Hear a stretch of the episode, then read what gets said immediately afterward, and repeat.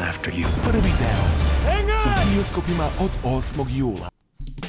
Ćao svima, čao svima, čao svima, Ćao, čao, čao, čao svima! Dobrodošli u najnovi izdanje Lab 76 kroz broj 322 i zašto Ćao, ponovim čao svima? Zato što Au miksa kako si ga sasekao muziku, au DJ večeras u raspoloženju. Imali smo Infinity Lighthouse, Infinity Lighthouse, Infinity... O, idemo iz početka. Infinity Lighthouse, ali čao svima, želimo da vam kažemo da ste na pravom mestu u pravo vreme. E, 21.04, koji nije tako loše. Špicu smo skrenuli negde sa oblaka i imamo e, priliku da uživamo, naravno, pričamo o Formuli 1, ali pre nego što krenemo, da poželimo dobrodošlicu, kao dobrodošlicu. E, Budete naš. Srđane, ti li si? Pa gde si, Srki? Gde me pa je, šta radiš, jesi mi dobro? Jako dobro. Nisam te baš Jako dugo dobro. video. Pa da, i par sati. Par sati, ali evo nas u studiju na kraju univerzuma i spremamo se da pričamo po 322. put o trkanju. Ko zna koji put već o trkanju, ali to je nešto što volimo, pa smo tu malo da se družimo i da popričamo o onome što se desilo na velikoj nagradi Austrije, kao i da najavimo veliku nagradu Velike Britanije. Nemam predstavu dakle ćemo krenuti, mada znam, mazite se i pazite se i vozite i vodite računa jedni u drugima. Budite dobri, uradite nešto lepo, pozitivno, leto je, iako to, kada pogledate u nebo, makar u Beogradu, tako ne izgleda, kiša je trajno trpno stanje, u svakom slučaju bar je zeleno, što kažemo, sve je nekako lepo u šumljama. Le, neko lep. Lepo je, trava je izrasla. Radovan treći govori ste, neko lepo je sve.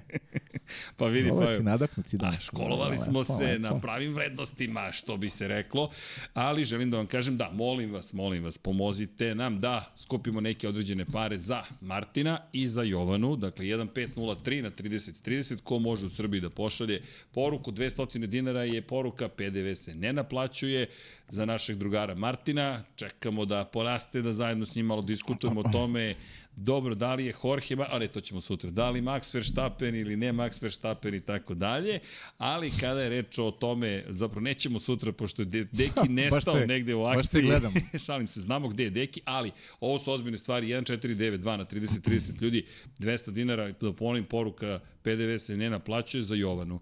To je, dakle, prijateljica studija i Martin je prijatelj studija koji možda to ni sam ne zna, ali eto, ko može da pomogne bilo kome, ukoliko ne njima, šta god možete da učinite, bit ćemo vam mi zahvalni, neka to bude svima, svih nas neki mali deo promene planete Zemlje, ne moramo da patimo toga da napravimo velike promene, ali imamo da napravimo male promene, pa će biti lepo i zabavno. A što se tiče Dekija, Deki, nadam se da se sad negde brčka, tamo nekom prvom, drugom, trećem, četvrtom prstu. Uči da pliva. Uči, nema da mi je rekao, kaže, jedno čekam prvu pumpu, otprilike. Ne može čovjek bez benzina, znaš, ne vredi, ne, ne, znaš. Malo domiriše samo. Da, da, mm, ne, znaš, i ti ja ga gledam i razmišljam, ne pije kafu, dakle mora gorivo neko se sipa definitivno i onda da.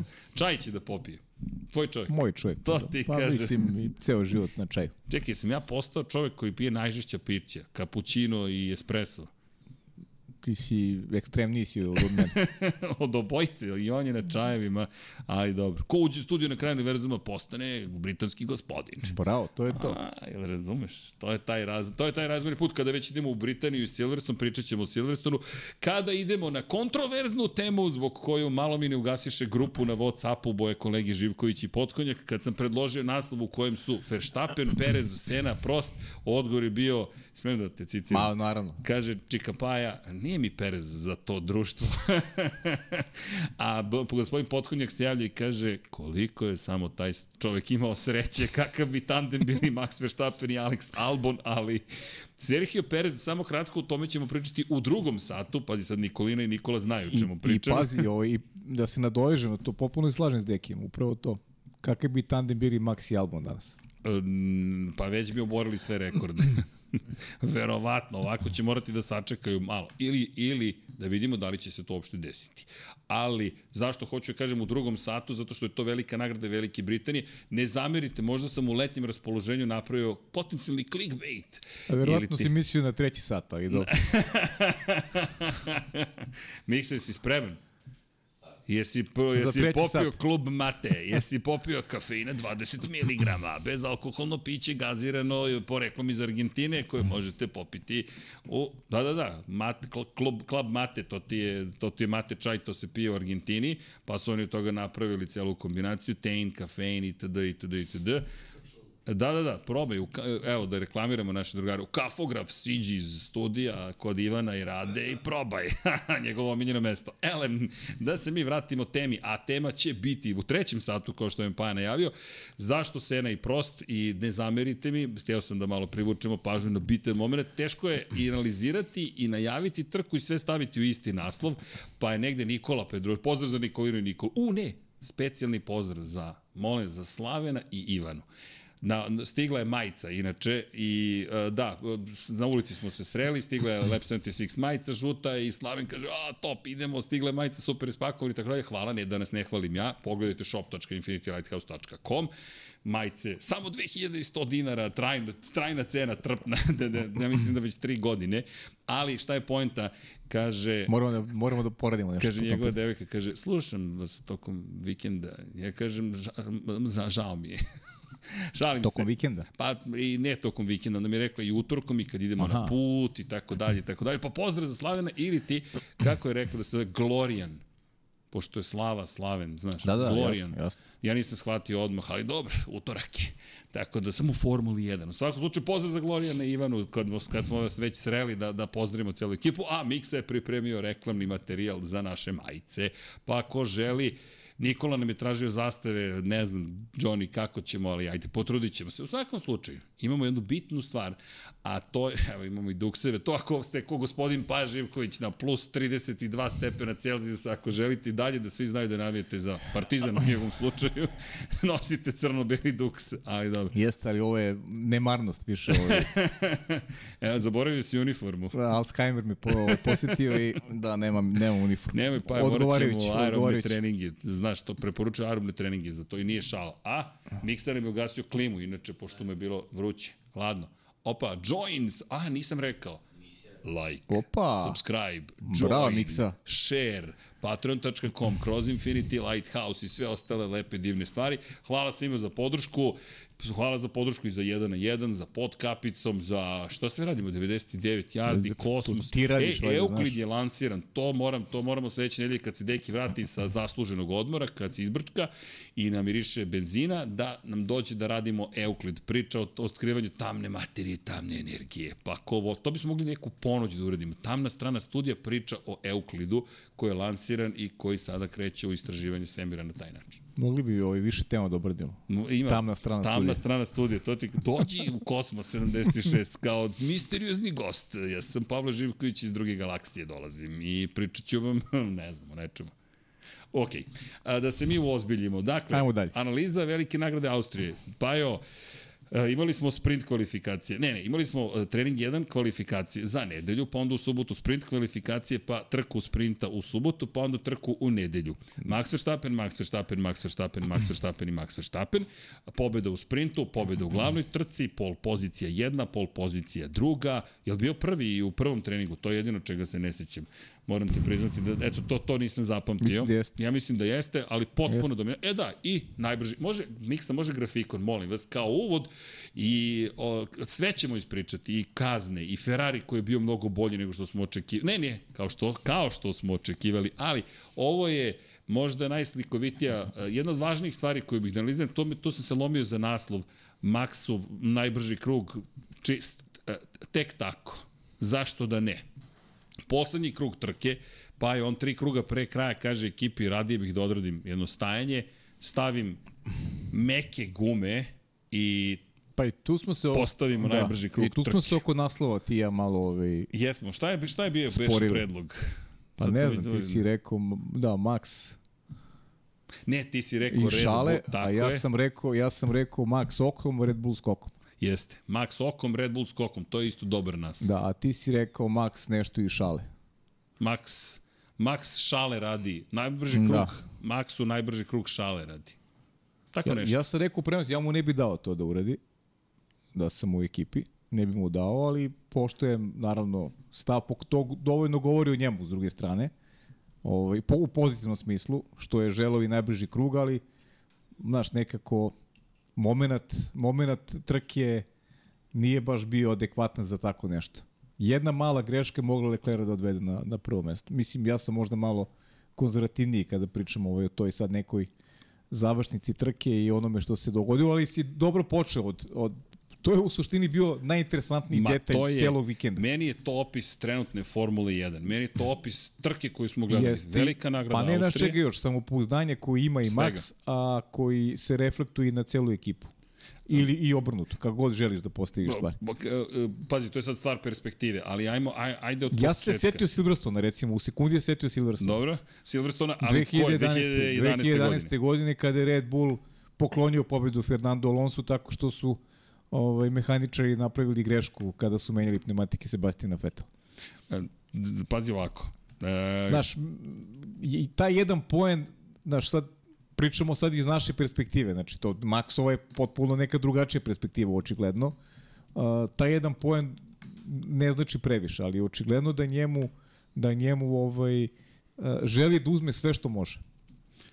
I onda se vraćamo u priču o rekordima, koja, znaš, kao ne zanimate. Ma zanimate sve. apsolutno ih sve zanima. Sve te zanima, jer ovo ti je dokaz da, da pokazuješ jasno da te sve zanima. Znači, sve što možeš ti želiš da uzmeš. To je to. I to kako želiš da uzmeš. Da se jasno zna da je sve to tvoje. Dakle, Bukvalno. ne, ne puštaš ništa. E, par stvari. Samo da vratimo malo filmu nazad da budemo novinari. Dakle, bila je deveta trka u šampionatu sveta 2023. Velika nagrada Austrije na stazi koja se zove Red Bull Ring, koja je u vlasništvu Red Bull kompanije, to jest Red Bull, sad moram da vidim dalje Red Bull Racing ili Red Bull kompanije, to će biti zanimljivo i ko je Da. vlasnik staze, s obzirom na činjenicu da nažalost nema više Dietricha Matešića i da vidimo kome, osnivača Red Bulla, kome će šta pripasti. Elem, Odlaziš na Red Bull Ring gde si prošle godine pretrpeo poraz protiv Charles Leclerca, poslednja pobjeda Charles Leclerca i Ferrarija i Ferrarija, umeđu vremenu u 20 trka, zaključno sa ovom, si pobedio sada već 19 puta, to je 18 puta pre nego što smo stigli i završili ovaj trkački vikend. Samo jedno te pobedio George Russell prošle godine u Brazilu. Imaš u prvih 8 trka sezone 8 pobjeda, 6 su Maxa Verstappena, 2 su Serhija Pereza, drugog vozača Red Bull Racinga. Dolaziš na svoje mesto gde si poražen prošle godine i uspostavljaš potpunu dominaciju. Pri čemu ne samo potpunu dominaciju u kontekstu mm, šampionata, već načina na koji ti funkcionišeš, to je ono što često pričaš u cijeloj ovoj generaciji i u sprintu o tome ćemo pričati kako si se postavio prema klubskom kolegi Serhiju Perezu. Mislim, to je, to je potpuno okej. Tu, Da, da se zna, Nema, I ne kritikujem, samo da nema, se zna nema ništa sporno. Pa da, sve je njegovo. sve. Bukvalno. I onda dođemo, ne znam da li imamo strategiju spremnu da vam pokažemo, ali da vidite strategiju, ako se to može nazvati strategijom, a to je grafikon koji će vam zapravo prikazati koje gume su koristili koji vozači u kom trenutku. I kao što ćete vidjeti, hvala Aleksi Vučeju za sve ove fenomenalne grafikone, dakle nisu Pirelijevi, ovo su Lab 76 produkcije, zahvaljujući Aleksi Vučeju. Dakle, Verstappen koji jedini od svih vozača koristi meke gume, C3, C4 i C5 su bila jedinjenja koje su korišćene na ovoj stazi, dakle najmekša od svih. C5-icu u trci samo je Max stavio u tom jednom poslednjem krugu odveza najbliži krug, zapravo 70 i 71. krug su bili njegovi na mekim gumama.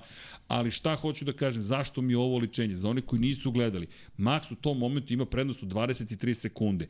Ima pobedu u rukama, tri su kruga do kraja i on se javlja na radio, ekipa mu kaže da završimo trku, on kaže radije bih da promenim gume. I ekipa kad govora, ali nema potrebe za time, sada ne bismo da rizikujemo. Zato ti kažem, zato sam i hteo taj, taj naslov, znaš. Um, Čiš da teško je menjamo, opisati, nije ne, problem, teško je opisati, teško je opisati ovaj, u kakvom stanju. Pr prvo, ajde da kažemo opet pričamo novinarski. Uh, trka koja je bila jako dobra, sadržajna u svakom pogledu i meni recimo mnogo više mi je prijala u odnosu na ono što smo gledali u Kanadi. I ima ima i toga što smo bili konačno na pravoj trkačkoj stazi. Dakle, zaista zaista jedna fenomenalna trka i sve što si rekao vezano za Max Verstappena možemo da pojačamo puta 3 i u pravu smo. Jer to je stvarno jedna jedna, jedna dominacija i, i, i ono što je interesantno to je, sjeti se gde je ono, gde je ono ko- komunicirao s timom gde je rekao, haha, udario sam malo u Kanada, zid. Kanada. Kanada. Znaš, kao, kao, da, kao da se ništa nije dogodilo. Haha, udario sam malo u zid. Sada hoću da menjam gume tri kruga pre kraja, gde, gde, gde stvarno postoji realna opasnost da mogo je neko suspao, neko mehaničar. Uradi, znaš, da mu ispadne, ne znam, onda šap mu ispadne, nemam Ne pojma. radi ti pištolj kako Ne treba, radi šta ti god. pištolj i ode, ode Leclerc do pobede. ali, ali je toliko samopouzdanje u ekipi generalno, na čelu sa njim, koji, koji to traži, ja iskreno ti kažem, nisam siguran da bi kao vozač tri kruga pre kraja meni bi u glavi bilo to, ajde da dođem do te 42. pobede. Ne bih razmišljao o tome da, da, mi, da mi je i najbrži krug trke nešto što, što će mi čini srećnim. A pazi koji su ulozi. Ulog ti je sledeći. Dakle, ajde u šampionatu sveta gotovo izvesno da će odbraniti titulu. Da će treći put za redom biti šampion. Upravo to što si navod, 19 Ali, trka za redom. I te, te, te brojke koje koje treba da se i mogu da se ponavljaju. Ovo je sad period sezone, apostrofirali smo ove četiri trke u julu, da je teško će moći neko Red Bullu da parira. Vidjet ćemo šta će se dešavati u septembru, propo kazne, one njihove i tako dalje. Počela je već da, da, da teče pa ta dobro, kazna. i unapređenja koji ostali imaju, Naravno, trude se da ih sustignu. Stvarno ne mislim da će Red Bull da, da ostvari sve pobjede ove godine. Ali kako danas izgledaju, Moram ti reći... Mogu da temelje taj optimizam ali, na, na, na onome što smo videli u Austriji. Ali pazi sad ovo, Paju. Inače, danas to sa Nikolinom pričamo i koja kaže, e, veće mi iznenađenje ako ne pobede. Sada već polako ulazimo u tu zonu. Slažem se s tom što statistički gledano, veće su šanse da se to neće desiti. Ali, pazi ti koji ulog imaš tri kruga pre kraja. Ako se izgubi pobedu, dakle, prekida se niz u tom trutku od 10 pobeda za redom. Zašto smo spomenuli Senu i prosto za one koji ne znaju? 1988. godine se desila apsolutna istorija. U trci u sezoni koja ima 15 trka, McLaren je zabeležio 11 uzastopnih pobeda u prvih 11 trka sezone. Dakle, Alan Prost, četvorostruki šampion sveta, čuveni legendarni profesor i Ayrton Senna, kultna ličnost, trostruki šampion sveta koga smo nažalost izgubili 1994. zajedno u njihovim duelima međusobnim dovode do 11 uzastopnih pobjeda. Tek u Monci kada je Gerhard Berger u Ferrari slavio se prekida niz. Mi nismo to ovo videli ni u eri Williams Renaulta, ni u eri Ferrarija, ni u eri Red Bull Racinga sa Sebastianom Vettelom, ni u eri Mercedesa. On čovjek dolazi sada do desete pobede za svoju ekipu, zajedno sa Serhijom Perezom, zatim do 101. pobede za Red Bull Racing, do pobede na domaćem terenu za Red Bull, do pete uzastopne pobede za sebe, do ogromne prednosti u šampionatu sveta. Dakle, to su samo rekordi, rekordi, rekordi, rekordi. I on kaže, ali ja bih najbrži krug, koji vredi jedan poen i ono što je najfascinantnije, ekipa te posluša. E, pa to ste da ti kažem, šta je, šta, dve stvari su mi tu, tu važne. Prvo, ekipa je reagovala nije reagovalo u startu sa, sa, sa oduševljenjem kada je čula taj njegov predlog, ali a, jasno su stavili do znanja da oni rade sve da, da, da Mag bude srećan.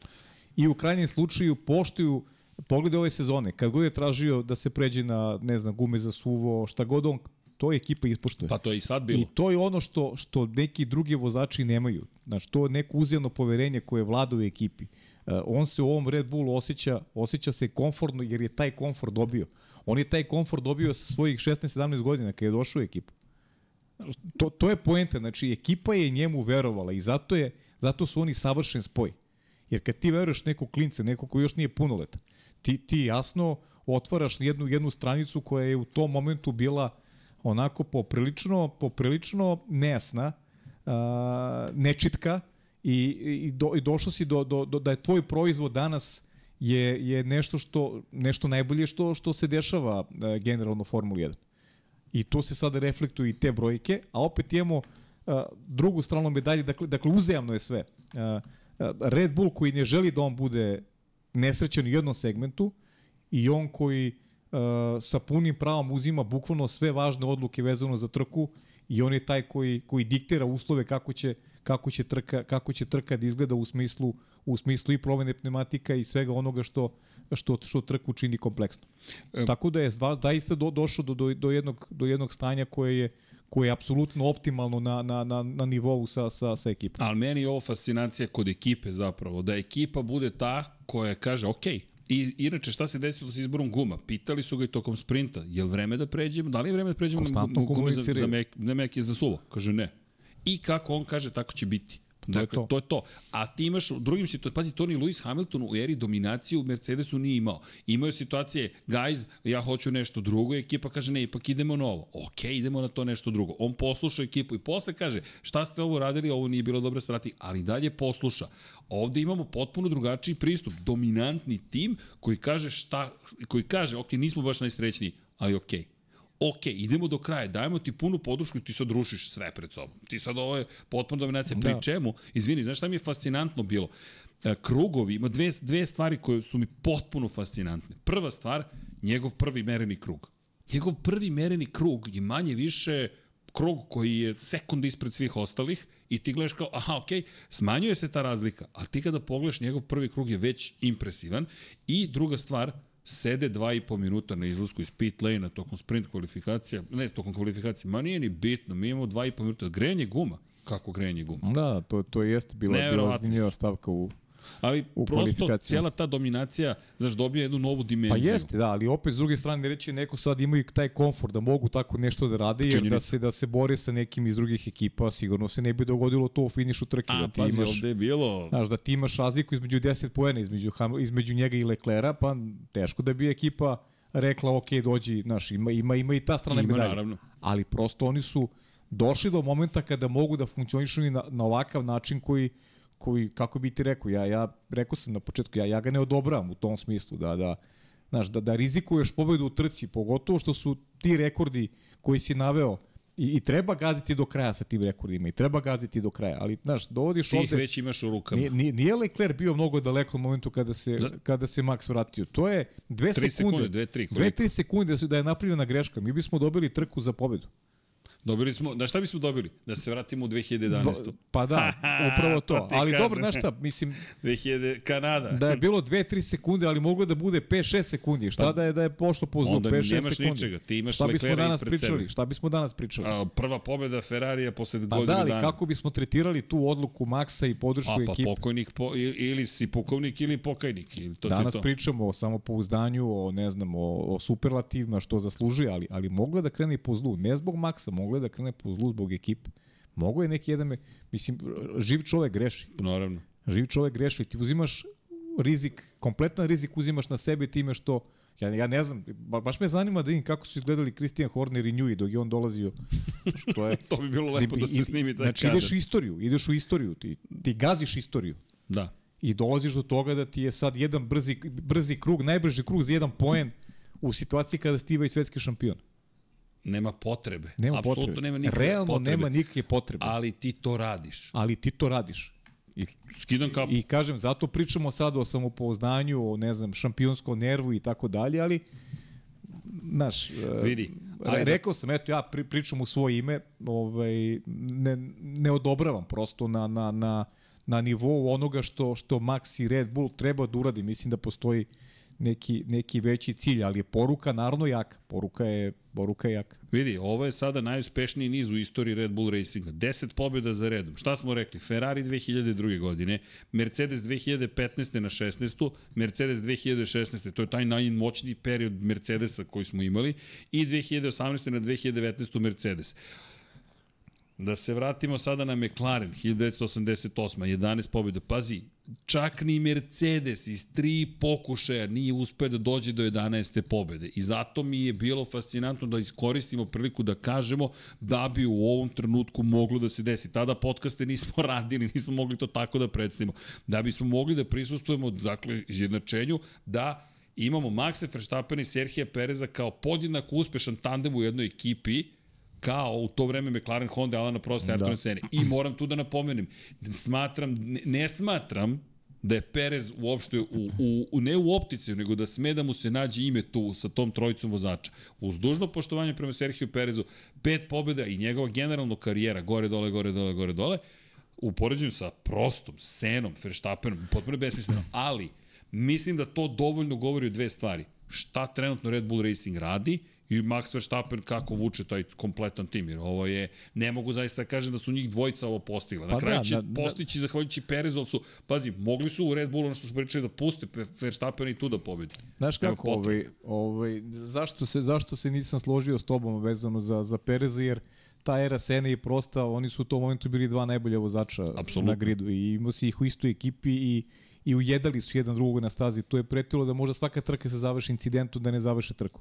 A ti ovde imaš jasno definisano Ko ko kosi, a ko vodu nosi. Ali, ali je, ali, ima jedno ali, koji ide onako u prilog Sergio Perezu, ono što smo pričali u direktnom prenosu. A Čeko je taj koji je koristio šanse u momentima kada je Max bio u hendikepu. I da, mogla je ekipa da kaže pusti Maxa, Max je prs, prvi vozač, ali je ekipa to nije uradila. Međutim, ne može da se oduzme Čeku da je uradio Da je kvalitetan pobedio. posao i da je pobedio ostatak sveta. U situaciji kada Maxa nema nigde.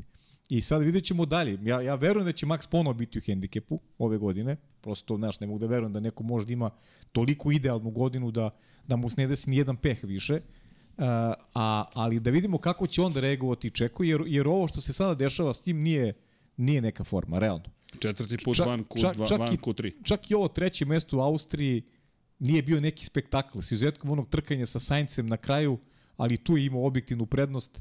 Ovaj, ne, ne možemo da kažemo da je, da je uradio neki perfektan posao, ali okej, posle dužeg vremena je završio, završio na podijumu. Tako da, onako, jedan, jedan mali plus dobija Čeku i verujem da mu znači, bio je i bolestan prošle nedelje, pojavio se na stazi i došao do podijuma i verujem da mu znači negde na, na tom polju samopouzdanja pred nastavak sezone, ali mm, Max je taj koji Max je taj koji vuče i Max je taj koji Ali- je u nekoj drugoj svetlosnoj ovaj nekoj dimenziji orbiti, znaš, nekoj koja, koja nije, nije dokučiva nikako Sergio Perezu. E, ali dodao bih još jednu stvar na celu priču. Za, u korist, u korist Serhije Pereza, mada i dalje mislim da više vuče ka Red Bull Racingu. Ali, ako se vratimo na taj period kada su sa Sebastianom Vettelom zabeležili devet pobeda, Dakle, devet pobeda za redom 2013. godine. Koliko pobeda Mark Webber imao te godine u tom bolidu? Dakle, pri čemu devet pobeda za redom, ali ukupno je 13 pobjeda te sezone zabeležio Sebastian Vettel. Izjednačio se u to vreme sa rekorderom Mihajlom Schumacherom po broju pobjeda u sezoni. Mark Webber nije imao ni jednu pobjedu te godine. -huh. Dakle, Mark Webber ni jednu pobedu nije imao. Čisto da ne bude da sad u potpunosti umanjujem šta je postigao Perez. Ne, ne, naravno. Da, I slažem se s tobom, mada i pokazuju gde, gde je Red Bull Racing u ovom trenutku, Pavle, ja ne, ne znam kada će ih neko zaustaviti, ja sam ubeđen, inače pozdrav, neko mi je tweetovao da mi je najde najluđe teorije koje je čuo, prvo teorije koju smo izneli, da oni u ovom trenutku se pripremaju za 2024. godinu kada neće biti grejača na gumama. Nema Da, grejača. da, da. Ne, Oni- super si, super si ovaj, zapazio onu, onu u kvalifikacijama. Izlazak Maxov pre svih, 2,5 minuta pre, pre početka Pa Q3 ti ili Q2. sediš. Super ti je teorija, da. Odlična ti je teorija. duva, hladne gume i on izađe možda, možda, možda i najbolje ovaj, nešto što, što je izgovoreno te nedelje. Da. i to ti kaže. Ne, ne, ali stvarno, bez, bez šale, to sam ti rekao Hvala. i to sam ti rekao i tad. U, baš ima, ima, ima logike da je to, zaista. Jer meni deluje, znaš šta, i pa kažnjen si već sada, imaš ovoliku prednost. Ajmo mi Jeste. već sada šta, mo, jer šta radi Red Bull? Uvek optimizuje ono što može da optimizuje. Jel ovo možemo da optimizuje? Ajmo da optimizujemo. Da, da, To je samo utisak, ali ajde da vidimo. Do, dobar, dobar utisak i, i, i verujem, verujem da si na dobrom tragu, da, je- da je baš to u pitanju. O, ozbiljna I ekipa. deluje, deluje izuzetno, baš, baš deluje izuzetno. Mada i tu ima puno vesti, evo, angažuju ljude iz Ferrarija, e, pa Max Verstappen koji kaže da, da, mu, da mu nije drago što će 2020, sad, kako tumačite reči, 2026. veća prednost biti za one koji imaju bolje motore. Dakle, motor će se polako poluska jedinice vratiti u igru. Ali, samo jedna napomena, i prošli put 2014. kada je motor Ma. igrao glavnu ulogu, Mercedes je bio taj koji je bio glavni, nije bio Ferrari glavni, koji se nada da će ga to vratiti u vrh. Ja mislim da tu će Red Bull Racing na kraju opet uraditi dovoljno dobar posao da kaže ljudi, nemoj da brinete uopšte. Sigurno vidjet ćemo kako ekipa. će to. Imamo, imamo vremena od 2026. Ali u svakom slučaju trka iza nas još, jedna, još jedan korak ka svim tim rekordima o kojima sad pričamo, jer druge teme suštinski nema, a naravno da ih ima, ali kada Ima, govorimo ima. o tituli, to je Ne, ta o tema. tituli ne, ne. To je ta tituli, tema. Pa tituli nema, nema priče povodano, nema. Sad je pitanje samo rekord. Šta smo rekli, 50 pobjede, evo, evo je 42. 42. A verujem da, da, da je to i tekako ostvario. Pa ja ne znam ko može da ga zuste. Jedino Hungaroring mi je onako malo klimav kada su u pitanju očekivanja. Ali, ali realno, realno 50 pobjeda ove godine to je nešto što, što, je, što je za Maxa i tekako ovaj, dohvatljivo. Ali znaš šta mislim da, se- da se dešava trenutno? Nešto što smo često gledali u, u možda više u Moto Grand Prix nego u Formuli 1, a to je da imaš zapravo jedan tim, jednog čoveka koji je stalno tu, a da se konkurenti samo smenjuju. Sad ove nedelje to bio Charles Leclerc, prethodno je to bio Fernando Alonso, u jednom trenutku je malo bio Lewis Hamilton, ali kada pogledaš u spad forme Aston Martina, jer Da. koliko god da se zaklinjao da nikad više neće, da se od do kraja godine će stalno biti na pobjedičkom postolju, već sada nije ispunjeno obećanja Aston Martina i Fernanda Alonso. To, to što daje prednost u Red Bullu, što su oni na, na različitim konfiguracijama staza, oni su svuda najbolji. I sad je tu samo pitanje šta drugima ovaj više odgovara uh, u odnosu na odnosu na mesto gde se trka održava i ko će biti tu prvi rival. I dobro smo pročitali da će to biti, da će to biti Ferrari i pogotovo Charles Leclerc, mada, mada i Carlos Sainz odradio dobru trku, možda je trebao da ima podršku na početku, Voleo delovo je da ima bolji da. tempo, delovo je da ima bolji tempo, Ali generalno, eto, obrni okreni Leclerc je taj koji, koji Ferrari opet donese taj vrhunski rezultat. I to je opet očekivano. On je jednostavno jako brz vozač i, i kad, kad ima dobre kvalifikacije, to ono što stalno pričamo, njemu je bitan taj uslov. Kvalifikacije su važne. Kada su dobre kvalifikacije, Leclerc Leclerc može da se trka eto u granicama onoga što što Ferrari trenutno može. Pa smo imali eto malo malo i, i, i uzbuđenja, pa smo razmišljali o strategiji, da li može Ferrari drugačije strategiji, bila je drugačije u odnosu na Maxa. U krajnjem slučaju Leclerc je taj koji je prekinuo taj Maxov niz od preko 200 krugova koliko je bio lider trka. Znači, Jest. eto i to je podatak nevjerovatan. Preko 200 krugova je čovjek Vodio. je vodio u trkama, što je impozantno. Eto, Leclerc je, Leclerc je uspeo da, da, da, da taj, eto, makar ne trenutak da zustavi Max. Pa jo, ovako. 1.04.391. Pol pozicije za Maxa Verstappena za veliku nagradu, ne za sprint. Charles Leclerc 1.04.439. Da, da, jako lepo. Jako Fenomenalni lepo. krugovi i kada pogledaš 9. 10. krivina, mnogo je to lepo izgledalo, mada u 10. kad se izanaliziraju podaci, vidi se da mu je tu malo pobegao bio Ferrari, A taman. ali taman to, e, taman Ali to. bio agresivan, ali Bio bio, agresivan. Baš I morao da bude. baš, baš je bio jako agresivan. I to je Leclerc, im, mislim, to je problem je samo što što ni on sam nije bio konstantan kada je imao prilike da, da, da bude, a s druge strane i Ferrari koji, koji pokazuje znaki napretka i opet se vraćamo na tu Barcelonu, testiranje prelivi tako guma, je. mnogo važan moment sezone gde, je Ferrari konačno našao dobru, dobru postavku bolida, počeli su bolje da kapiraju potrošnju pneumatika i, i to im donosi benefit. I ne samo kroz trku Charles Leclerc, već i kroz trku Carlosa Sainz. Da se ne ogrešimo u Carlosa Carlos Sainz, Sainza. izvini, Sainz je- 1.04.581. Tako je, i kvalifikacije i, i, i dobar u trci, imao je kaznu, dakle, Sainz je, Sainz je uradio takođe jako dobra posao i to je ono što što Sainz mora da radi u kontinuitetu. Gde on gubi u odnosu na Leclerc? Konstantno je gubio u kvalifikacijnim krugovima. On je sporiji prosto od, od, od Charles Leclerc, pa samim tim ima i komplikovaniju trku. To je bio slučaj prošle godine. Sada nije zakazao u kvalifikacijama i videli smo da u tempu on je od početka trke u toj prvoj polovini ne, ne parirao, nego je utisak je makar naš bio da čak ima i bolji tempo od, od Leclerc. Pa je bacao malo uh, ekipi nekih naznaka pričica da, da, da, da vide šta se dešava na stazi. Mislim da i on sam negde želeo da, da dobije da dobije prednost, ali Ferrari je ostao, ajde, dosledan, kažem, nekom, nekoj svojoj politici koje vode dugi niz godina nazad i nije bilo tu nikakvih pomeranja. U krajnjem slučaju Leclerc im je donao podijuma, Sainz je možda mogao do, do takvog rezultata da nije bilo ti kazni s kojima su čao. A pričat ćemo o toj kontroverziji Pa, na kraju. da. Da, da, da ostavimo to najgore za kraj. Pa da, to je tih 1200 pregledanih krugova, nemoguća misija, Da, katastrofa. e, rezultat koji se menja zapravo posle žalbe Aston Martina. Dakle, nešto čemu nije trebalo ni da se priča, mi smo proveli celu trku razmišljajući, ok, bit će ovaj kažnjen, Ja, bit će ovaj provodiš kažnjen, se će ujutro i vidiš, kažnjen. i vidiš poredak drugačiji, mislim. To je stvarno budalašto, ozbiljan sport ne, ne sme da dozvoli sebi. To, to, to je suština cele priče. Ma vidi, dovoljno kada pogledaš jednostavno, pre svega kad pogledaš ka Carlosu Saincu, četvrti imaju šansu možda da se bori za plasman pobjedičkom postoje, ne, šalili smo se šesti je, ali dobro, doći ćemo i na tu celu Do, priču. bolje zbog mog fantazije, Lando je četvrti. Vidi, to sam htio da ti kažem, ej, vi, pre nego što bilo gde dalje odemo, ja moram da istaknem McLaren i Lando Norrisu. Dakle, evo, aplauz. Lando Norris četvrti u kvalifikacijama 1.04.658. Pazi, to je nadomak tempa Ferrarija. Šta smo rekli prošle nedelje? McLaren dolazi sa unapređenjima. Trku po trku, tri trke za redom. Rekli su da će 100 od 100 aerodinamike izmeniti. Slušaj, Bili smo skeptični, Da, ali... za mene super, ja sam pogodio vodeću trojku u trci i Lando E, bio da, četvrti. čekaj. I Lando bio četvrti. Znači, ja Čekaj, nisam mogao bolje da prođem čestitam. ove nedelje. Skidam Bukvalno. kapu, skidam kapu, bilo je, bukvalno si sve rekao. Nacrtano, nacrtano. Ali to nije pogađanje i to ono što smo pričali. Rekli smo prošle nedelje, Ferrari vidimo kao taj tim sada. Zašto? C3, C4, C5 Tako je, gume. najmekše, najmekše smese i vidi, videlo se u Kanadi da imaju da su samo kvalifikacije krive što ih nije bilo tada već na podiju.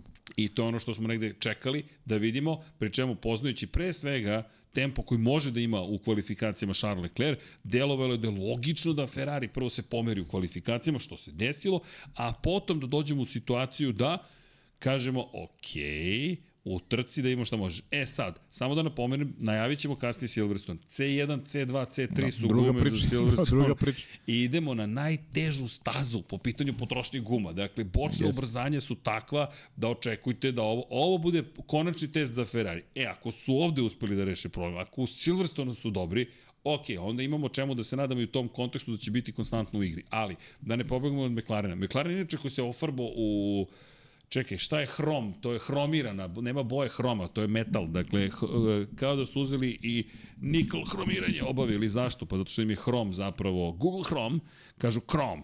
Pa dobro, hrom je kada mi pre, prevedemo, dakle, hromirali su se, ali su rekli nećemo da se hromiramo u potpunosti, inače stižu u novim bojama u Silverstone, čisto da znate. Zašto ne žele da ostanu bez svoje papaje naranđaste? To će da im bude znak raspoznavanja, mada kako je bilo naranđasto u na Red Bull ringu, nisam možda, možda siguran. ih je, možda ih je to motivisalo. znaš. Motivisao, pa to Lando što Lepo kaže, lepo papaja rekao, za mene. da, Lando, papaja za mene. Papaja naranđasta, ali i to je lepo videti da se nešto tu dešava i sa sponzorima, sa, sa, sa, sa McLarenom, ali pre svega pohvale za cijelu ekipu. Pa dobro, ali, ali mora da se ogradi, znaš, pohvale za Landa i za ekipu, a, a Oskar Pjastri baš i nije položio test, to je... Da bi je vratili, 13. Pa, da, vratili smo se na taj neki nivo koji, koji nije dobar. Ja, stvarno imamo poverenja, svi, svi koji prate formulu, sigurno. Čovjek je, dečko je bio šampion i Formule 3 i Formule 2, ima, ima potencijal, ali Znaš, u, u, u nedelji kada ekipa funkcioniše, kada je Lando toliko kvalitetan, pa ti, znaš, mora da se boriš tu za neki, za neki poen. Znaš, mora se desi neka pozitiva i, i sa tvoje strane, sa strane vozača broj 2. Ali ajde da se fokusiramo na Landa. Mislim, ne, ništa novo nećemo reći. Koliko i ti ja verujemo u, u njega, da, da je on ima taj, taj šampionski nervi i da jednog dana može da, da konkuriše za, za najveće rezultate. I on je pokazao da može da vozi dobru kontinuitetu, što je mnogo važno. On, on to radi već dugi niz godina.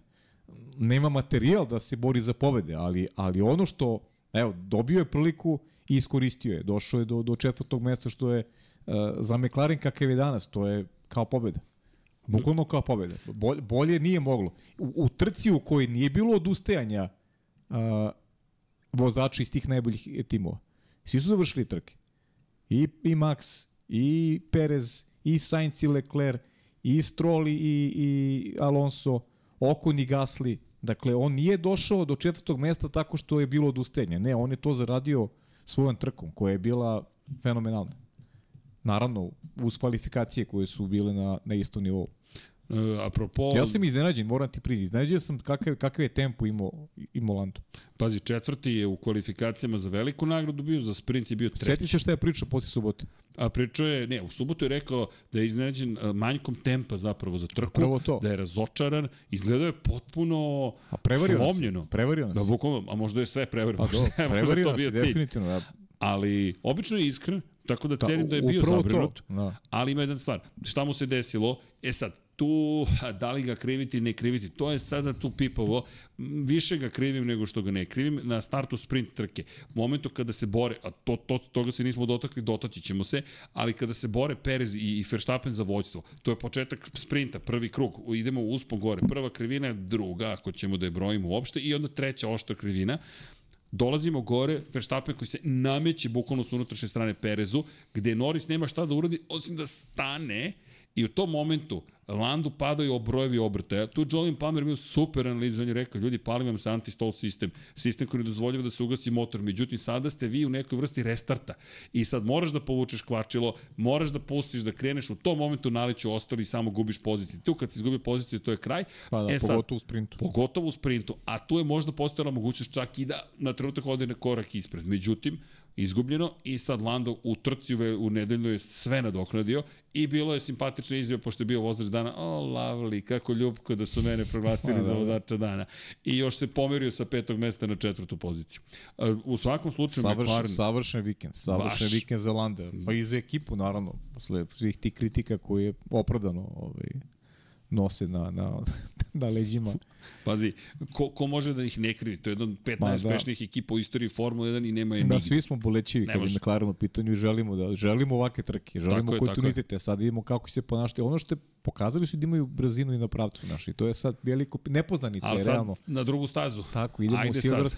Brza staza, Bu- budi- budi test za gume, na domaći teren ideš za landa, ja baš domaća ti kažem, ja mislim da se neće mnogo menjati o, kada pričamo o odnosu snaga. Mislim da će opet Ferrari da bude ovaj ba, kažem, razlika Ajde je, da sam, razlika, je samo, razlika je samo u, u, u pneumaticima. Mislim da oni sada potpuno drugačije ovaj, Znaš tretiraju stvari. šta očekujem? Sigurne kvalifikacije da će biti dobre, Tako je. Ali onda tek test. Ne mogu ništa da kažem za trku. Zaista hoću da, hoću, želim da ih vidim na C1, jer vidi, C3 teško će koristiti u trci. Ko stavi meki u trci, taj baš ide na neki ozbiljni rizik u Silverstonu, mada i u Španiji smo to mislili, pa znaš smo dobili meki opet gumi. možda dva stajanja bude, vidjet ćemo. šta. Ko zna. Ali, ali činjenica je to je da je to za Ferrari baš ozbiljan test. Međutim, par stvari. Pohvalio bih Ferrari za brzinu, za napredak, za sve ono što se desilo. Šta mi nedostaje još uvek i razumem vas Ferrarijevci, pogotovo pozdrav našem Svetomirskom, zašto? Koji me kritikao, kritikao. Kaže, pa šta insistirate da puste Sainca kad je Sainc u DRS-u, pa zajedno beže od konkurenata i to je Frederik Vaser, šef Ferrari, i objasnio. Zašto nisu hteli da zamene pozicije koje Sainz smatrao da je brži? Da bi mu davao DRS Leclerc i da bi ne jurili za, za Verstappenom, nego da bi im ne bi do previše pobegao, a da opet oni pobegnu u četvrtoj i petoj poziciji. Sve je to super. Postoji jedan problem. Ovo je čista hip... Dakle, govorimo o naučnom metodu. A šta ukoliko je Sainz brži? E, I nema tu gubljenja mnogo vremena. Pustiš ga, daš mu tri kruga, jel imaš brzinu? Možda ti povučeš i Leclerc sa sobom. Još jedna stvar, nikad nećemo saznati koji tempo bi mogao Tako da je, ima. pogotovo ne danas kada, kada Ferrari nije u borbi za šampionsku titulu. Probaj. Probaj. Možda probaš više stvari, da, da, da radiš na taj način i pripremu onoga što te čeka sutra. Pogotovo što pričamo o momcima koji će najverovatnije ostati tu i 2024. godine. Leclerc je potvrdio da pregovara sa ekipom, a Sainz Pa, već onako glasno traži od ekipe da reaguje. Mislim da je njegov status malo nejasniji u odnosu na, na Leclerov, uz sve one stvari koje smo pričali tokom godine, čini mi se da, da Leclerc ide ovaj, na putu na putu je da potpiše novi ugovor, a vidjet ćemo šta će biti sa Saincom, mada realno, realno, meni deluje realno da će njih dvojica i dalje deliti garažu Ferrarija i, na, i naredne godine sigurno. Hamilton potpisao za Ferrari, ja ne znam zašto Pajo ne mi ne veruješ, ja sam ti to rekao pre šest meseci i, i to će se desiti. A, Slušaj, da, ja, ja, da ti kažem, ja bih volao da si ti u pravu, stvarno. Ne, vidio sam neki da komentar. se malo to razbrda, ovaj, znaš, da, da vidimo malo malo drugačije ovaj raspodele. Ne, više ovo na konto par komentara. Ali rekao sam ti je, samo da ne verujem. Ali Neko mi je pisao, Više. mani se ti Hamiltona i Ferrarija. Ja, Mora sam da se našalim ljudi. Da. Ali činjenica da Lewis Hamilton još nije potpisao ugovor sa Ferrari. Činjenice. Nije Sa, sa Mercedesom. Da, nije da mu je činjenica. rekao Toto Wolff i rekao nije do novca. Ali činjenica je da su ti da su ti pregovori njihovi uvek onako Jeste. o, trajali. Nije to išlo ovaj potpisat će sutra pa kao to je to, nego uvek oni to lagano i pričaju više puta i Hamilton o tome pa i Toto Jeste. Wolff da su oni onako i prijatelji da to ovaj ide sve nekim nekim laganim tokom u u pravcu onoga što neka šira javnost i očekuju to i široj javnosti nije Srđan Jercek. E, ja definitivno nisam u toj široj javnosti, ali ako se desi potpis sa Ferrarijem, ja, ja pravim specijal. Ja pravim specijal. Eto, specijal moramo, zove šta sam moramo, vam rekao. zovemo, zovemo ljude negde, da ne, nešto moramo, Evo, vodimo ih da negde. otvorimo neku kafanu, nešto, To, ne, to, to, to. nešto moramo da napravimo. Ali čaj se pije. dobro, ja Pošteno, sam- ja samo sam- čaj. Ali ćeš me naterati da promenim naslov, dakle, gde je Max okom, tu Red Bull skokom, mada ovaj senzacionalizam malo, izvinite, malo bilo jače da nas nešto, nešto sam raspoložen. Meni Nije je čak to, ni senzacionalizam, meni, to je meni je činjenica. to, meni je to naslov bio. Max okom, Red Bull skokom. Meni je da to bio naslov. Dobro. Uh, ali imamo tu još jednu stvar, a to je da je rekao Toto Wolff da žele da urade super ugovor, sve do detalja, makar je to rekao za Autosport, Jonathan Noble je tako napisao i kaže i ponekada imate situaciju, um, možete imate situaciju u kojoj je napisano i ispisano i nije diskusija o novcu, nego o budućnosti i želimo da uradimo pravu stvar i da sve optimizujemo. O, da li će možda ugovor sa ove šala navijači Luisa Hamiltona, moramo unapred to da kažemo, u modernom svetu ne smišli da se sme, šalimo se, mi se ovde šalimo i to je u redu, a moderan smo svet. Ali što hoću da kažem, će u ugovoru da piše, nemojte više da mi govorite tokom trke šta da radim ili da ne da radim.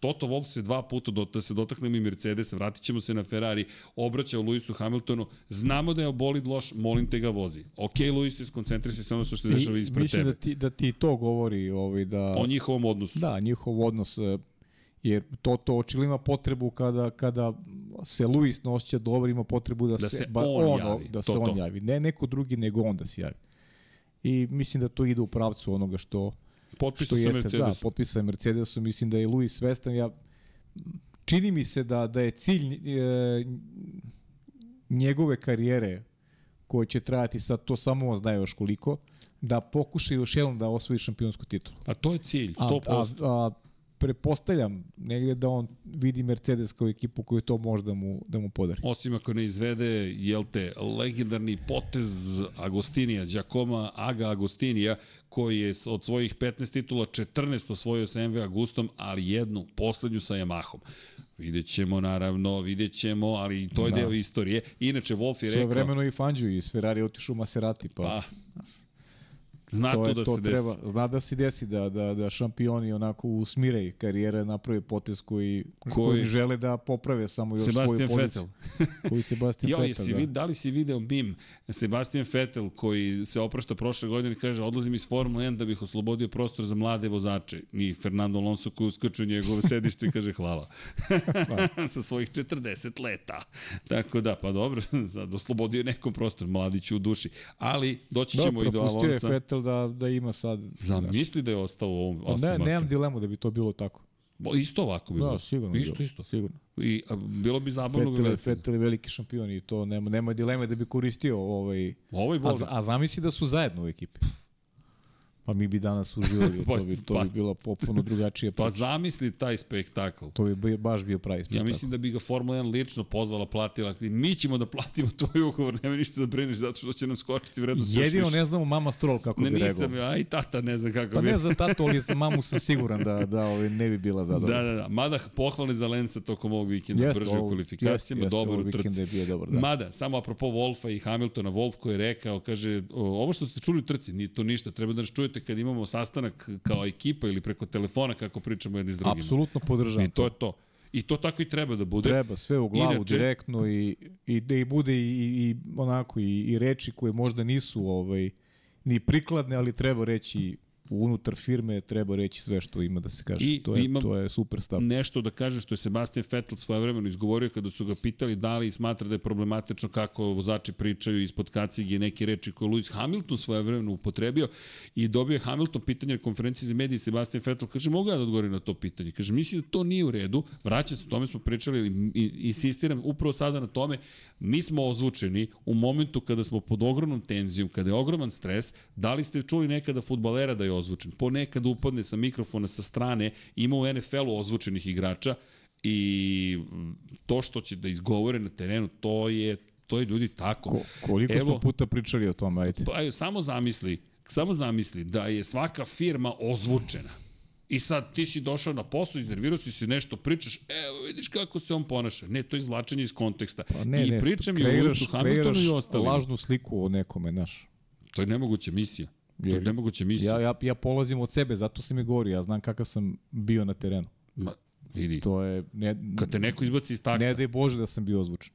e, da, to onda, onda neko treba da kreira sliku o, onome što ti, o tvojoj reakciji na terenu. To je adrenalin, to hoćeš da pobediš, to je, znaš, to nema, nema, nema nikakve veze sa, sa nekim što, sa nečim što je, što izlazi kao, kao realno iz tebe, nego prosto to je, to je ta želja, želja za pobedom. Ja sam veliki protivnik ovaj, a, toga da su da su sportisti ozvučeni. I o, ima 3-4 godine smo o tome pričali. Pa maltene maltene od prvog podcasta nam se provlači Pa ta, ti ta, si, ta tema. da, seti se Valterija Botasa, njegove psovke, ti si bio čovjek koji je rekao, daj Srki, ne preteruj.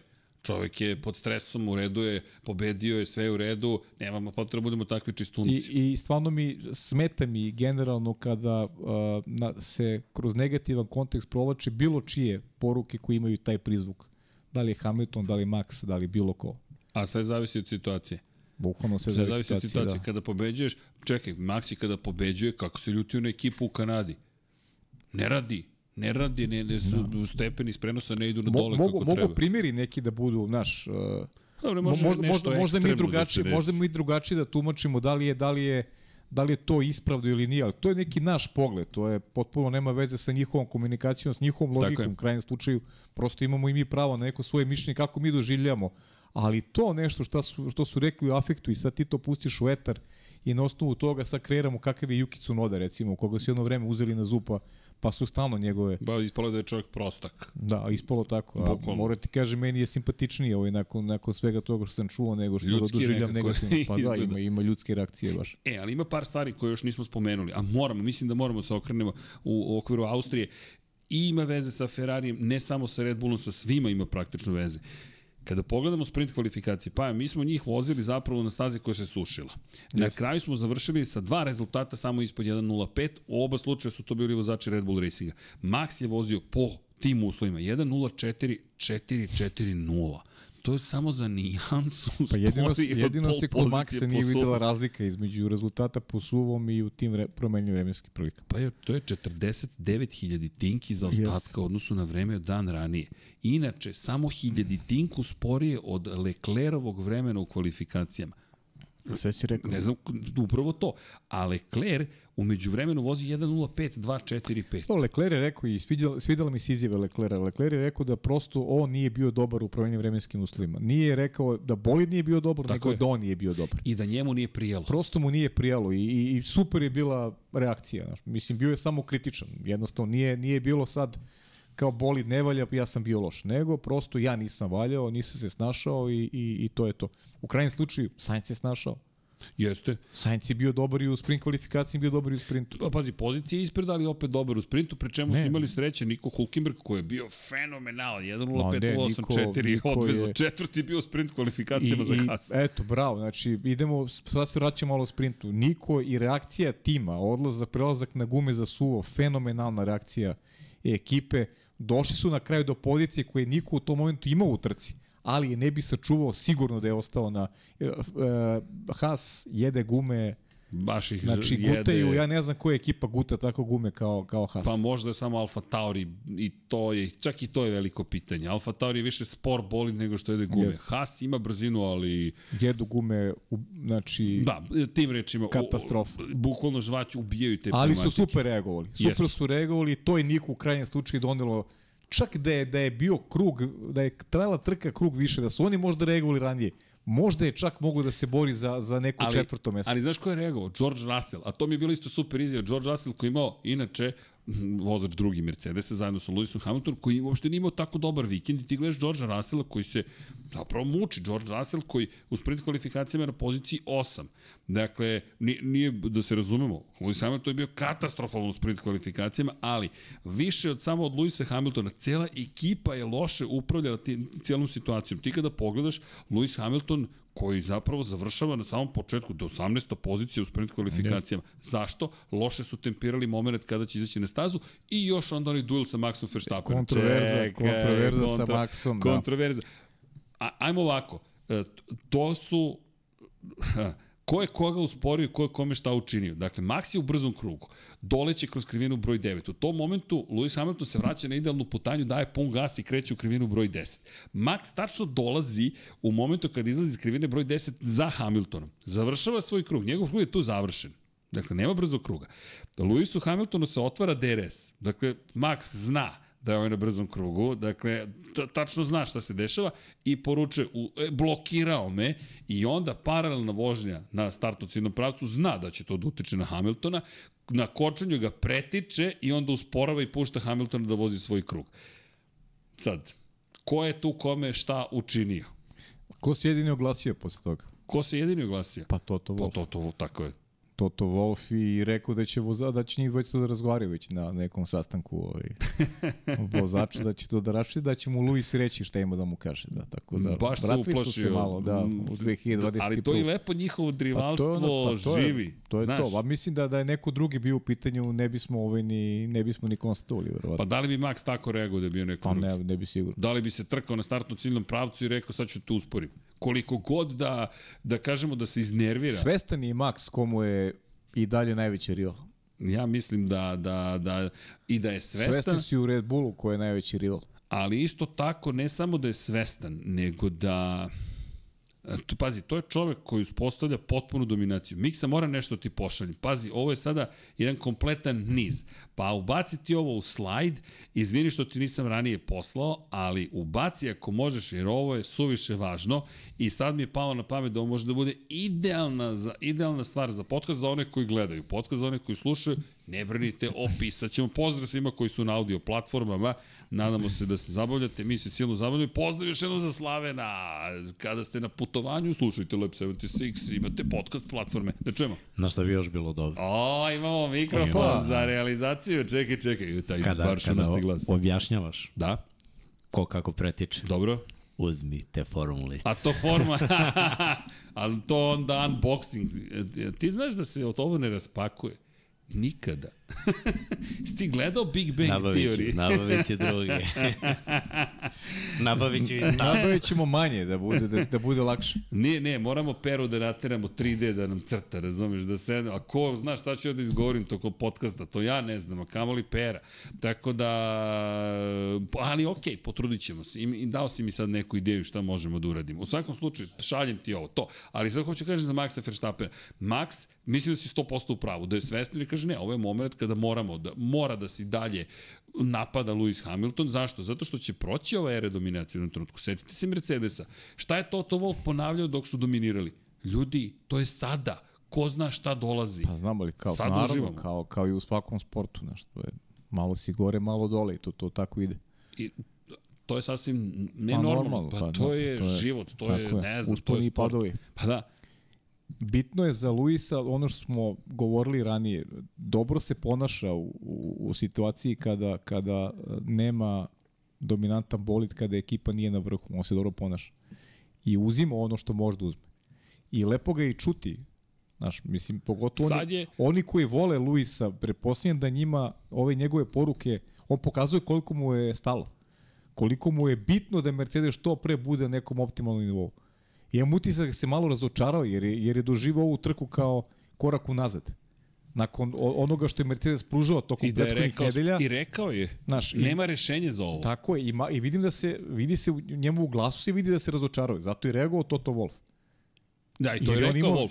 Wolf je rekao, ne žel, ceo tim nije funkcionisao kako Upravo treba. to, jer, jer ti, ti vidiš, 11., vidiš po reakciji, ali, 8.. ali ti, ti vidiš ko, ko se, dobro, to sad opet radio komunikacija, šta mi dobijamo. Nije se Russell nešto oglašavao, ali Luis je konstantno, zašto ovaj nije kažnjen, pa i ovaj je prešao ovaj sa sva četiri točka stazu, non stop se javljaju, ali to je više posledica Ali- a, nezadovoljstva, Frustracija. frustracija, a, ne osjeća se komfortno u bolidu i onda ti imaš u Ali- glavi ti se svašta ti se javljaju ali- slike koje, koji nemaju, nemaju mnogo veze sa onim što ti treba da napraviš. Ali ja mislim da sam ja Red Bull, ja bi slušao ove poruke i znao bih šta su okidači kod Luisa Hamiltona. A misliš da- misliš da ne slušaju? Čekaj, čekaj, čekaj, ovo je bitno. Čekaj, čekaj, A da, Pajo. to je- to je Gledaj subota. sekvencu. To je ali, subota. Ali mi se nadovezuje na ovu priču. Ovo je jedan prijateljski razgovor klubskih kolega. Max Verstappen s leve strane, Sergio Perez sa desne strane, to je sada u sredini. Pa idemo sledeća sekvenca. Hasane Bratiću, ti si najveća legenda na planeti Zemlji. Hvala Hasanu za, za ove ekskluzivne fotografije. Poslao nam je Zoran Živkov, ali Hasan, Zoran je, Hasan je bio brži i Hasan je taj, ne samo to, Hasan je naš sastavni deo ekipe i na, čovjek koga mi obožavamo, bukvalno. Pogledaj, vrati, vrati, vrati, vrati, vrati. E, a, šta, šta si ti hteo time? Pa ne, samo ti objasnim šta sam zapravo hteo. Za one koji ne znaju, Samo tetki lek. u sprintu, u prvu krivinu, ko ulazi prvi? Sergio Perez. Agresivno se nameće Maxu Verstappenu, pri čemu šta uspeva Max? Da dobije takozvanu unutrašnju stranu krivine ka gore, ka trećoj krivini. Međutim, Perez blago pušta bolid, ide u desnu stranu i točkovima mora da siđe na travu Max Verstappen. I rekao je Perez, čim se shvatio da je on tu, ja sam se pomerio levo. Jel se sećaš Pereza u Racing Pointu sa, u Singapuru protiv Estebana Okona? Ne A nisam ga Ne video. Kad je završio Okon u zidu. Nisam ga ni video. Nisi video ove roze Sećam se bolide? Baku, a ovo, ovo sam... Ja se sećam Singapura. Se. Pajo, kad idemo prva krivina u levo i Esteban koji završava u zidu. Ma ne, ali znaš šta je meni poenta ovde cele priče?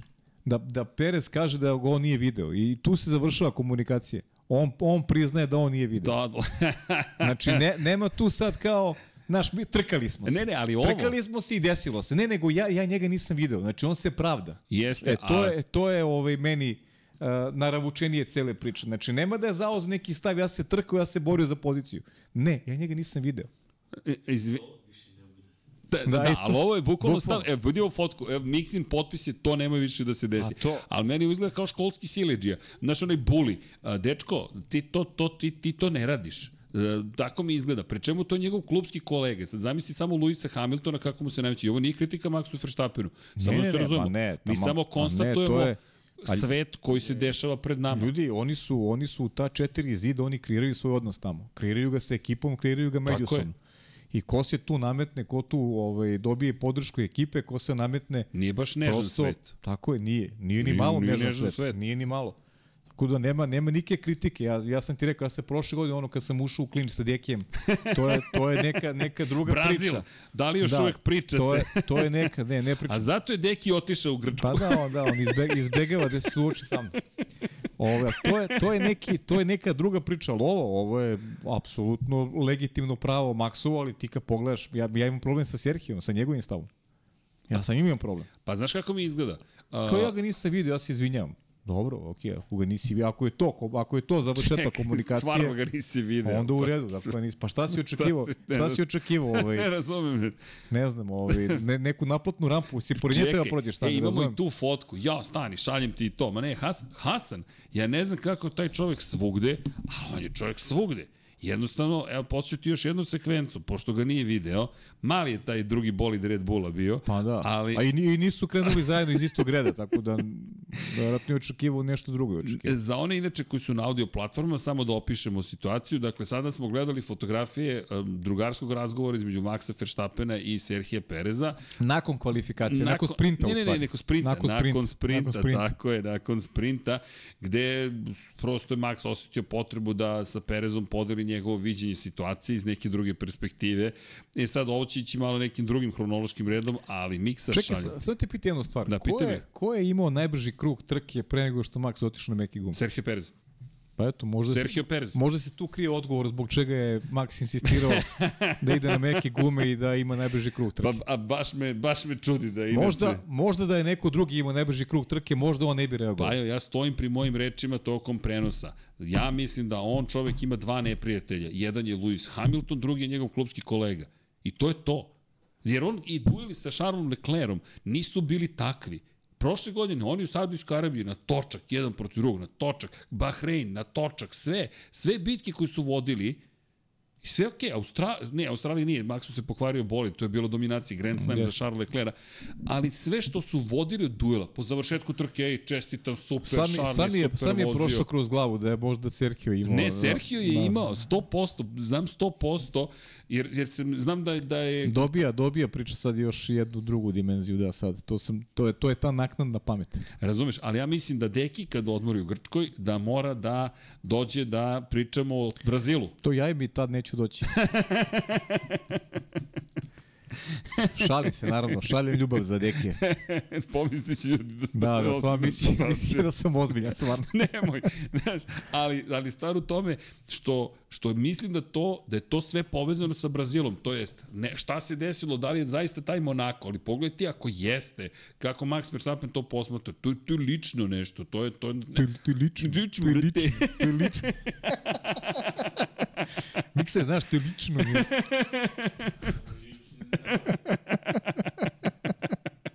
E, druže, ne, ali zaista ove fotografije, inače ko Jesu, jesu. su neverovatne. Ali tek ćete sad da vidite šta je Hasan fotografisao. Ok, ovo je kraj balade. Ili ti u ovom momentu se dešava da je Max zapravo, evo, da, da Lando ima probleme svoje. Ovde je staje Lando u bolid, ovde je kako si Hasane bio tu i kako si bio na startu i kako si bio u pit lane-u.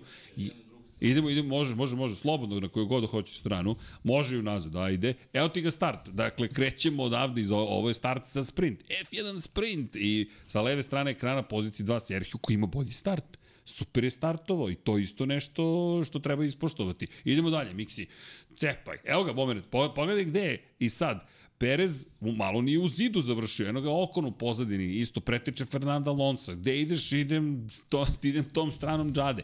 Pri čemu, Perez koji ovde se nameće, ide ispred, gotova stvar. I, I sad, može dalje, ne znam kako je Hasan sve ovo izfotografisao, ali legenda, ovo je sad ulaz već u prvu krivinu i Perez ima prednost. Ja ne znam kako ne zna da je Max iza njega posle ovoga, Pa ne ali zbunio je se. pomislio da je Leclerc možda. da, da, da, da, da, Pa sigurno. je zato htio da bude agresivniji. da se zaštiti. Možda Pa ga da. zbunilo Red Bull crveno, znaš, Ferrari crveno. Ko zna šta mu bilo u glavi. Da, i ovo je sada moment kada već gore su, uh, gore ulaze u krivinu broj 3. Ne, ili, ili ovo i dalje prva? Ne, Prva, čini ovo je prva, prva, prva, prva, Prva, prva, prva, ipak. Ajmo dalje, Miksa, vozi, vozi. Ne znam kako Hasan izvodi sve ovo što Čekaj, izvodi. Ili je treća, ne, ipak je treća. treća, Ali treća, da, da, kako? treća. Nije, nije treća. Nemoguće. Pa, Pe, deluje- već se bio nametnuo, već se tu bio Verstappen bacio ispred Pereza. Dobro, možda je, možda sad sam, sad sam zbunjen, ovo je misterij univerzuma. Ajmo Ja dalje, Miksa, da pokušam da tako da... Čepaj, čepaj. Ja. Je slika? Nisam ti poslao više.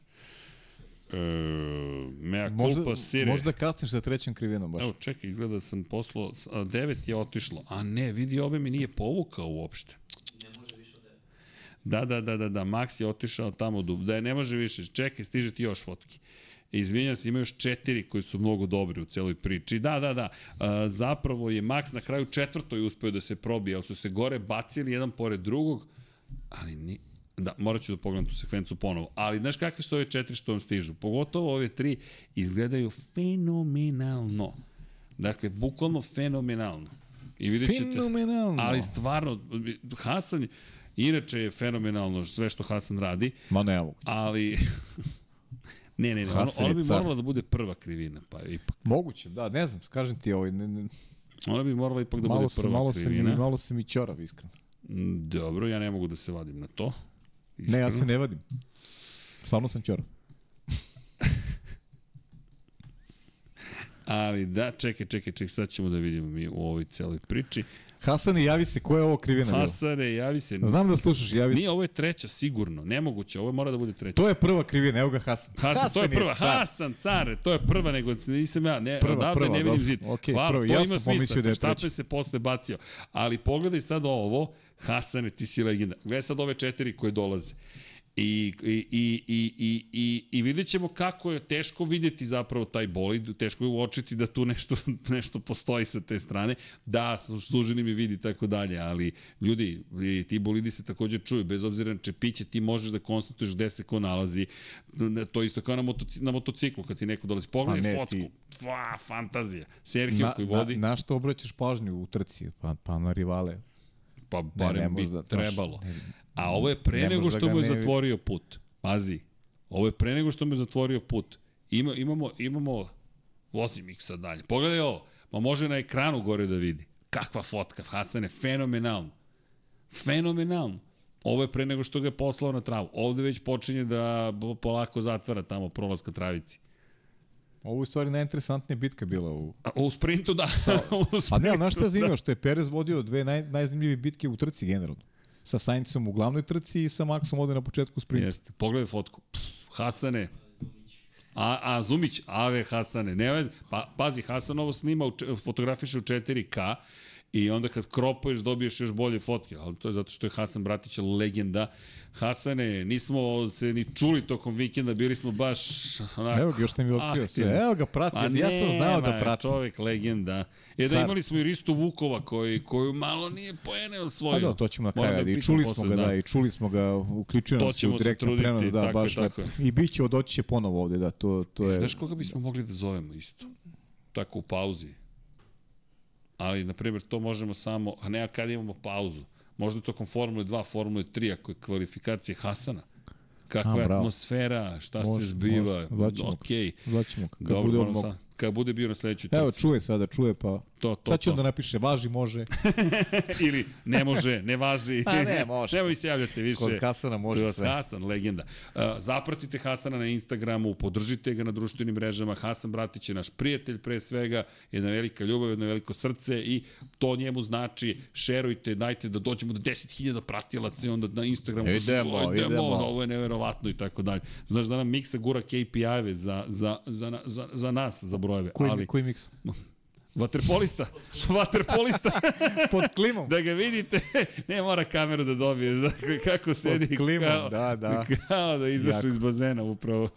Ali dobro. Elem, i ova trka je, ovo trkanje, to je to nametanje Maxa Verstappena, gde on kaže, ma nema, nema šanse, apropo Luisa Hamilton. I ima još jedna stvar, u onome što smo videli zapravo u sprintu, koliko je Red Bull u svim uslovima, pazi sad, to, to je taj, taj nevjerojatan, šta su oni napravili, RB19 će ući u istoriju kao bolid radi po kiši, radi po suvom, radi po promenjivim vremenskim uslovima, radi na brzim stazama, na sporim stazama, pri čemu kada analiziramo kvalifikacione krugove, Lando Norris je u krivinama podjednako brz u McLarenu, kao Max Verstappen. Dakle, kada se uđe ulaz i izlaz iz krivine, kada se vidi čak u četvrtoj, trećoj krivini, izjednačeni su trećoj, u četvrtoj je Lando brži od Maxa Verstappena, brže prođe kroz krivinu, Ali kako krene dodavanje gasa, to je prijanjanje, kako krene da, jel te, ne samo Honda, taj ceo bolid negativni uzgon da generiše, da ti možeš, pa u stvari, ja poslaću ti papučica gasa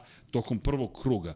Max Verstappen ima mogućnost da drži taj gas non stop, dakle kao da je čovek napravio, raketu su napravili. Promenilo se odnosno na prošle godine, na prošle godine što imaju sada i tempo za trku, imaju i kvalifikacijni krug. Jeste. Oni sad imaju sve.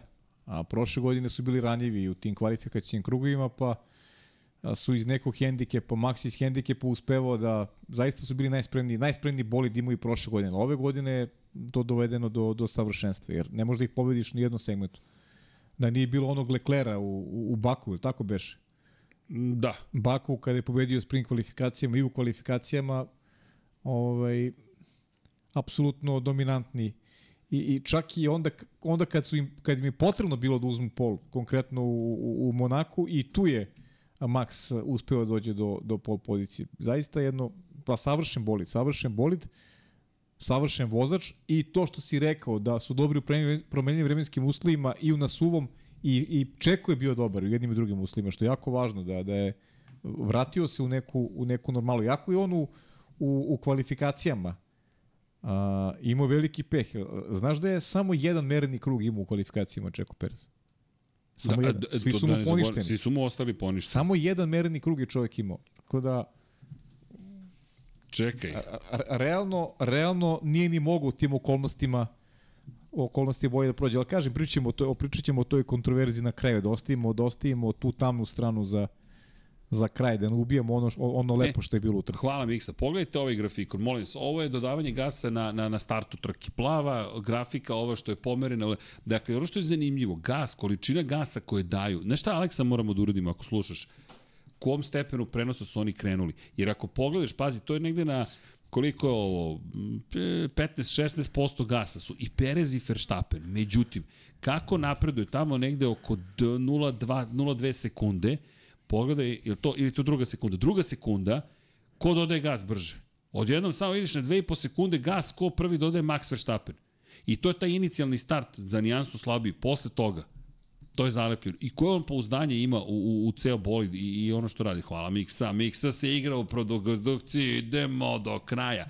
I ovo je već ulaz u prvu krivinu. Pri čemu pogled koliko ranije pušta gas. Dakle, on je već stigao tamo, ali, ali point je u tome da, da ti kada pogledaš Red Bull, zaista teško mu je naći ranjivost. Nema, nema man. I Ferrarijevi navijači koji su mi pisali, kažu, srđane, daj, da li si realan? Oni su vozili koliko su morali da voze. Da li stvarno misliš da bismo ih ugrozili, da smo se približili na 5 sekundi, da Max ne bi rekao, Pa ok, ne, daj ne, pun gas? jedina, jedina šansa je bila da, da, da je pogrešio, da su mehaničari pogrešili u tom finišu.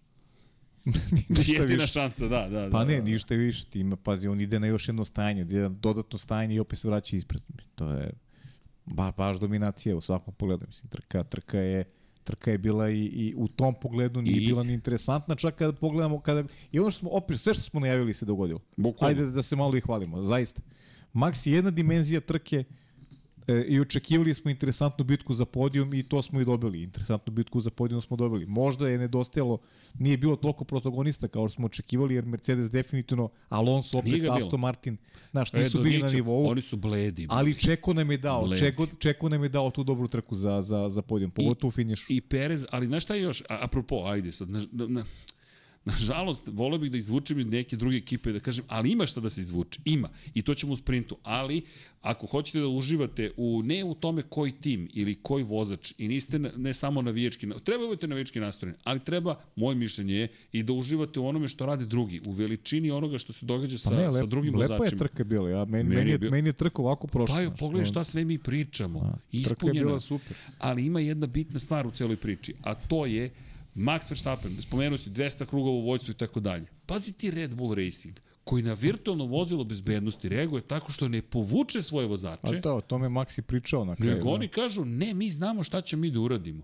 Mi imamo svoju strategiju, oni na kraju dodaju jedno stajanje na kraju trke, ali u tom momentu, evo vam vođstvo. Pa do, i mi smo spekulisali, znaš, da li će biti drugačija strategija, šta će se dešavati u trci, ko kakva je potrošnja guma, ali Nisu trepnuli. nisu trepnuli, bukvalno držali su nekog svog plana i sećaš se i razgovora između Jeste, vozača, jeste. baš, baš ga je to Leclerc pitao da se neće kad je uopšte otišao ovaj, da, da menja gume.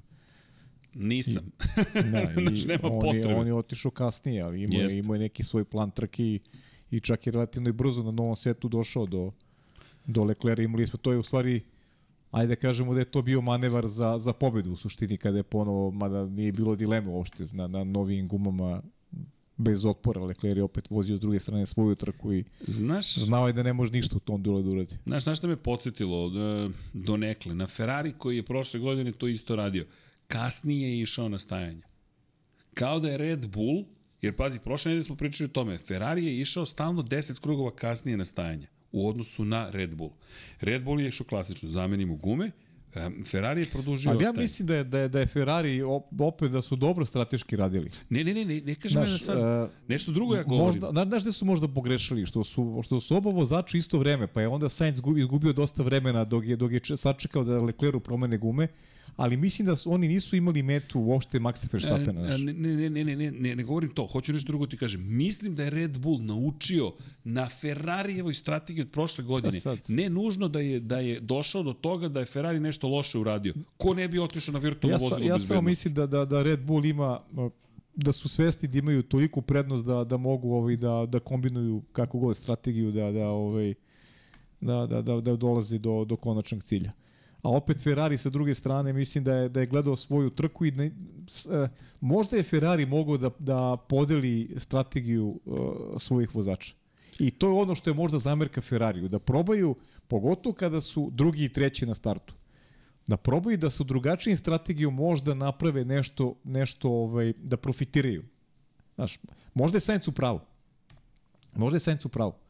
Jer, jer ti ideš u istom momentu kada je Leclerc i ti automatski gubiš vreme. E, da, ajmo, a, apropo Ferrari, znaš gde su pogrešili? 4,4 sekunde i 4,5 sekunde za double stack, Ali- za, za dvostruko stajanje u Tako istom je, trenutku. ali zašto dvostruko stajanje imaš? Pa, verujem da... Zašto imaš dvostruko stajanje? Zašto ne razvojiš strategiju? Ti si tada si. drugi i treći u Upravo trci. si. Pustiš Sainca da odradi neku drugu strategiju, rizikuješ i kažeš možda nam se otvore neka druga Hajde da vrata. probamo da vidimo, da vidimo, da vidimo šta do... I, I pritom, tada proveravaš onda kakav je tempo, Kakav je tempo i Sainca? tempo Sainca u odnosu na Maxa Verstappena. Upravo si. Složiš šahovsku igru. I pritom smanjuješ rizik. Ti sad, inače nisi tim baš koji, ne, koji je bez grešaka i ti sad prvo Leklera koštaš bar sekundi i po, Pritom, ovo je vreme i da učiš. a Znaš, ti novi šef ekipe učiš, ti kroz trku možeš najbolje da naučiš. pazi, naučili su ti da nemaš- ne treba da rade double Pa ti stack. nemaš, šta, šta je tebi cilj? Ti cilj da budeš treći u šampionatu pa se ponašaš konzervativno.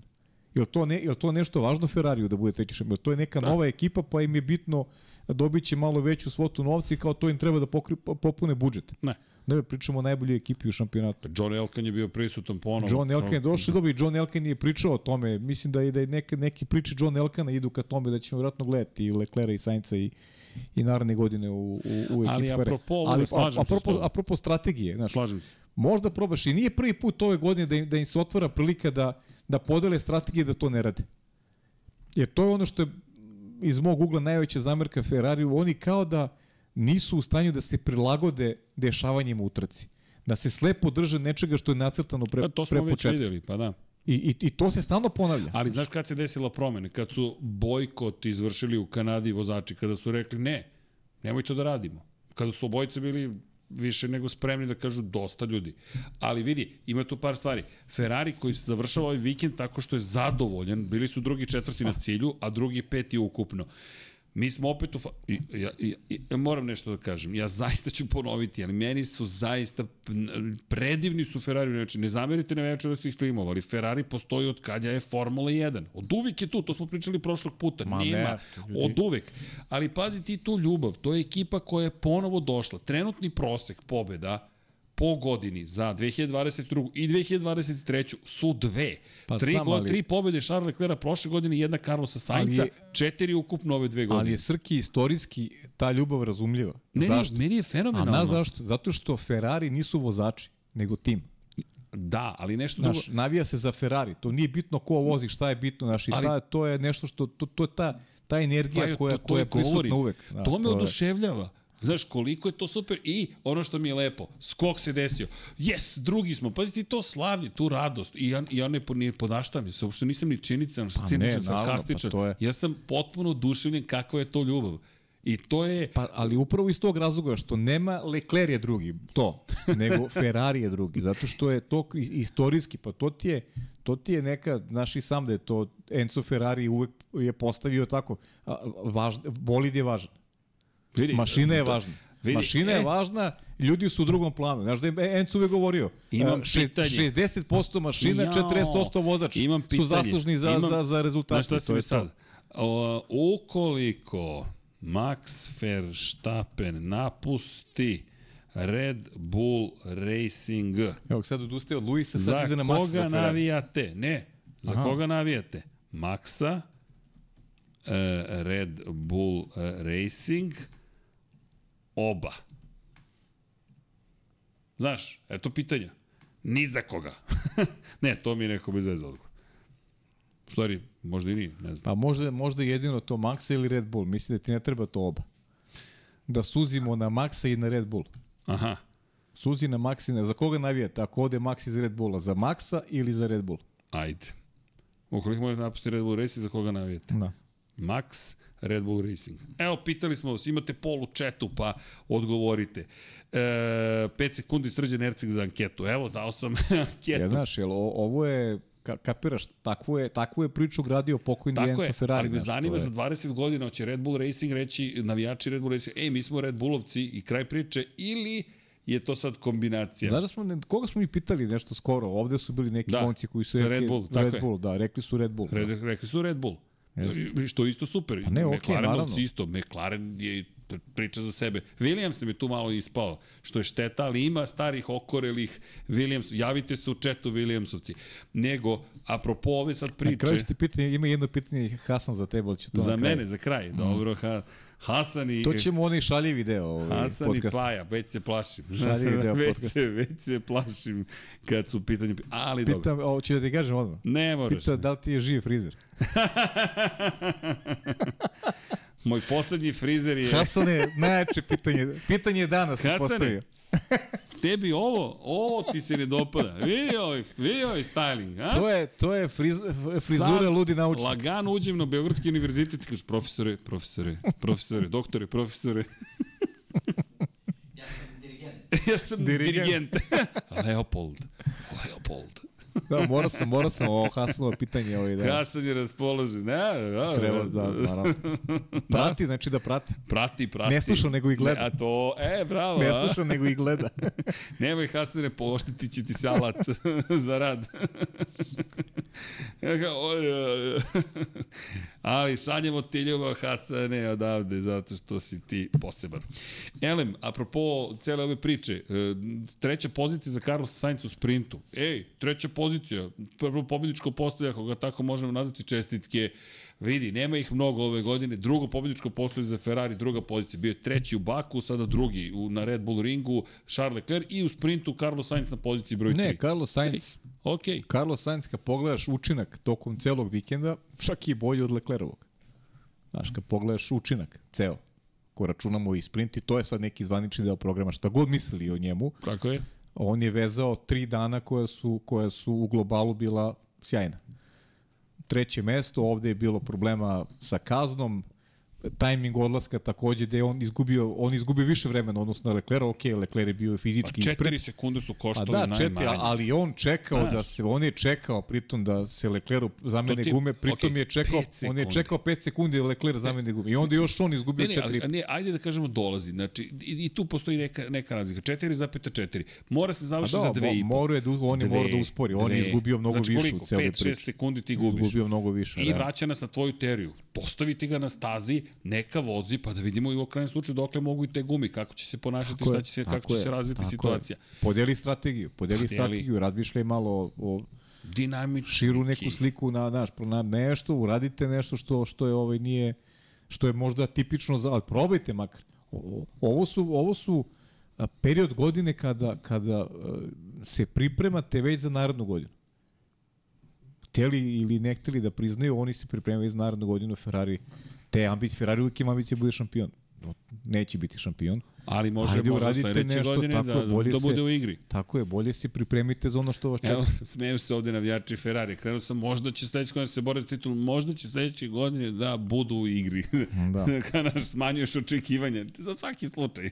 Ali dobro, bar radite Ugrizi na... se, ugrizi se za jezik kad govoriš o tome šta da, će da, da. Ferrari. E, ali vidi, Ferrari, lepo urađen posao. E, ajmo sada, ho- ja, ja mislim da treba Mercedes prvo da spomenu. George Russell je inače bio osmi u sprintu, 9000 tinke iz Esteban Okona. Super trkanje Esteban Okon, inače da, pohvala Alpini, Oliki Kez. Da. A, oduševljenje što je pobedio. E, samo nekako Mercedes kao da je baš bio u nekom raskoraku, Pa da, korak unazad. van sinhronizacije greške jednog drugog Da, da, da. u kvalifikacijama. Očekivali smo više, da, definitivno. Da, očekivali više. ali u Britaniji stiže ta paket novih delova, da pa li će dobro, biti Luis, unapređenja. Luis na svom terenu. Tako je. Mnogo, mnogo važan Ja moram ti priznam, ja negde ga, ak- ako tražim neko, ako je Luis uopšte iznenađenje, ali za razliku od Austrije, očekujem poput drugačijeg Luisa. Nekoj, nekoj borbi za podijum. I ovde sam mislio da postoji šansa da se bori za podijum, ali u Silverstonu svakako. Evo sad ćemo da Ipak imamo. je to, to je njegov teren. Silverstone, vremenski uslovi za vikend. E, možda kiša u subotu. Imamo klasičan trkački vikend. Da, da, Dakle, klasičan. Kvalifikacije su u subotu. Da, tek poslije nedelje jula smo se ponovo vraćamo. Ali kažu Idemo ne bi u trebalo Belgiju, idemo. da bude kiše. Što je nemoguće prognozirati bilo gde, Pa, kamoli na ostrovu. pa, Britanija. Britanija. Reći da li će biti kiš ili neće, to je baš A nezavisno. znaš šta možemo da kažemo sa sigurnošću? Biće pola miliona ljudi, to je 100% sigurno. Sigurno, sigurno. Tamo će biti opšta žurka. Pogotovo što će tamo da budi neke žurke sigurno još u četvrtak. Znaš šta će biti žurka velika? Iako, ali moram da skočim u ovom trenutku u tu priču. Čitam, Mario Izola, direktor motorsporta za Pirelli. Velika nagrada Velike Britanije će označiti debi novih guma za suvo, nove konstrukcije, koristeći materijale koji su u napred uvedeni, planirani su, uprako to jest ne uprako, koji su bili planirani za sledeću godinu. Pazi sad ovo. Promjena u specifikaciji je bila neophodna s obzirom na činjenicu da imamo povećane performanse bolida od početka ove sezone. Kako u pogledu čiste brzine, tako i opterećenja u poređenju sa simulacijama koje smo obavili u predsezoni i koje je obavio tim Pirelli tokom prethodne zime. I zahvaljujući činjenici da, je ovaj, da će ovaj trend nastaviti da se razvija kako bude napredovala šampionska borba.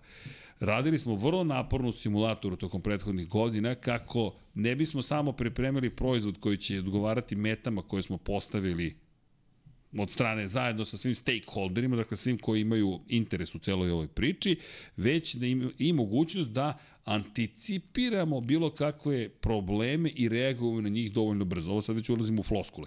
Ali ono što je činjenica je da imamo novu gumu koja će imati dodatni otpor i zaštitu od potrošnje, ali ne utiče na tehničke parametre ponašanja na samoj stazi. Pa dobro, Pirelli, Pirelli radi tako da ostane još dugi niz godina u Formuli 1. Pa vidi, i ono što je sad zanimljivo... Vraćam te sada namjerno, svesno Da, da, da, na tu okej. temu o Bridgestonu. Znaš. Bridgestonu. Kaže, inače, svi su timovi mogli da testiraju ovu konstrukciju guma na velikoj nagradi Španije, to su one testiranja koje smo imali, kada su dva seta bila pripremljena za svakog vozača za slobodne trenike. Znaš kako, popuno je logično ostalo onoga što gledamo ove godine, tih testova, da, da će Pirelli biti tu i, i naredne godine. Ali znaš šta je meni ovo znači? Dakle, E sad, ima tu još par stvari. E, S obzirom na činjenicu, izvini, da debitujemo na ovoj stazi, da je to tradicionalna staza koja najviše opterećuje gume, na njihovim internim e, pokaza, zapravo chart, dakle njihovim grafikonima u Silverstonu je na vrhu opterećenja po pitanju stresa i bočnih te, sila, pogotovo na prednjem levom točku. Istovremeno, ovo je staza koja iscrpljuje vozače, koji moraju da trpe bočna ubrzanja od 5 sila zemljene težnje kroz vrlo brze krivine. I sad, izbori jedinjenja koji su, za razliku od strukture, koja ne, koji ne prolazi nikakvu promjenu u specifikaciji, su identični odnosu na prethodnu godinu. Dakle, C1 tvrda, C2 srednja tvrda, C3 meka. Međutim, trenutni C1 je zapravo potpuno novo jedinjenje za ovu godinu, koje je negde između C2 i C0, naše novo ime za najtvrđu gumu u 2022. godini. Dakle, imaćemo nešto mekšu C1 gumu, C2, C3 i imamo novu zapravo gumu koju ćemo koristiti na stazi. Obično kada se gume promene, neko plati cenu, a neko slavi. Tako da imamo jednu, jednu situaciju koja je onako nepoznata u celoj ovoj priči. Inače, opterećenje na gume na ovoj stazi je čista Pa to petica. te ti kažem, u Sil- Silverstonu uvek neko plati cenu na gumama. Tako da, Čisto, postoji, postoji. ona, jako, Da, prošlogodišnju. jako Hvala, brza, čeka, jako Miksa. brza staza, troši pneumatike. A vidi Pogledaj. mene kako sam pogrešio. Pa da, Neće biti meke gume, Pa da. a prošle godine srednje tvrda, srednje tvrda, tvrda, meka. Srednje tvrda, srednje tvrda, i ono meka. što smo pričali, da, dva stajanja. A pogledaj Leclera, kog su ostavili tada da visi bez crvenih guma mekih, jer Ferrari ima posebnu strategiju. Pa što niste sad tu posebnu strategiju pripremili, priredili na Red Bull ringu? Ma da, Ferrari sa dva stajanja, sa jednim stajanjem u stvari. Sa jednim, umesto da mu da meki gume u 39. krugu. Kada su mogli da izvedu double stack, čisto suprotno onome što su činili ove godine. Pa dobro, Ferrari. Dobro, to smo da zna ad acta. Ali, Ali, čisto eto da se podsjetimo da, da, da i meki guma bilo, svi su koristili meki gume, osim Leclerc, eto. Nemam grupe vodećih. pojma šta nas čeka. Ma da, ma mislim, potpuno nezahvalno. Dakle, mi imamo izbor jedinjenja, ali se struktura menja. Struktura gume se menja. Konstrukcija se menja. Vidi, No, ja nismo- mislim da to treba negde zapamtiti. Samo zapamtiti, da, ali nismo još završili sa, Nismo, sa nismo. Austrijom, da. Samo mi se spojilo sa celom ovom pričom. Nego, da se vratimo u Austriju, Lance Stroll, Fernando Alonso. Poziciju u sprintu 4 i 5. Lance Stroll, inače, dan ranije, to jest u sprint shootoutu, da ne kažem kvalifikacijama za sprint, je bio iza Fernanda Alonso. Pobedio ga je na startu, pobedio ga generalno u trci i u kvalifikacijama u petak Lance Stroll je bio uspešniji od Fernanda Znaš Alonso. kako, o, o, ove nedelje, ove nedelje mi je Aston Martin ličio na ekipu od prošle godine, prvi put. Apsolutno neprimetni te pozicije 5, 6, onako dostižne za njih. Ok, Alonso je završio trku peti, ajde, realno je završio trku peti, dobio je Peti u u sprintu, stvari peti, peti u u sprintu, trci. bio je šesti u stvari u trci, ali Šesti, dobio je, dobio je peto mesto, Martinu, žali su se, je. pa je dobio to peto mesto, ali generalno ovo mi je onako Aston Martin iz, iz prošle godine, bukvalno. I nema šta nešto posebno da se priča. Nema ih u duelima. Apsolutno jedan vikend koji se kosi s onim što je, što je najavio Fernando Alonso u Kanadi. Ma ni blizu toga. Da će sada konstantno biti na podijumu i da je, ne znam šta je ono bila posljednja trka. Kada su oni bili bez podijuma? Pre Kanade su bili bez u podijuma. Španiji, u svojoj rodnoj Španiji u je bio. Barceloni bio bez podijuma. Tako. Bez podijuma, a pre toga u Azerbejdžanu. tako da ovaj, ovo je baš onako jedan I nešto je interesantno, vidi, šta je interesantno, ovaj, kada, kada Aston Martin ne može da se bori za te visoke, to ti je, sad, to ti ista priča ovaj, Hamilton Russell. Iako je Russell, ne mogu da ga stavim isti koš sa, i, i ljudi ne radim to, ne stavljam Russella u isti koš sa Strollom, ali čim je ulog manji, da, čim je ulog manji, odmah Stroll tu nešto isparira, ovaj, tu je negde oko Alonso ili ga pobedi. Čim je ulog manji? A kad je ulog, kad je ulog veliki, kad Aston Martin može da, da, da se bori za podijum, tu onda Alonso ima, ima veliku prednost. Ovo je prvi put ove godine da je ulog baš bio manji. Videlo se u startu od Pa to i kvalifikacija da najavio oni ne mogu. Da će biti teško u Red Bull ringu. I, S tim- i, i, bilo, što me I čudi- bilo je teško. Što onda najavljuješ da ćeš biti na pobjedičkom postoju na svakoj trci? Pa dobro? Alonso, Alonso, Volite se voli malo, malo, da. malo da, da, da za Biber izjavu. da. Ali vidi Ne možete kraju, baš da se oslonite previše na, na, na, na te njegove... ove- emotivan je čovjek. Da. Pa dobro, okej, možda tako i hrabri i sebi I i, sebi i ekipu, ekipu, i sve naravno. to okej, sve je to legitimno, ali ali samo moramo da naučimo kako tumačimo to što priča. Pazi sad ovo, šesta pozicija u Austriji, za Alonso na kraju, peta mu je pripala posle žalbe. Inače, 12 kazni je, je izdato Ma de, ono, po to je- završetku trke. To, mi- to, to je tek Ma, tema. do, to ćemo na kraju, to je posebna tema, Ali. Lance Stroll deveti u glavnoj trci. Kada je opet, apropo tvoje teorije, kada je bilo važnije, bio je Pa lošiji. dobro, naravno, bio je loši, ali opet ne, nije bilo tako dramatično. Znaš, čim nema uloga velikog, nije tako dramatično. Dobro, ali je opet cijela priča kad pogledaš Ma ne, mislim, ne, nisu, nisu istom košu i, i to je ono što govorimo. A, a verovatno će Aston Martin ostani bez te treće pozicije u konkurenciji vozača zato što imaju a, drugog vozača mnogo slabijeg. u konkurenciji konstruktora. Pa u konkurenciji konstruktora, da. Ovi su, Pazi, S- Sve, s, svi su bolji od Strola iz ovih vodećih timova. Vidi, I to baš su bolji. Bitka za drugo mesto u šampionatu konstruktora je skroz otvorena. Red Bull trenutno 377 pojena, pozicija 1.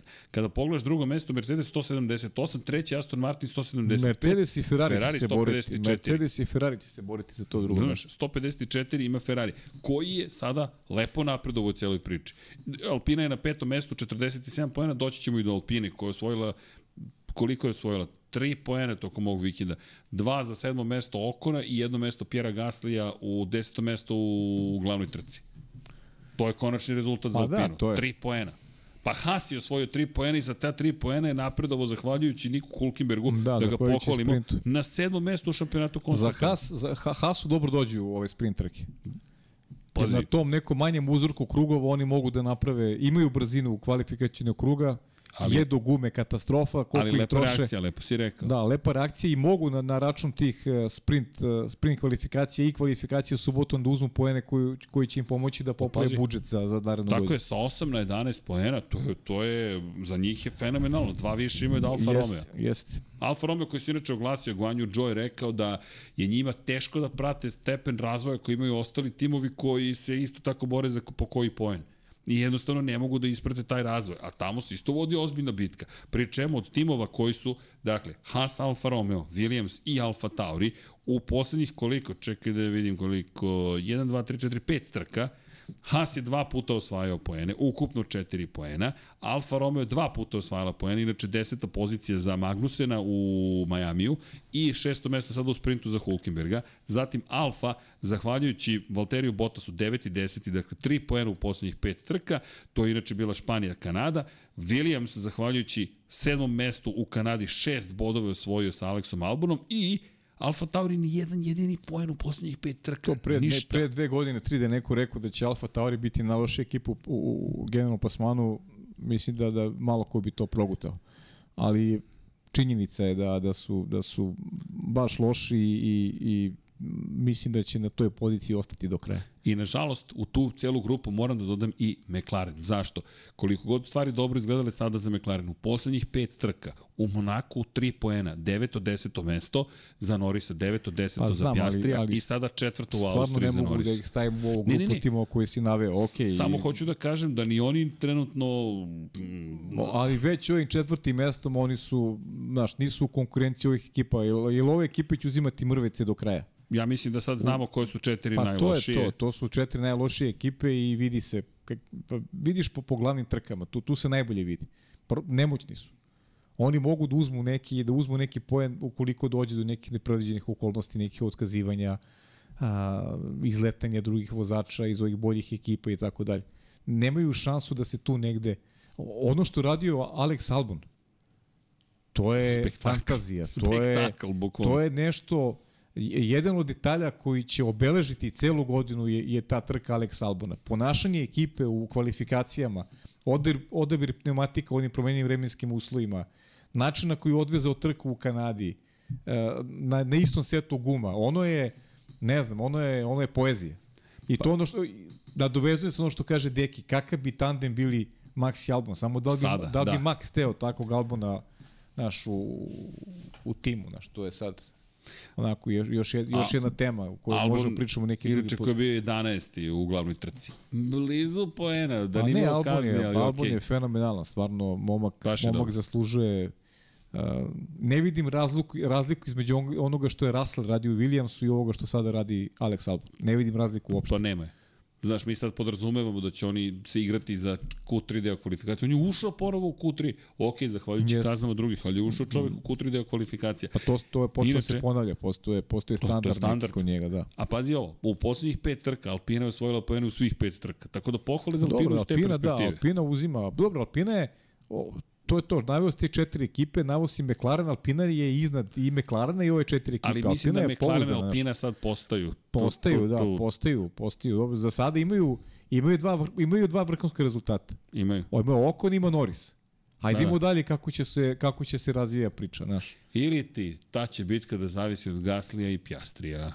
Ili ili tako je. To će da zavisi, to, to si mi sad sinulo, tu a to tu će je da Alpina, zavisi. tu je Alpina realno u prednosti. Tu je prednosti. Da, ima iskusnijeg vozača, neko je pobeđivao već i neko ko koji je ovaj, Da, Pjastri tu još mora mnogo, mnogo Ma da mora, da, mora. Pa tu vidiš koliko, znaš, mi pričamo o tim klincima.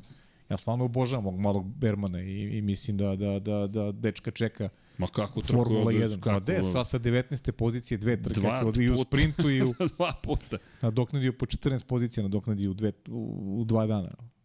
Zamišljam šta je bilo da je, da je, da je bio među 10 u, u, u Pa, kvalifikacijama. Bitki za Da pobjedička nije postavlja i pobjede. sve. Pa, da. Ali mora i on to da reši. Ali to, doći ćemo i do Doći ćemo, toga. da, da. Ne, nego, apropo priče o ovim timovima nižim, Kevin Magnussen protiv Nika De Vrisa, to postaje, Da, da, postaje to postaje glavni duel Ko koji ti je ko, imamo. ko Partizan i Zvezda. Ti sada znaš, Nik De Vries, Kevin Magnussen, čekamo duel. Jedan Dakle, drugog čekaju iza ćoška. Ali bukvalno čekaju za ćoška, pa sve krenulo u Kanadi, za one koji eventualno ne znaju.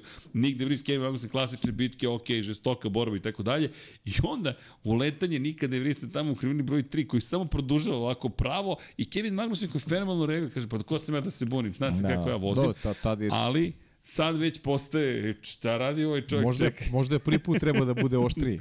Pa znam, ali Šalim se, Kevin naravno. se proberi, ali rekao Kevin, mislim da pritisak nad Nikom De Vriesom utiče na njegovo ponašanje Pa na znaš kako, kad smo, kad smo kod Nika De Vrisa, neke informacije koje imamo ti ja, da, da je Nik dobio ultimatum do kraja jula, da, da odveze To su još što je trke. moguće bolje, to su još tri trke i da sp- se spremaju pre svega Liam Lawson, a ne verujem da će Ricardo ovaj, uskočiti u Alfa Tauri, pogotovo akav Alfa Tauri. E, ja mislim da, da, da Liamu Lawsonu svaka šansa je je jedan ozbiljan benefit u Zlata karijeri. vredna. Tako je, i, i njega ubaciti u, a znamo koliko je brz Liam Lawson. ozbiljnoj brzini, znači trenutno je drugi u super formuli. Da, dakle, drugi u super formuli, pritom onako važi za njega da je nekad i pretarano agresivan, da nije baš ovaj, druželjubiv, ajde je, da tako je. potrebim neki blag, blag termin, tako da bi bilo interesantno videti ga, jer Pazi, Lawson je testirao u Belgiji, u Meksiku prošle godine, Alfa Tauri, Red Bull u Abu Dhabiju. Ne, njemu se, njemu se otvorila su mu se vrata kad je Juri Vips izbačen iz akademije. Jeste. Juri Vips kad je napravio gaf, Tako i njemu Onda je, sve mislim, krenulo. opet, e, opet se sad vraćamo na tu kao političku korektnost i to je, mislim, ono, sve okej. ali ozbiljan svaka- gaf, da ga ne otvaramo, svaka, ali svaka ekipa ima ima cena. svoju strukturu ovaj u rukovođenja i i nećemo da se mešamo u njihovu politiku. Mogu da kažem da mi se ne sviđa način na koji je otišao Juri Vips, to je ono ajde da kažem ovaj dajem sebi za pravo da prokomentarišem, ali Liam Lawson je neko Dobio ko je prilike. dobio svoju šansu i možda mu se otvori prilika da od tamo kraja avgusta i debituje u šampionatu Formule 1, što je i- lično bih volao da ga vidim, zaista. da vidimo kako će to da izgleda. Inače, da ne zaboravimo, kada si spomenuo Daniela Ricarda, Daniel Ricardo sledeće nedelje će imati test. Dakle, imaće priliku da, da, da, da, se, da se oproba zapravo u, u, u Red Bullu. Dakle, nemojte to zaboraviti. Dakle, imamo test u Silverstonu, to će biti ključ, jedan od ključnih testova za Daniela Ricarda. I to je tri dana testiranja u trenutnom Red Bullu. Dakle, e, to je nešto što je mnogo ozbiljno, pri čemu čovjek je imao priliku da testira zapravo neke starije modele. E, sada vidimo šta će učiniti u ovom Red Bullu koji je ma, veoma ozbiljna, najbolja mašina vjerojatno koju će ikada voziti. E sad samo da vidimo šta može da... Dakle, ono što je pojenta jeste da on rezervni vozač u ovom trenutku. I o, čovjek je rekao da ne želi da uzme bilo koje sedište na, u nekoj maloj ekipi za 2023. nego da želi da se, da prosto otkrije ponovo svoju ljubav prema sportu i da, da pokuša da se nađe, nađe 2024. u nekoj ozbiljnoj ekipi. Jedina ozbiljna, jedina naj, najozbiljna ekipa je Red Bull. To smo rekli, sumnjamo, Pa ne ali... kako bi ti rekao, nešto tolkom pauzom da ga uzme neka ozbiljna ekipa, ja stvarno ne vidim ovaj... Ali ajde, znaš, u sportu se svašta dešava, evo, nisam verujem da će se Niko Hulkenberg vratiti u Formulu 1, pa, pa se to dogodilo, ali, znaš, Daniel Ricardo u nekoj ozbiljnoj ekipi, pojam ozbiljne ekipe, ne znam šta za njega znači taj pojam ozbiljne ekipe, pre svega. Mislim, svi su oni negde ozbiljni, čim, se, čim su u Formuli 1. Možda high-tech, Pa, Znaš, mislim, možda, možda pa, neka vidi, nova ekipa, možda, nemam, možda nemam, nešto pojma. novo, da, okej. Možda neka nova ekipa koju Ali- treba, koji treba i ta vrsta promocije, da imaju neko, neko zvučno ime. Ne, ne znam, znaš, stvarno, stvarno ne znam ovaj, kako će to kako će to izgledati, ali ne vidim ga svakako sada u, u, u Alfa Tauriju, definitivno. Ne vidim ga, prosto. Mislim da je, da, da je ako već Ode nigde vriš da je Liam? Lawson mnogo bolja opcija. Ajmo ovako, šta si dobio ako si rekao neću da idem u neku manju ekipu i onda odlučiš da odeš u tim koji je trenutno poslednji u šampionatu konstruktora? E, Zato što se zove Alfa Tauri. Inače, Alfa Tauri koji se gasi kao tim, kao naziv. Alfa Jeste. Tauri neće više postojati. Dakle, ako pričamo o tome, mi pričamo o tome da ja ne vidim da on želi da bude Alfa Tauri.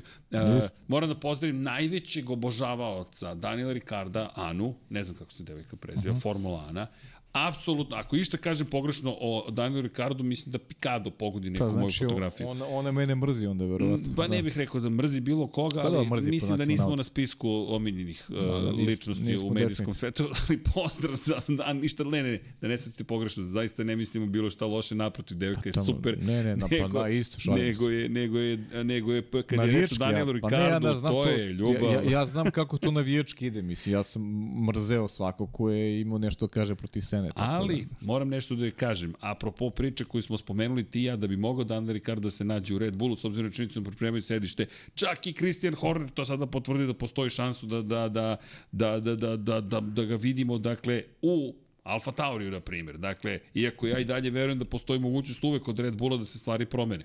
Dakle, kako to ide kod Helmuta Marka? Zamislite podbaci Sergio Perez u svojim aktivnostima. Budeš 7, 8, 9, 10, 12, 15 i tako dalje, pa šta, neće se do- desiti... Pa ne znam, ili, ili, ili, mo, Instant ili možda kaže, ovaj, trkali smo se i ovaj, Max je pogrešio. Mo- možda zauzme stav koji Možda. se ne dopadne ovaj. Dobro, ali činjenica je da u svakom slučaju može se desiti, mada možda Ana i rekla da će biti Alfa Tauri, a ne Red Bull, kao što ja tvrdim da bi moglo da se desi, ali to je neko moje samo razmišljanje. Inače, ono što, što negde, kažem, je neka priča zapravo da da se očekuje navodno njegov povratak i to je ono što je vrlo zanimljivo. Ono što je meni zanimljivo u celoj priči jeste zapravo da je Peter Bayer, to je izvršni direktor zapravo Red Bulla, dakle kada govorimo o, o Red Bullu, navodno je on taj koji je rekao da bi moglo da se desi da će moći Daniel Ricardo čak i da bira. Dakle, to sada isto je zanimljivo iz jedne druge perspektive. To su sad malo tračevi, čisto. Pa da da, tački, oni njega možda stvarno Ali- pripremaju za, za Perezovu zamenu. Ko zna, mislim, šta radi, šta Znaš je tu igra, znaš, to je... Znaš šta je meni zanimljivo? pitanje. Izvini. A to je zapravo da ukoliko Red Bull kao kompanija počne da se meša u Red Bull Racing, da li će se tu ubrzati situacija u kojoj Red Bull Racing hoće da kaže "E, čekajte, Pa ne znam, čekajte. stvarno. Jer do sada nismo baš imali te situacije da se neko ko nije Dietrich Matešić iz Red Bulla s- toliko meša. o- ono što želim da ponovim u sve ono što smo, što smo rekli o Sergio Perezu, ja mislim da Red Bull ima tim koji dobija i da dokle god je ovako ne treba, ne treba ništa da menja. To je isto ono, to je isti onaj zaključak koji smo imali u vreme, iz perioda kada su Hamilton i Bottas vozili za Mercedes. Zašto menjati stvari koje funkcionišu? Zašto kada ti osvojaš titulu konkurencije vozača, titulu konkurencije konstruktora, kad taj Samo- drugi vozač obavlja posao dovoljno dobar, zašto menjati... Znaš kada, onda, zašto? Samo kada ti vozač dođe određeni broj 1 godine, da moraš da razmišljaš o tome da li neko mladi talentovan će otići u ruke drugih timova, poput Georgea Russella. Zamisli da Russella Mercedes nije potpisao. Da nije potpisao ugovor sa Russellom i da je, ne znam, Red Bull rekao, pa čekaj, ajde mi da potpišem. Ili, mada ne verujem da bi to uradio, da je Ferrari rekao, znaš, Srđane, dokle god imaju Maxa Verstappena, Neće oni njima ne treba, nikakvog klinca, njima okej. ne treba neki super Drugog. talent. jasno, jasno. Njima jasno. treba ovaj posao koji radi Čeko Perez, radio bi ga Niko Hulkenberg. I imao bi pobednička postolja. I ima, i ima i pobjednička postolja. Da, okej, okay, pošteno. I upravo si. Tako da te sad oni, pa to ono, pa zašto nema, ajde kaži mi kada se, kada se, znaš ko je, kakva je bila promenada u, u, u Alfa Tauri, u Torosu, kako god, u periodu kada su oni tražili dobitnu postavu, posle Sebastijana Fetela. Koliko je tih talenta prošlo kroz, oni su malo, malo pa, pa su menjali, si- stalno su si menjali. Danija, Kvija, Danila Stalno Kvijata, su menjali. pa si doveo Maxa Verstappena, pa umesto Daniela Ricarda si doveo Alexa Albona, Pa je bio Pierre Gasly, pa je bio Alex. Alex ali Albona si imao si... konstantno im, i ti imaš te momke koji su sad i dalje u šampionatu. Jeste.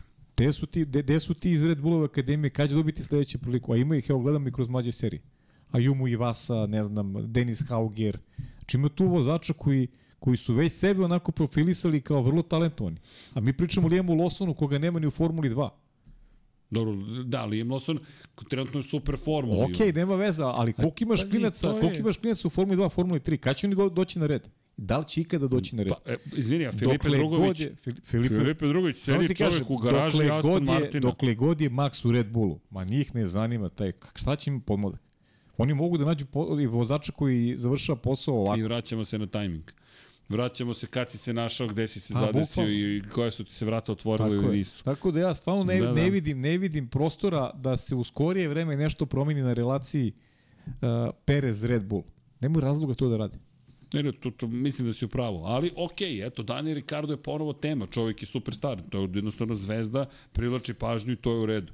Inače, za one koji eventualno ne znaju, Dani Ricardo je na ozbiljan vozač. Zapravo mi pričamo o čoveku ne, ne, koji... to, to, to be, koji je napravio neke, da kažemo, agresivne poteze u svojoj karijeri, ali je činjenica čovek koji je zvezda, koji je pobedio Sebastijana Vettel u direktnom duelu u Red Bullu u, i to godinu pošto je odvezao svoju najdominantniju sezonu u karijeri Sebastian Vettel. Promena i prelazak na hibridnu eru je Sebastijana Vettel izbacio iz Red Bulla. Daniel Ricardo je čovek koji ga izbacio tri pobede, ali i apropo ove dominacije sada. Čak i te godine Mercedes nije mogao tek tako da pobedi u svakoj trci. Meni je žao što je ta karijera Otišla nekim išla drugim tako putem. kako jeste. je. Znaš, to je sad opet onaj deo, znaš, u kom pravcu malo i sve ide što se meni ne sviđa, nekad se o čoveku sudi na osnovu onoga, znaš ti kad pogledaš Ricardo, on ima neki imidž koji koji ovaj Blenta. ne znam skoro. koliko je prihvatljiv, ovaj koliko je društveno prihvatljiv, ovaj kad me- meni je super. Ja ja volim što je takav nasmejan, što ima nekog šarma, ovaj ima neki poseban šarm ima da taj ga, momak. da li mu to pomaže? E, mislim da mu ne pomaže, zato ti kažem, znaš, u, u svetu u kome živimo, nisam siguran da takav Daniel Ricardo je Nije zategnut dovoljno. Tako je, neko ko, ko, ko se shvata ozbiljno, neko kome se kome se ovaj nužno veruje i tako Šta je dalje. Ferrari znaš. rekao? Da im je suviše nasmejan. Ne razumem tu izjavu.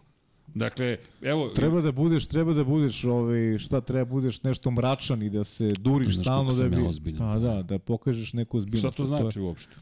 Pa mislim, Dakle- ti ja se slažemo, pričali smo o tome već, ne samo iz, iz pogleda Daniela Ricarda, nego generalno kako se tako... Pa evo ti Infinity Lighthouse, da, ovde da, smo, daje se- budi ono što jesi A čoveče. da, daje se sudu ljudima na, na e to ti kažem, pustiš neku komunikaciju sa timu Juki Tsunoda, kao Juki Tsunoda je sad neki ono, zlo, zločesti dečko neki, kao, znaš, mislim, Čovjek je samo strastven. Ajde tako da razumemo. U krajnjem slučaju, ko zna ka... Snimite sebe 24 časa, ali pogotovo kad vas neko iznerviri, pustite sebi i recite uh, ja, ups, ja ti kažem, ne da je Bož da me neko snimao dok sam na terenu. vidi ga, molim te, sve sa ovom gusarskom majicom Tampa Bay Buccaneers. Mi sto, stojimo dobro, stojimo dobro ovaj Bademant. Bade Mancel u top stoji. Samo nemoj Ladno. tako na ulicu, uhapsit će. Ali dobro. Neće, tražit ćemo, tražit ćemo auto, tražit ćemo autograf.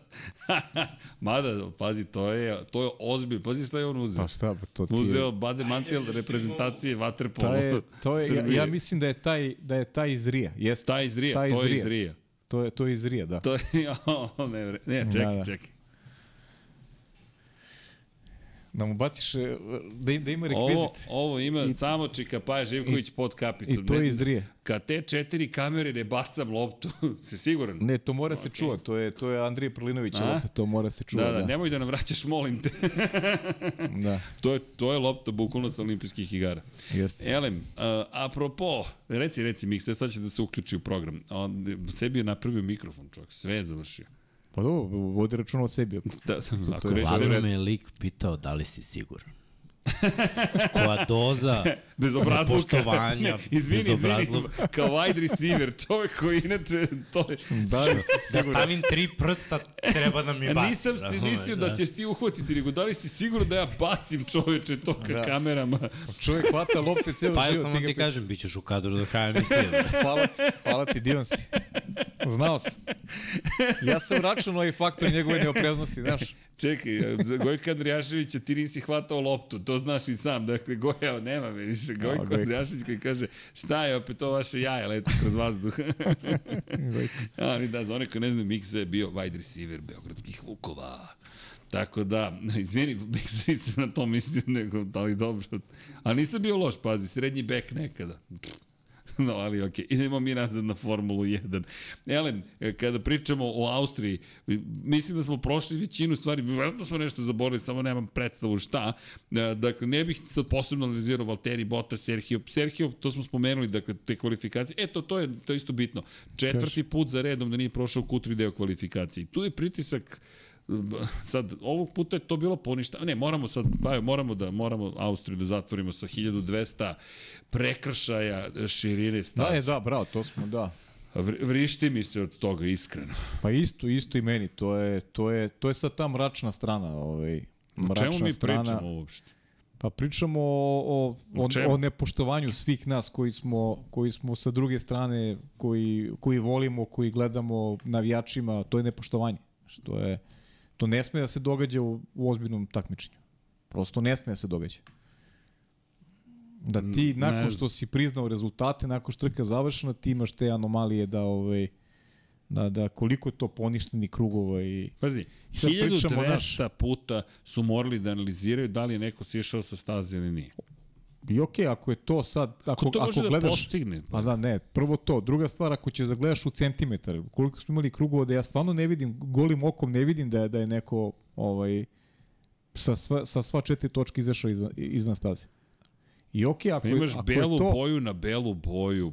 Ako sad... je to pravilo, ako je to pravilo, okej, okay, ali, ali onda se, onda se baviti time tokom trke i moramo da dobijemo na vreme informacije o tom. 12 vozača dobilo kazne post festum. Ima još jedna stvar. Međunarodna automobilska federacija je rekla da je pošlo, posle prošlogodišnje trke tražila od sameg staze da se staza izmeni, da se postavi šljunak. I to je to je po, kraj. početak i kraj priče. Kraj. O tome smo pričali da. pre tri godine, dve, jednu i sada. verovatno je negde problem što, što taj šljunak za MotoGP to je Moguće. nije dobra priča ali za MotoGP, vidi, ali opet možda se nađe kad beš izvini, ja ne znam baš kalendar, kad se vozi u, MotoGP? Niš 20. avgusta. Pa to bi moglo, to je valjda dovoljno vremena skoro. da se, da se, da se koriguje, da se napravi korekcija. Ali vidi, čak i u MotoGP-u se postavlja pitanje tih zelenih površina. Znaš, apsolutno, Šnjurak ima svoju da, svrhu. Da, sjećam da te, se sad da, kazne skoro, ali eto ti MotoGP. Dobio si odmah posle trke Zarko vidi, beše, ko je bio? Ne, ko je, ne, kaže? Nije Zarko, nego Binder, a? Tako je, Brad Binder. Da. Ali vidi, ni u MotoGP-u nije problem ako staviš šljunak. Zato što vozač onda zna, tamo ne mogu da odem nikako. Da, usporit će se malo trke, ali to je okej. Okay ti dalje, jer ti trenutno imaš mnogo opasnu situaciju. Ti momci pokušavajući da ne siđu na zelenu površinu, na motociklu rade takve vratolomije paja da u jednom trenutku sa počnu da gube kontrolu motorom zato što neće da skaze na zelenu površinu. Veruj mi, lakše bi bilo, nastavi pravo prošljunku, izgubio si vreme, ali ti si bezbedniji nego da se vratiš na stazu ili da padneš na stazu. Ja imam problem sa tim, naš, o, me, meni je popuno red da se poništavaju krugovi u kvalifikacijama. Imam problem sa trkom. A, ali opet, to, to su pravila. Sad, sad pričamo, sad pričamo nevezano za ono što je pravilnik. Ovo, ovo je ljudi u pravilniku, sve je okej. Okay. Ali e, čemu u, trci to osim ukoliko osim ukoliko neko ne pravi razliku u odnosu na vozača koji se u nekom direktnom trkanju, u borbi za poziciju. Jer manje više svedoci, svi su pravili greške. Pa vidi. Jer ima neko da nije napravio greške u, u grešku u trci? Pa ne, nema. Znaš, nema nikog da nije napravio grešku. Ali generalno ti to, to, to je mnogo širok problem. Ne znam, Moto Grand Prix koji smatra da treba da ima asfaltni... Zato što je bizarno. Malo hoćemo asfalt, malo nećemo asfalt. Nažalost, mi smo izgubili život jedan zbog asfaltnih zapravo od kliznih zona. To se zaboravlja, ali Luis Salomi izgubio život u Barceloni zato što su pred poslednju krivinu, sada je to pred poslednja krivina i 13. krivina i za Formulu 1, tako napravili da u zoni izletanja je bio samo asfalt. Nije bilo šljunka, nije bilo zrno šljunka, nije postojalo. Šta se desilo, nažalost? Da, postojala je tamo vazdušna ograda. Luis je izgubio kontrol nad motociklom, Moto2 trening, broj 2, petak popodne 2016. Prosto izgubio kontrol nad prednjim krajem, brza krivina. Motocikl ide ispred njega, udara u vazdušni jastuk. Međutim, iza je odbojna ograda odbija se motocikl nazad ka njemu. On dečko klizi i udara ga u grudni koš. Da je bilo šljunka, to se ne bi dogodilo. Motocikl ne bi ni stigao do odbojne ograde. Znaš šta je sad u krivini broj 13? Šljunak. Sad neka meni neko iz Moto Grand Prix objasni. Ovde ćemo staviti asfalt, pa neka opet klizaju tamo, dokle god, pošto je duža zona za otklizavanje. Pojent je napraviti kvalitetan kvalitetan šljunak. Ne sme da bude kao u Portimao, gde imamo kamenje, bukvalno, gde kada upadneš u šljunak šta se desi? Pošto nije ni rastrešen pre trke bio, Pole Spargaro je zapravo nije ni bilo šljunka, on je samo otklizao, kao da je na asfaltu, do odbojne ograde. Tako da to nije tako baš crno-belo. E, pa znate, asfalt je nama bolji zbog za Moto Grand Prix. Stvarno? Nisam primetio. Nisam to primetio ni u Portimao, nisam ni u Barceloni. Ko to govori? Ko, jel ima neko ime i prezime? Naravno da nema. Ali point je i sad, zbog Moto Grand Prix, to jeste zvanično. Zbog Moto Grand Prix nije promenjeno. Pa dobro, ali, znaš, može se nađe rešenje svako. Može se nađe rešenje. O, Evo, o, ovo nije Christian rešenje. Horner ga je dao. Stavite traku šljunka uz ogradu, uz krivinu. Pa šta god. Pa ako neko na motociklu otkliza pravo ili ode pravo, preći će preko tog metra i po šljunka i dolazi do asfalta. Eto ti rešenja, ako hoćeš tako da postaviš stvari. A za Formulu 1 taj silazak na šljunak, Verujem da će se uraditi nešto, pogotovo što je Austrija Znači Red Bull Ring dok do 2030. godine ostaje u kalendaru. Tako Da, da, tako, produžen je ugovor. Da, da, produžen ugovor i trebalo bi da se neke stvari promeni, jer ovo je stvarno ovo je farsa. Neprijatno, neprijatno je bilo, Citirat ti- ću naše kolege iz Britanije, Autosport je savršeno pisao. ce, Farsa. cel, celu trku gledaš i pritom E, e to je sad, E, ajmo sad, e, znam to je sad ideš, komunikacija koja mi se ne sviđa, ovo, Znam. znaš. E, Lando je prešao sa sva četiri točke, sve tu žaka jedan drugog, ono, znaš, nji- ne, ne treba im saobraćena policija, znaš, ono, šalim se sad malo, Ali ti vršiš pritisak jer na tobom je ali izvršen pritisak. konstantno, konstantno tu žakanje, od početka do kraja imaš tu žakanje, ovo je prešao, ovo je prešao, zašto? Pa zato što od, od, od petka a, imate kazni non stop poništavate krugove. Eto, eto jedan apsurd. Ja se nećem kad se dogodilo da jedan čovjek ima samo jedan priznat krug. To je Čeko Perez bio u kvalifikacijama. Jedan jedini krug ima Perez u kvalifikacijama. I mi se stalno gledamo da li je neko prešao. Pa koliko smo puta tja u trci, uhvatili su nas u zamku. Mi gledamo, aha, je prešao je sa sva četiri? Evo ga, ovo je prešao. I čime se bavimo? Bavimo se, bavimo se neki stvari, trivialnim stvarima čekaj, se bavimo. ko mi je tweetovao f, f, s, uh, video, nažalost ne možemo da vam ga pustimo, ali Fuji, velika nagrada Japana, 2008. Felipe Massa protiv Roberta Kubice. Što kaže neko, u- pohapsili bi ih na kraju trke A da. i krivično ih gonili za ono što su jedan drugome radili. To je silozak sa staze preko trave, mokre, guranje, izguravanje, nametanje. Nijedno se nisu dotakli. Ali to je bitka, bitka, bitka, bitka, bitka, bitka, bitka. I svi ovako uživaju, a sad u Moto Grand Prix, to je, to je, to je Simon Peterson super rekao iz The Race, Najava trke u Jerezu ove godine, to, to je simptomatično, to je, to je boljka koja je u modernom automotosportu, je takva da prikazuju poslednju krivinu poslednjeg kruga i, i kontakt između Valentina Rossi i Seteja Gibernala. Istom, na istom mestu se desio kontakt između Mika Duana i Aleksa Krivija. Na istom mestu se desio kontakt između Marka Markeza i Jorge Lorenza. Dođe ova godina i Brad Binder kaže nisam ni pokušao da ga preteknem da me ne bi kaznili. Ako dođe do kontakta, tad su tražili da pravilo bude. Došlo do kontakta, ti se automatski moraš da budeš kažnjen. Halo, vaš marketing je rekao da je ovo nešto što uzbuđuje, sad ste nam rekli za to ćemo vas kazniti. Ne tražim kontakt, nego samo govorim da to, nažalost, sastavni deo sporta i nešto što je obele, nažalost, obeležilo je mnogo toga. Dakle, evo ti kontakt u Porsche Superkupu. Je li bilo kontakta? Jeste, ali idemo dalje. Ok, bezbednije je u Porscheu nego na motociklu. Međutim, to nije onaj klasičan kontakt. Ja sam uleteo kao Loris Capirosi, ne znam, što uleteo u, u, u koga je Pa uleteo ne, tamo ovde, u ovde, Argentini ovde je konstantno 1978. bio, konstantno je bio kontakt u Porsche Supercup između, između Bastijana Busa i, i Ten Wardea. Za prvo mesto. Ne, I oni su, znaš. baš su se trkali. Trkali su se i to je pravo trkanje. I sad zamisli da tu nešto odlučuje, ne znam, iseko si Tetsuya ga u, Harada. isu, iseko si ga u krivini 3 recimo ili ne znam. Ono.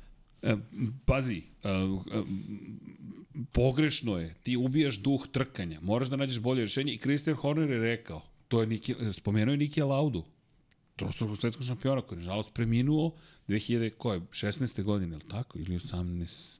O, Nisam da, da, da, sad vidiš, ovo je, ne, ne, da. nije prvi put da smo Da se pitamo, da se pitamo za godine. Mislim jo, da je kako leti vreme, 18. ovaj, da? 2019. 19. 19. 19. Nije ni 16. ni Nije 18. šesti, a znam da ima šesti, samo naopačke. Ali, šta je rekao Niki Lauda? Ili vratite čuvene kobasice i vičnjake, koji će da slome svaki bolid koji tu da prođe, kao što se dešavalo prethodnih godina. Prođeš na onu žutu kobasicu, ode prednje krilo. Sad, sa ovim niskim bolidima, to bi pucali podovi, sve bi pucalo. Ali, što kaže Christian Horner, ili vratite te kobasice i onda nema žalbi. Puko bolid, puko bolid. Što nisi bio precizniji? Ali nema onda kritika. Pogotovo u eri sa ograničenim budžetima. To je, onda ajde da te povedi računa. Ili stavite šljunak i to je to. Sve u svemu, Sve o svemu, namerno smo ovo ostavili To za što kraj. ne smemo da izgovorimo. Možemo da pričamo ovaj, do sutra, promeniti ništa nećemo. Nadamo se da će oni koji vode takmičenje se dozvati pameti, da će na Austriji biti drugačije i da će generalno stvari biti drugačije kada kada ovaj, ove, ove stvari tumačimo. Ono što nije dobro za sport je da mi saznajemo satima kasnije da je promenjen poredak u, u, u trci. Eto, Pazi, to, je, to je suština nisam cele imao priče. snage ni da tweetujem kada sam rekao, ja sad treba da izračunam Ma da, ja sam, sve. na, ja sam, na, rekao, auto, nemoj, idem ja da sam na mogu. autosportu, ne znaš da si ti posao, na, ja sam na autosportu našao da, da, Ne, ja sam video, da se uopšte dešava nešto. pratim na Pa Twitteru. znam ja, ja, ti znaš da ja, to, da ja ne pratim. Znam, ali moram nešto ti kažem. Par stvari apropo Twittera. Ilone Mašče. Dakle, ko koristi TweetDeck? Mi koristimo TweetDeck tokom prenosa, ali nažalost izgleda da ga više nećemo koristiti. Smanjili su broj pristupa API-u, pri čemu TweetDeck je zvanična aplikacija, zapravo web aplikacija Twittera. Međutim, ograničili su nam pristup, u subotu uopšte nismo mogli da komuniciramo sa vama, u nedelju je bila ograničena komunikacija i već polako gubi smisao, mi sada treba više vremena da povedemo pokušavajući da popravimo tweet deck, pri čemu su nam rekli sada morate da kupite plavu značku na Twitteru da biste imali pravo da koristite tweet deck, a čak i tada je pitanje da li će raditi kao do sada. Šta mi radimo na tweet decku?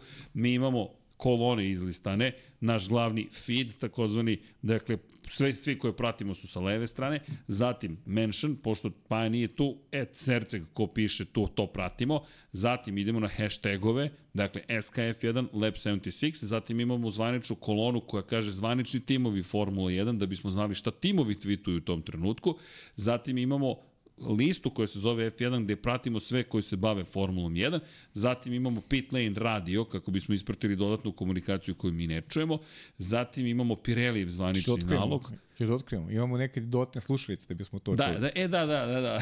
Imamo slušalice u slušalicama. Da, nego nam je sad, jedna nam je umrla, meni je ispala u vodu jedna, pa onda nemamo dva, moramo da kupimo nove, ali mi se ne daje za, za AirPods stalno toliko novca, pa smo rekli smo se pogledat ćemo da plaćamo 150 evra, rekli smo nećemo, sad ćemo kupimo neki jeftini i nakačimo na iPhone, pošto stalno mi ispadaju, šta da radite, ili ih gubim.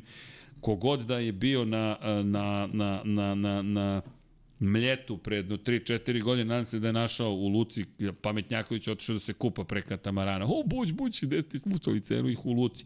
U svakom slučaju, ali nadam se da, da ih je bar neko našao da ih koristi. Inače, nikad neko, find my da li nekom od vas find, find my šta god da ikada je funkcionisalo. Dakle, toliko pari slušalica sam izgubio, imam i jedan telefon koji mi nedostaje iz Italije i nikad se nigde nije pojavio da kaže evo tvoj telefon neko koristi ili tvoje slušalice neko koristi. Kako god, mi je šta uradimo, gurnemo slušalice, jel te, ispod slušalica komentatorskih. Tako je. Pa ja dobijem levo, ja dobijem desno i onda Ja sam levo uvo, on je desno uvo. I onda se spojimo na, na, na F1 Što TV. logično, ja sedim desne, s desne strane, Tako, ti sa leve tako, i, onda, tako. i onda smo povezani smo slušalicama. I onda Kao pustimo... da nas je neko uvezao. Pa jeste, bukvalno, imamo to, imamo zvanični Etiton, ono što vi čujete, spojimo se sa F1 TV zvaničnom aplikacijom i kroz TV aplikaciju F1 TV Pro mi Messi i Lesi. salušamo. E sad, trenutno ovih posljednjih par trka... Ovih par sl- trka slabo slušamo. Probali smo i sa onom sa slušalicom na žicu, ali Ne, mnogo... posljednjih par je bilo. trka slušamo ono što i vi čujete. Da, da, da. Ali to moramo da sredimo sad za Veliku Britaniju. Koliko je radio Pa ništa, komunikacije možda, bilo? možda, možda, neko, bi- možda Miksi ispuno Ej, slušalice. ej, neko je, na, mislim da je... Br... Iz vode. Svoj- Break F1, Twitter nalog. Mislim da je čovjek analizirao broj poruka radio. Mislim da je Alonso imao drugi najveći broj radio poruka tokom trke. Najmanjih je imao Nick De Vries. Apropo, možda bi, tu smo sad Nikolinom i Nikolom pričali, možda bi Nick De Vries trebalo da ima više komunikacije sa ekipom, ali da se vratim na Twitter, nije nam funkcionisao pitanje da li ćemo tamo ponovo biti, nemamo pojma šta se tu događa, pa čisto da znate gde smo po tom pitanju. E, ali znaš gde smo još? Da ti nešto kažem. Slušaj ovo. Kaži mi, ajde. Znaš ali koji nešto sam- važno, molim te. Znaš koji sam u zvaničnoj ligi Lab 76? 569. Idemo. Ja ne znam koji sam. E, ne znam da li te moguće pronaći To je uopšte. jedino koleginica s prodala, ne znam da li je tu. Ali, ali, znaš šta mi je rekao, naterao me Nikola sada, danas mi se hvalio, kaže da je izjednačen na spisku sa valjda 8, mada vidim više ljudi, 508 poena. Slušaj Antebellum, opa Antebellum, zanimljivo. Circuit Colorado, Coyote RS, DH1994, Delić Ataraksije, Raven Filter, Hamiltonovi svedoci, ide Haas na Max, Kaiser F1, Lucio Prochinelli Racing, dobro, Opel Šneivka i V10 Motor Racing. 508 poena maksimalnih ste imali tokom ovoj, ove trke. Čestitam. Jare bez paje imao sam 395. Nisam upotrebio još ni jedan, jel te, bonus, to ćemo početi da radimo. Ja ne znam, ja sam, ja sam dobro, ovaj vikend mi je bio okej. Okay. Leclerc, Norris, Znaš koji sam bio u Kanadi? 53. kada je reč o samoj trci. Nisi bio loš, a? pa McLarenovci te izvadili. A, međutim, pa ne McLarenci, nego konkretno Lando. La, da, da, lepo Šta rečeno, lepo rečeno, lepo rečeno. Čekaj samo da vidim gde smo. Znaš ko je prvi? Lagano zadnji na poziciji 1. Pa normalno da je prvi lagano zadnji. Lagano zadnji je prvi. Dobro, Max Perez, sve standardno, dobro. LH44, ček da im dalje počnu da ubacuje Luisa Hamiltona. Nije, nije. Pratimo te, pratimo te, ne, ne ubacuješ, ali pozicija 2, Ugrinov F1 je treći, Out of Sync četvrti, Pivo 11 je peti, Aston Masterplan je šesti, Subotica 76, tako je, šesto mesto deli sa Aston Masterplanom. Z- Aston Masterplan. Šejla je bila Master Blan. Hmm. Dobro. Šejla F1 nema, a? Mostar, pa ne znam gde je. Strolov, Malac i Lance, i Lens su deveti i Minić Racing na poziciji broj 10. Pa dobro, lepo. Šejla, javi se, makar na Whatsapp da znamo gde si. Neću nikome da kažem. Ali... Bolje e, objavi da. na radiju negde. Hvala, Pajo, hvala. Hvala, Pajo, ali dobro. Malo, malo se šalim. Neka, neka, neka. Jare bez paje, tu smo, okej. Okay. Jare Sad bez krećemo paje. akciju. A gde je paja bez jareta? Ne mogu da te nađem, ne mogu da uradim search. Ne možeš da nađeš, pa zato što sam 3390. E, možda ako obrnem sortiranje, ne mogu to da izvedem. Miksa se smeje. Miksa šta je smešno? Razgovarat ćemo kad, razgovarat ćemo e, ne, kad evo, našao sam ga. podcast. Našao? sam, našao sam search. Kakav sam amater. Ti si Paja bez Jareta. Normalno. Tako te tražim. Ja, ne, Jare bez Paje smo našli, Da. ali gde je Paja? Nestao sa spiska. Pavle, aj možda je Pavle Živković. Pa nije paja bez jareta. A gde je Jare? Nema. Šta je ovo? Čekaj, a ne, srčim loše radi. Jare, Paja bez Jareta. Tako je. Robi bez Paje i Jareta ima. I Jare i Paja i ima Jajare. hvala, hvala, hvala. Paja bez Jareta. Mogu samo da te uklonim, ne da mi koji si na spisku, zato što sam menadžer ligi. A dobro, dajte nam informaciju gde je Paja bez Jareta. To nam treba. Ne niko, mogu. Niko ne zna. Niko ne znam. Dobro. Ništa, saznaćemo koji si Paja. Nekako. Ajde. Ajde. Živi u ti se jednom uloguješ godišnje i onda na kraju pročitaš svoj rezultat. Pa, ne, da, ne. napravim ekipu i to je to. Ja Neka- verujem, ja ti kažem, ja verujem u svoje ljude. Ba vidim, Pa igramo do kraja. i imaš razloga. Da vidimo Imam koji razloga, su. Pa, pazi koji su. Pazi ovo. Dakle, Max, Sergio, zamisli su prvi, drugi, pa Fernando, pa Luis, pa Carlos za osvajače poena. Kevin Magnussen imao najviše preticanja ove godine. Wow! Pa Oscar Piastri, pa Gvanju Joe, pa Sergio Perez, pa Yuki Tsunoda. Zanimljivo. Dobro. Driver of the day. I ovo je zanimljivo. Ček da vidimo, full ranking. Pa Pa vidi ti ovo, dobiješ poene čak i za to. Zanimljivo. Sergio je bio dva puta vozač dana Max, dva puta jednom Hamilton, jednom Norris, jednom Opa, Alonso, znači jednom ja sam tu jednom profitirao? Dobio si poenčić. Lando, Lando, vozač dana. Lando, boc, samo... sam- A, Pa onda, se, onda sam ja 2913. ja sam onda napredao ozbiljno. Imaš značajan napredak, to ti kažem, baci kosku, Pajo.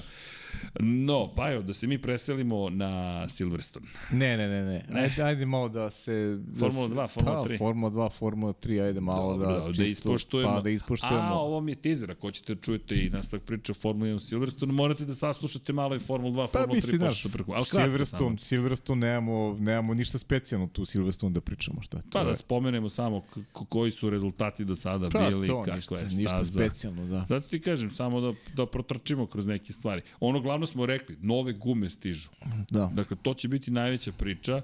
Dakle, staza koja je izuzetno brza, najviše opterećuje gume, najuspešniji vozač svih vremena na ovoj stazi Lewis Hamilton sa osam pobjeda. Prvi sledeći je Jim Clark, pa Alan Prost. Zapravo, sad staza. Na velikoj nagradi Velike Britanije.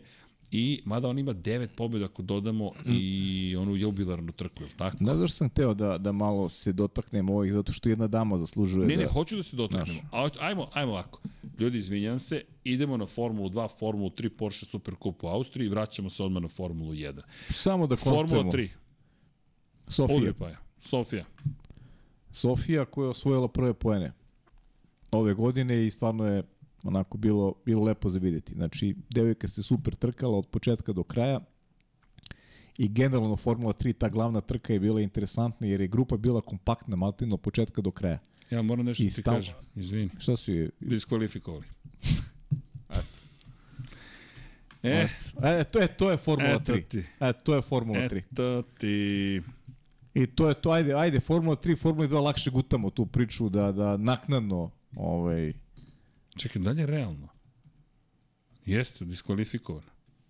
eto,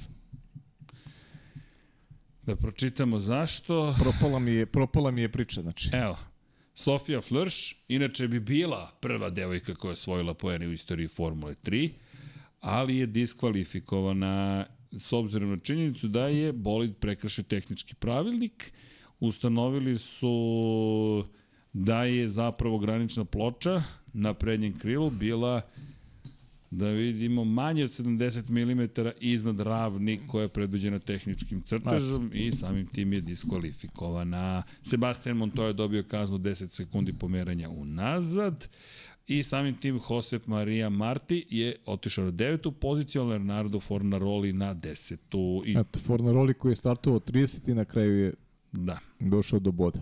Hunter Jeni takođe kažnjen. Ček da imamo Formuli 2 da uopšte znamo rezultate, pa je.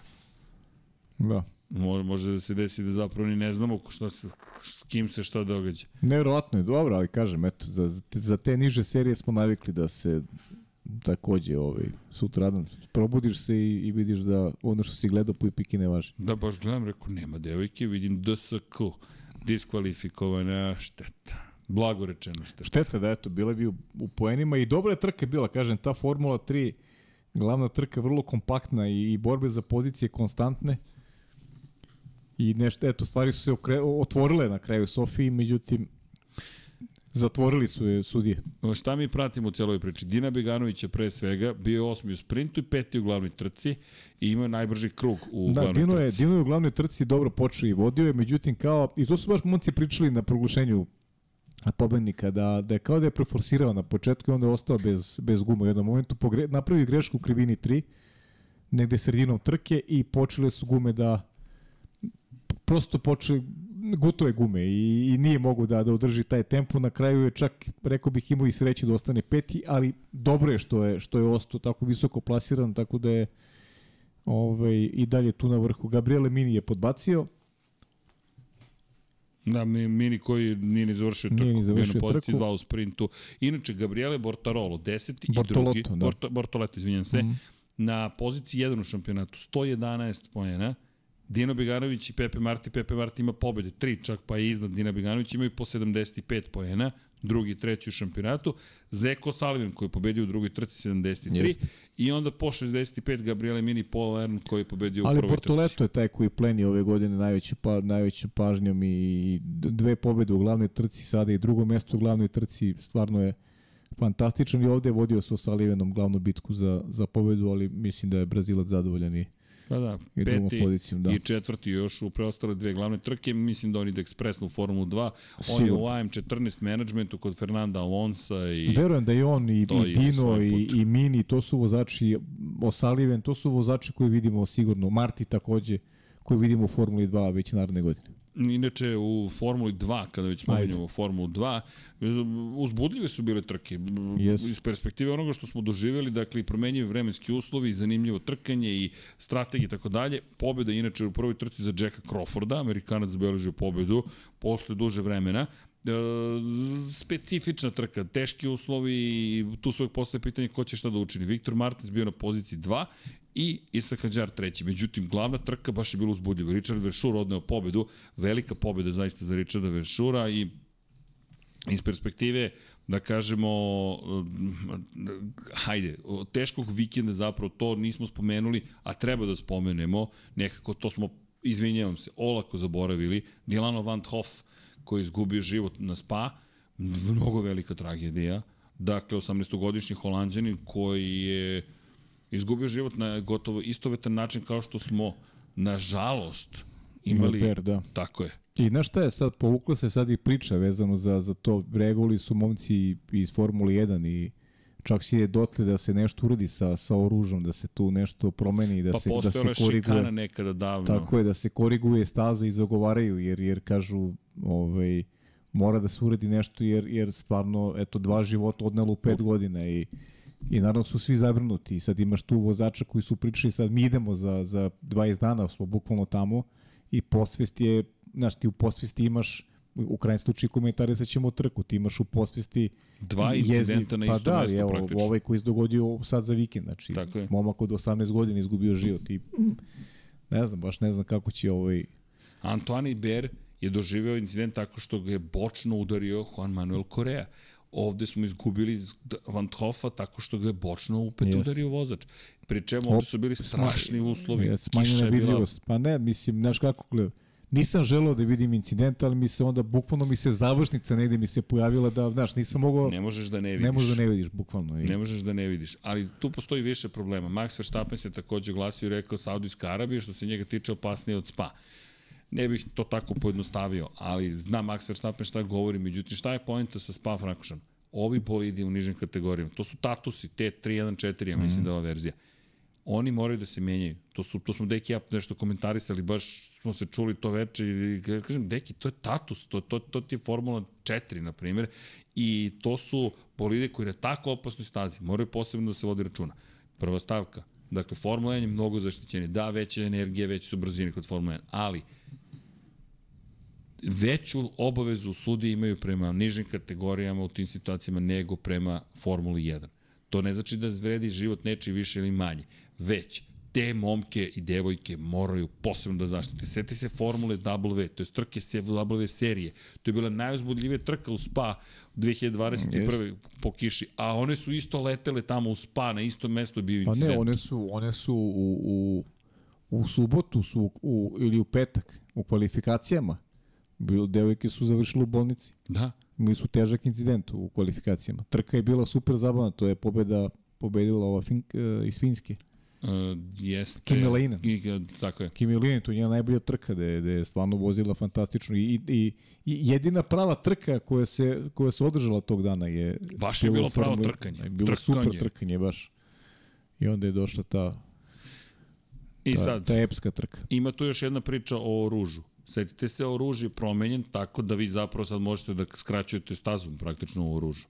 I to je isto promenjeno. Ti sada imaš situaciju u kojoj ti asfalt je svugde manje više. Da. Jer opet bezbednost i tako dalje, ali zaista da li je bezbednije da ako ti imaš mogućnost zapravo da skratiš kroz krivinu i imaš još veću brzinu. Pri čemu najveći problem jesu uslovi na stazi bili.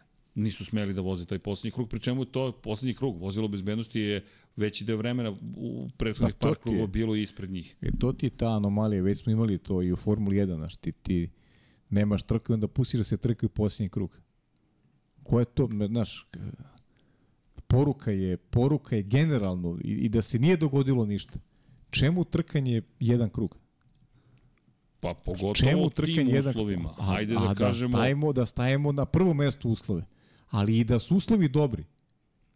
Jer ti onda u tom krugu E, sad nas pokušavaš, pokušavaš da nadoknadiš izgube, ti pokušavaš da dođeš do onog što je tvoj neki sportski cilj, a kako to možeš da uradiš? Pa jedino ako budeš a, ludo agresivan. Ne, neš, nemaš drugu opciju. Pogotovo sa klincima ti treba taj njihov, Oni nemaju taj njihov temperament i to što kad Uz dužno poštovanje svim mladim druga- ljudima. Pa ne, ali Mi se sećamo kad smo bili klinci, Pa to je 18 ljudi. godina, srđane. Ej, Pa i ti ih stavljaš u taj položaj da oni, da oni traže više od sebe, imaju 18 godina, to su, to su deca. su, E, to je suludo. Znači, suludo je da, da su bili Aj, idealni seti- vremenske seti se nas u prilike. srednjoj Pa, školi. ne, pa mislim, Da, neću ni da bolje da se ne sećam. Bolje što nisu tu, postale društvene tu, mreže. tu, sta, tu stariji treba ti pomognu da oni, da oni dobro Direkcija osete trke, moment. sudije, da tako kažu, je, da oni osete moment. nema o, o, trkanja. Tako je, nema trkanja, ali ne samo zbog uslova, nego i zbog ovoga o čemu sam pričao.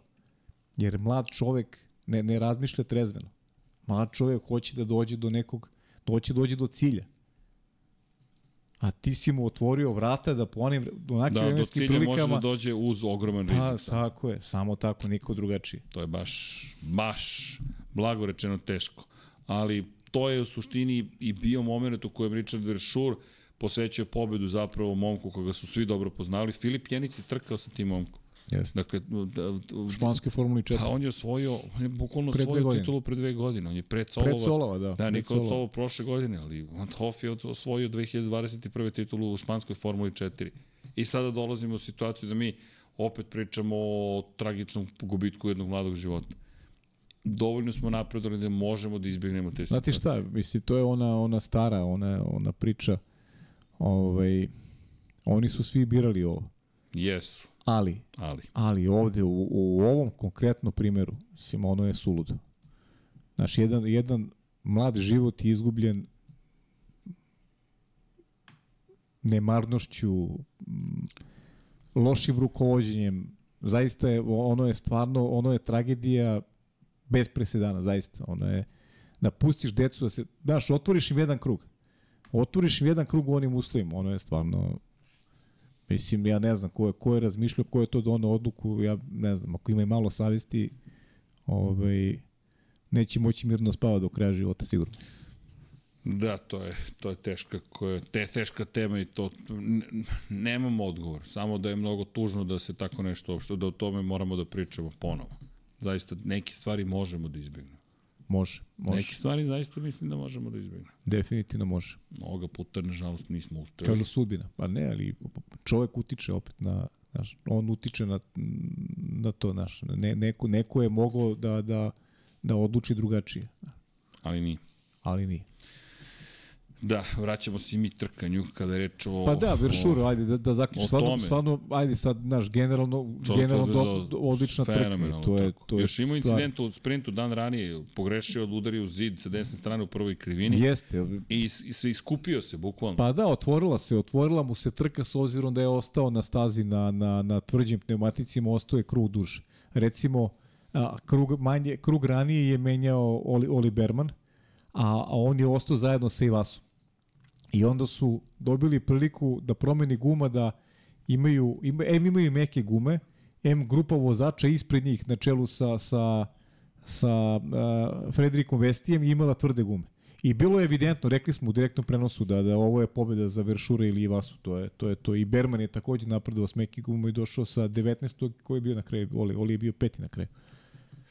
Jeste, i opet je bio fenomenalan. Jeste, da, i u, u, sprint trci je sa 19. došao do, do, na osmo mesto, a u glavnoj trci je sa 19. došao na peto mesto, tako da so, smanjuje štetu na, na račun loših kvalifikacija.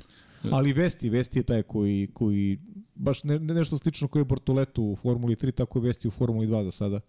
Onako prilično dobro vlada situacijom i bio je razočaran jer imao je pobedu u džepu generalno. Da, inače imali smo i trku da, da ne zaboravimo Porsche, Porsche, Superkupa. Porsche, da, bila koja odlična. je bila trka. fenomenalna, jedna od boljih trka. Inače, ceo vikend je bio festival brzine i Jeste. trkanja. U svakoj kategoriji smo imali mnogo uzbiljenja. Teško nam je da ispričamo sve. Za Formulu 2 i Formulu 3 bili smo morali da otvorimo još jedan ceo podcast koliko je bilo uzbudljivo. Jeste. Gledajte, te trke fenomenalne su i upoznajete neka nova lica. Bermanom, mi smo potpuno duševljeni jer momak koristi prilike brzi, vesti, ma svi su bili baš dobri. Bastian Bus je inače pobedio protiv Larija Tem Vordea. Dve pol pozicije ove godine za Tem Vordea, dva druga favorit, mesta. moj favorit, A, Bastian a Bus. znaš, a ko je bio Harry King? Pa do, imamo sad isto Ne, poena. ne, ne, ko je? treći, treći. E, nije Pajo. Pomeren. Kaznili ga. Kaznali ga i njega. E, i njega. Deseta pozicija. Što su ga kaznili? Mnogo je preticao. Nije smeo toliko. Nije dozvoljeno pošto se prekupu toliko da ti se pretiče. Svugde su ih pokazali. Leon Keller na kraju dobio pobedničko postavlje. Tako da, A, nažalost, znači- nismo.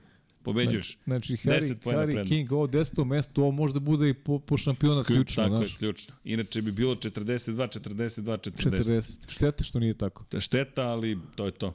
A Larry Tem Vorde, pazi, dva puta pol pozicije ne pobeđa. Došlo- Inače, super bilo trkanje. Došlo vreme srđene da, da u automoto sportu mora, Čekaš. mora sutradan da otvoriš, pa, da zato pratiš mi rezultat. utorkom radimo podcast, zato što tek utorak znate konačne rezultate. Da, evo, otvaramo, ali e, znaš, znaš nisam imao pojma. Ne, za, za Sofiju nisam znao, stvarno nisam Isto, ni znao. ja nisam znao. Nisam imao pojma. Pa zato što nisam gledao, e pa to je to, da, da imam lošu naviku. Loša je navika. Kad je trka, moraš sutradan da pogledaš rezultat. Formula 3, Formula 2. Mi kvalifikacije kada završimo i on kažemo uvek isto. Ne znamo koje će sutra biti startne pozicije. Nažalost. Ali to je tragedija. Mi bukvalno izgovorimo to i uvek počinjemo prenos. E, sad da vam kažemo a ko je kažnjen zapravo i ko će da startuje sa Pa koje da, pozicije. da, ajde, ti, ti momci i devojke se disciplinuju nekako nekad. Da, Mislim, znaš, ne, nemam nekad ništa protiv ovaj, a dobro, ali ali dobro, nekad, da, ima i preterivanja baš. baš ima, baš ima onih Ima, momenta. ima preterivanja. Ali dobro. Elem, kada je reč o, o Risti Vukovu, malo nije osvojio poere, momak iz Severne Makedonije, bio nam je u studiju, uspeli smo da ga uključimo makar na Grasku Jest, direktno, jest. inače nadamo se da će tokom ovih putešestvija, ali isto se javljaju i oh, hteo da dođe do studija, mi nismo imali neki, Risto izvini, ukoliko slušaš prošle nedelje, pa, čudan splet okolnosti gde se sve tako ispoklapalo da, da zapravo nismo mogli da snimamo, ali Risto čekamo u studiju da, da ispričamo o njegovoj karijeri. Ko, šta, gde, kako, zašto. Risto je rekao, moram da ga pozovem da vidimo šta se događa ukoliko je automobil spreman, oni su već na putu za, E da, to za da, tako Silverstone je, tako je. i nastavljaju trkanje već sada ovoga vikenda, dakle se nastavlja i u Formuli 2 i u Formuli 3 i u Porsche Super Kupu. Bio je 15 u jednom trenutku, 15 vodećih osvoja pojena i baš smo navijali zdušno, ajmo Risto, idemo, izleću i odustaju ljudi, a mi kao, ja, šteta, sve se mislimo, ajmo Risto. Dobre, Da, dobre. Iskreno, iskreno, niko nije bio ugrožen, nikakve povrede, životna Da. opasnost, samo nam je bilo mega zabavno, tako da eto, podržavamo Ristu i njega potražite na društvenim mrežama i zapratite, svakome je potrebna ta vrsta podrške. A kada spomenemo i ko će se sve trkati, da spomenemo i Formula 1 dolazi na mesto prve trke u istoriji, to uvek kažemo za Silverstone. Silverstone. Super brzo staza. Carlos Sainz, jedina pobjeda do sada u karijeri. Da. Prošle godine upravo ovde, ali Silverstone je dolazio pre Red Bull ringa, zato to nije poslednja Ferrarijeva pobjeda. Carlos Sainz, međutim, tu je mesto njegovog. Lepo, da. Triumfa. Lepo pobediti u Silverstonu. Velika stvar. Stazi. Velika stvar, da, definitivno. Pa kažem, ono, rekao sam iz početka da ne očekujem da će se nešto promeniti dramatično, pogotovo u kvalifikacijama. Sad, kako će Ferrari na, na nešto tvrđim ovaj setup pneumatika ponašati, ja verujem da imaju materijala za, za, za podijum opet, ali isto tako mislim da će Lewis Hamilton ovog puta. Ne očekujem Aston Martin, iskreno ti Dobro. kažem. Ne očekujem Aston Martin. Eh, Red Bull, Ferrari, Red Bull, Ferrari i, i, i, i Mercedes. Tako da, evo, sad ću da promenimo ovaj malo poredak Dobro. u odnosu na ovu prošlu nedelju. Sada ovaj Max Verstappen, Lewis Hamilton, Charles Leclerc. Inače, Max je pobedio u onoj jubilarnoj trci 70 godina. Da. Jer te godine su podelili pobede. Hamilton je pobedio s bušnom gumom, a Max je pobedio na sledećoj trci. Pa eto, sad kaže Dakle, šta si rekao? Max Verstappen, Lewis Hamilton, Charles Leclerc. Okej. Ali Max nastavlja svoj niz.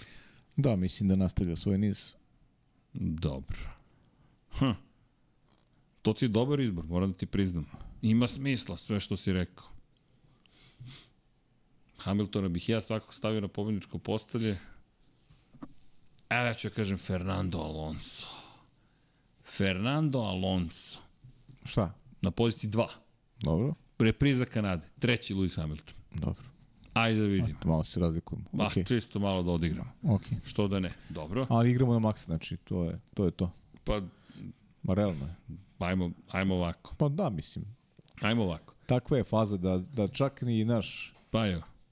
Ja, ja, ja ću da promenim malo, ja ću za Mađarsku malo da promenim ovaj tip. Znaš. Nešto moram možda da uradim. Verstappen i Red Bull kao Sena i Prost. Jer mi više ovo Red Bull uspeh, mada opet Sergio da brže te pobede, ili gdje je Max Okom tu Red Bull skokom, ali pazi, ovo je stvarno veliki trenutak u istoriji Formule 1. Pa ne, ne, nije, To je- nije sporno. 35 godina kasnije. Pazi, 35 godina kasnije, svi koji su pokušavali, dominirali formulom, imali neverovatne sezone, nisu uspeli da Pa ne, spoje sad- 11 pobjeda za redom. Prosto mi nije, znaš, Srki, nije, nije mi, u, ne mogu Pereza da u tom kontekstu. Ali to je znaš, nije- činjenica. Pa znam, ali, znaš, nije to, to je... Skrnavljenje. Ta, to, pa, si, znaš, to vreme, znaš Pa, šta su radili, oni su dušovali jedan na sceni. Znam, prosto. znam. Oni su bili, oni su bili najbolji vozači tog vremena. Ali evo E, ti, sad što su vozili u istoj ekipi, to je, to je druga neka, ovaj, druga priča. znaš. ali evo ti moje pitanje, to je bilo pitanje u podnaslovu. Ima li neko da zaštiti tu antologiju?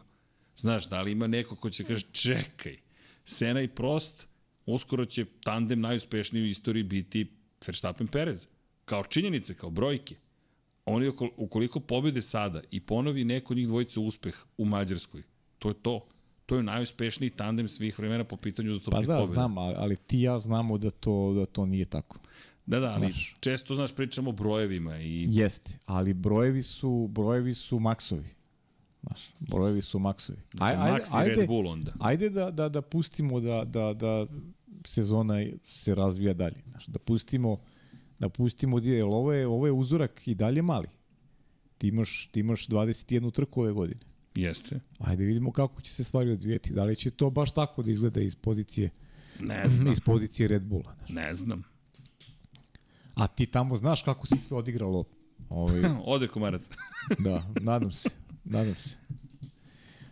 Tako da je, rano je mislim za, za takav neki, Ali... Za, za takav sud. O, Max da, Max je već, Max je taj level. Max Dobro, je, da li ti zvuči Verstappen i Red taj, Bull? Da, Verstappen i Red Bull, da.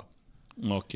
Jer, znaš, ti ovde nemaš rivalstvo, ovde si, zašto je ta, ta godina antologijska? E, na, Pa na, ne na samo zbog 11 pobjeda, već zbog načina koji su došli do 11 Sena pobjeda. Prost, Sena Prost mogu da mi idu u kontekst 2021. Ok, slažem se. Hamilton i, i, i, i, i Max. To je, to je adekvatno, adekvatno poređenje. sad si mi dao. Ovo nije, ovo je... Ide, ovo pa je- nije poređenje, ovo mi je više... Ovo ti je kao, znaš, ono da staviš, ne znam, ono, Hamilton i Bottas kao i Senna i Prost. Mislim, znaš, to je... to, pa da, ali to bi bio slučaj da su imali uz- 11 uz- pobjeda. Pa znam, ali op, nije, nije to to. Pa je, čekaj da vidimo. Jedna, d, uh, jedna, ne, Botas, ne.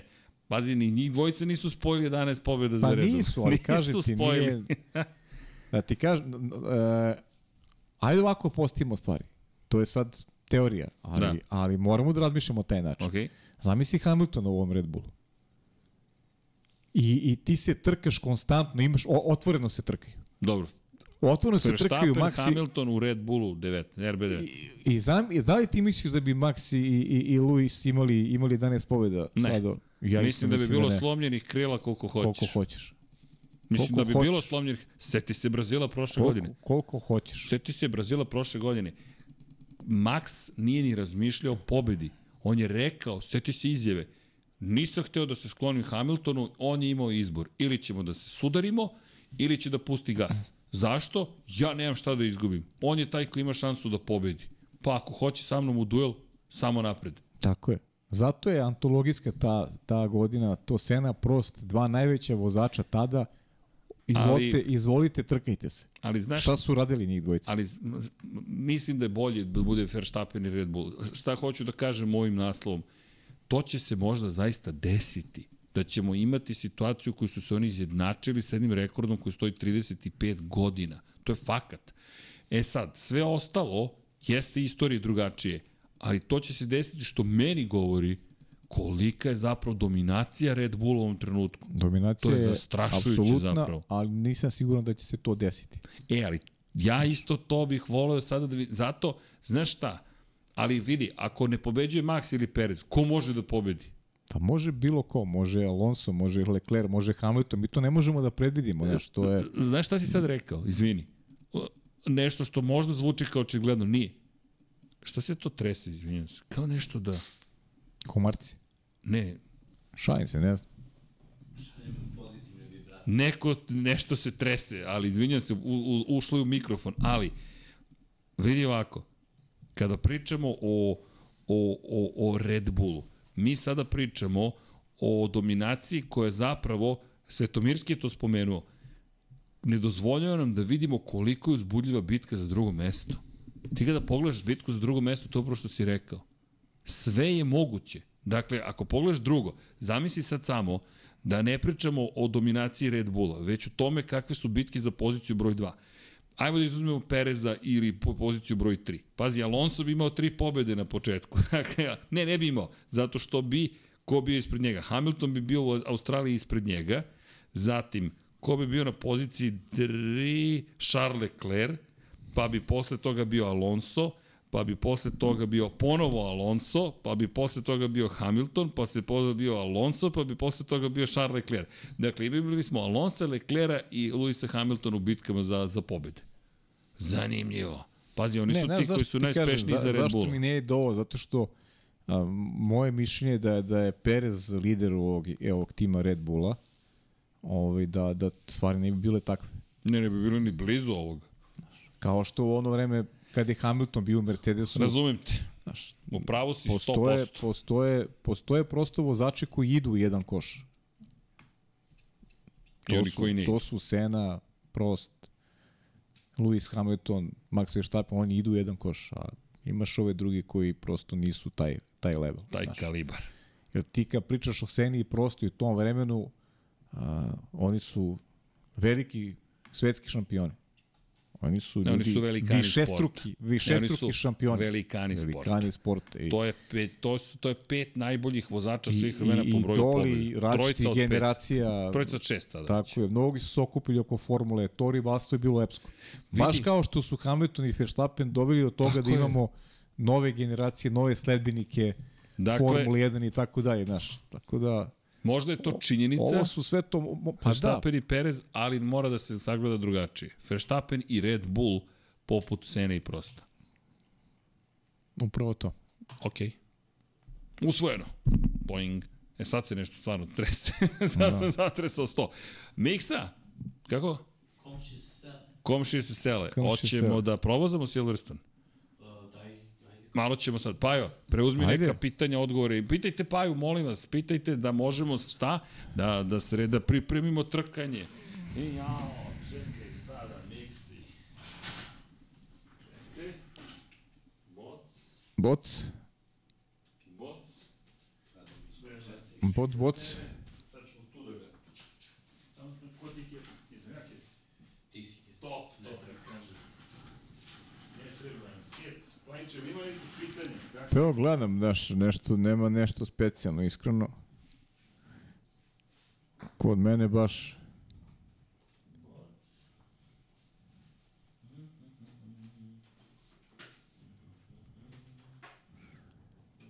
E da, evo, ima, znaš kakav pitanje ima uglavnom? Da.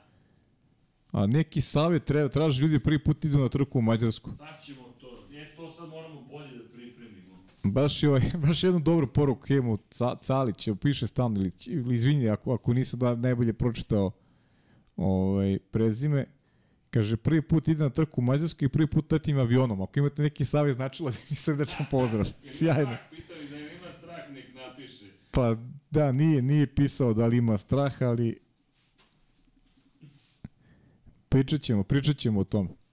Pa ja sam skoro razletao. Ili jesi ja? I? Pa, vrlo brzo i drugi i treći četvrti. Znači, dopalo ti se, a? Nik se je leteo. Dobro, kad bude prešao na keca, će da probamo samo. Ne, ne, ima i ljudi koji imaju baš ozbiljan strah, to je... Šta imaju strah? Pa da, da, pa da, imaju. Dobro, dobro. Okej, sad ćemo to je, sad znaš. ćemo to da spomenemo. Strah je od Ajkula. Ali se sad ne plašite. Output, output. Ukrotio je, Miksa ukrotio Ajkule.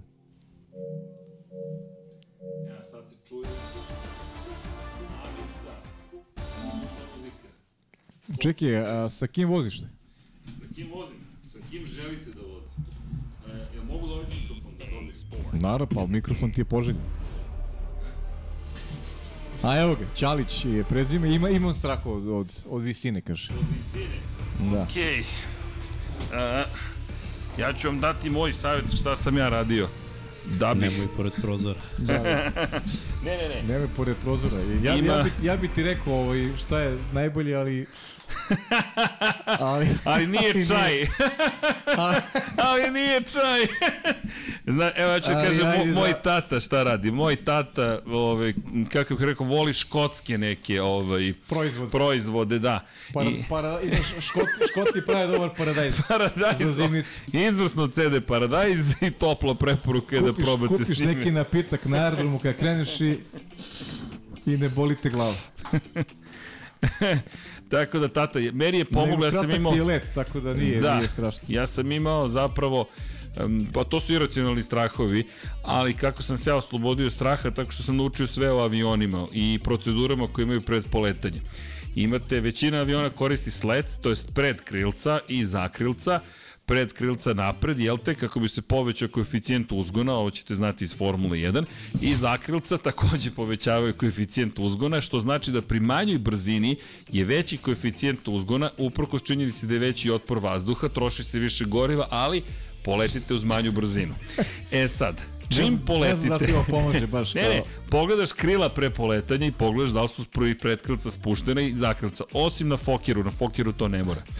I kada poletiš, čućeš zvuk tup, č, č, tonk, to su točkovi koji su se uvukli unutra i sve je okej. I ITO initial take off je, tako može biti dramatičan, ja mahnem uvek gradu koji napuštam. I Reci, reci pa, hajde, ajde. Pa ne, miksa bre, car, miksa te, mi- miksa te ubacio u kadar kako mašeš tamo. Aha. Fenomenalno. Pazi, E, sam, pazi šta radiš rukama sada, pošto si, pošto si u, u programu si. e, šta, Na tebi je kadar. Na meni je kadar, dobro. A, da vidim. Da vidim, e, gde da vidim. Ljudi, ljudi, Čekaj, mogu, ova kamera. ljudi mogu da vide ovaj, Vide, vide kako, tu frizer pistu. da mi nije umro. tu pistu, tu pistu za, za avione. Pisto za avion. E, ovde polećete. Zzz, Ovako. dakle, A, I onda kada poletite, jel te mahnete kroz prozorče, ali čućete neke zvuke, sve to okej. I u suštini vidjet ćete kako se zakrlca povlače, kako se pretkrlca takođe povlače. Znači, smanjuje se otpor vazduha, smanjuje se koeficijent, ali se povećava brzina, kratak je let, ako su propelerci sve okej, ista je stvar, malo je manje brzina i malo je manja visina.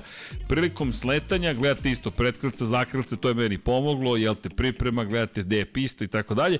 I kod spuštanja, kada čujete kako motori da- dodaju gas, nemojte da vas zbuni, imate takozvani reverse thruster ako je mlazni avion, ili ti povratni mlaz. Šta urade kako mlaz izbija na zadnji kraj, jel te klasičan potisak, zatvore se, zapravo ako se otvori na, na bokovima ba, motora se otvori zapravo nešto što pregradi mlaz i gura ga u napred i to vam je kočenje zapravo negativno ubrzanje stičete zapravo time što motor aktivirate. Na taj način onda ga se povuče, to se zatvori onda ide kočenje ili ti nož, nožnim kočnicama, to je kočenje to- točkovima, inače nema avioni nemaju kočnicu na prednjim točkovima, imaju samo na zadnjim s obzirom na činjenicu da, da jel te malo bi potonuli napred, tako da to vam je kao kod lokomotive.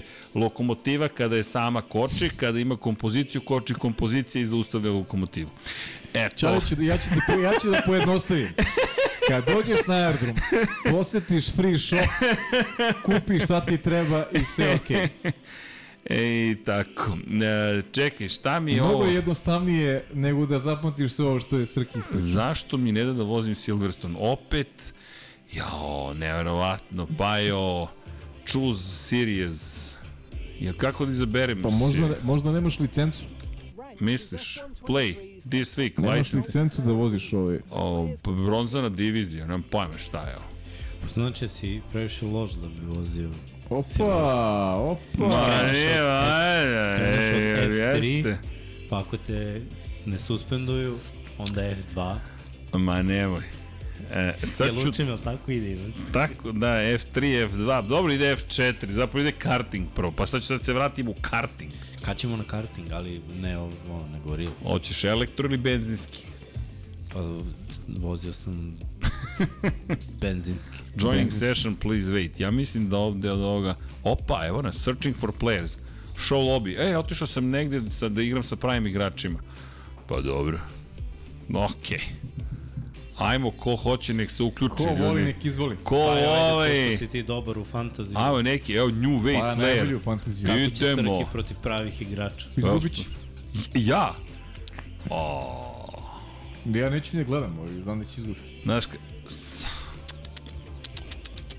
Jao, jao, jao, jao, kako ću da pobedim, nisi svestan. Startujem, evo, za 50 i nešto sekundi, ima Lako nas ti je kad nema petorica. deki, lako ti je kad nema deki.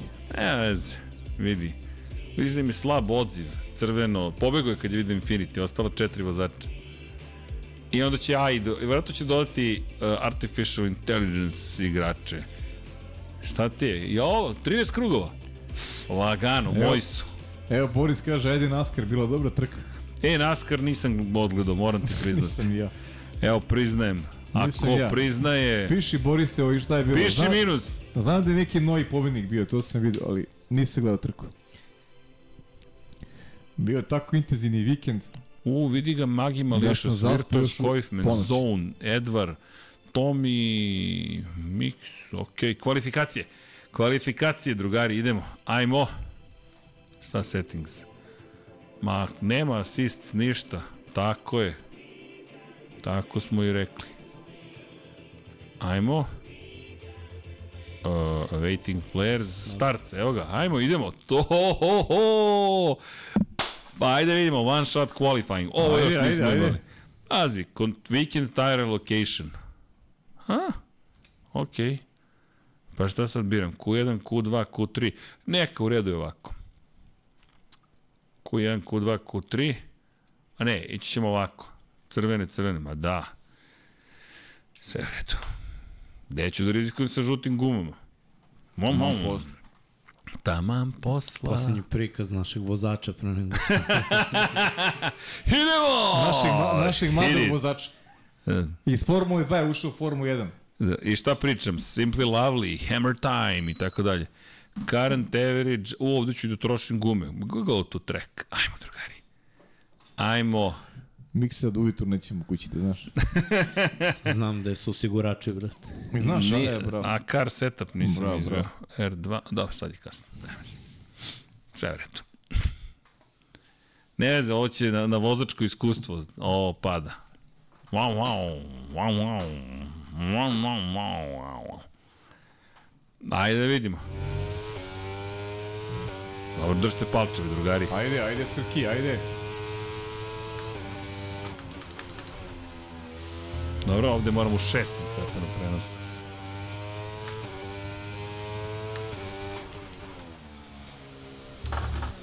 Uf, malo sam sišao sa staze, nema veze. Dobro, dobro.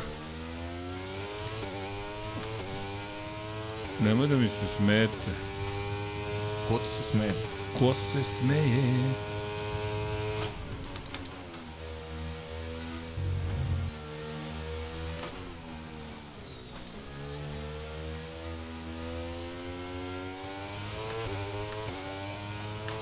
Dobro.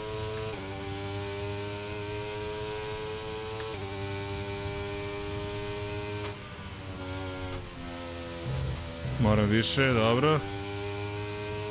Da pustimo ovde gas.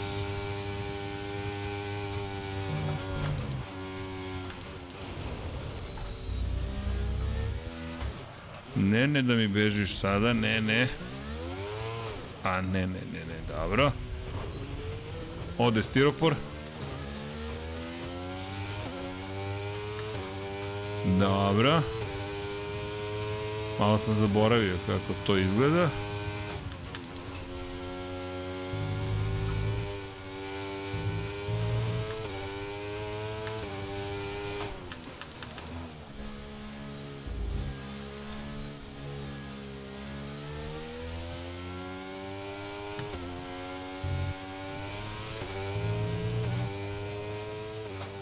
Da, ovo je bilo loše, ali ne veze. Sad u trci ih dobijem, nema ništa da brinete. Ako si me pustio na televizor, Miksa. Opa. Ne, gledali smo ovaj, kada. O impresivni podium pass. Kakav Dobro. vozač ovaj srđan. Naravno, malo sam bio sporiji nego što sam želeo. reporteri pored staze.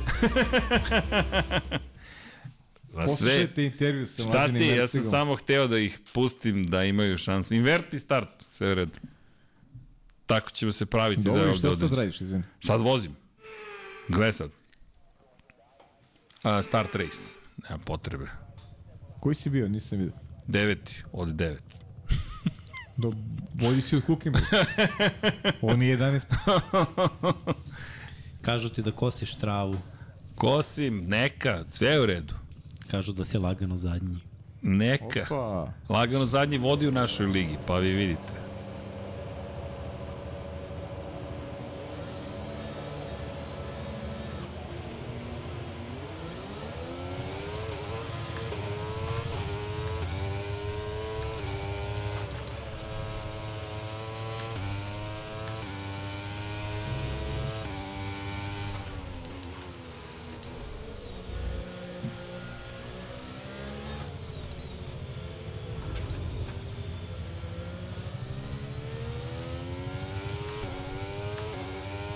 Ovde je, znači, slaba krivina, dobro.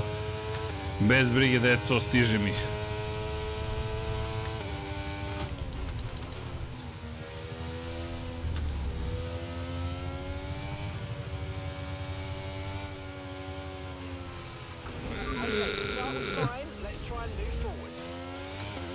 Dobro, sad ćemo biti brži. Imaš crno-bele zastave.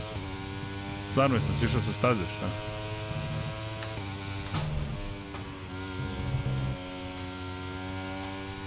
Mhm, ovde sam previše pustio gaz, dobro.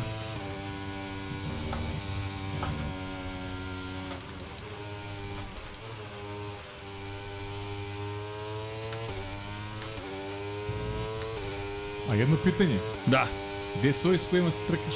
a tamo su malo pobegli. Malo su mi pobegli.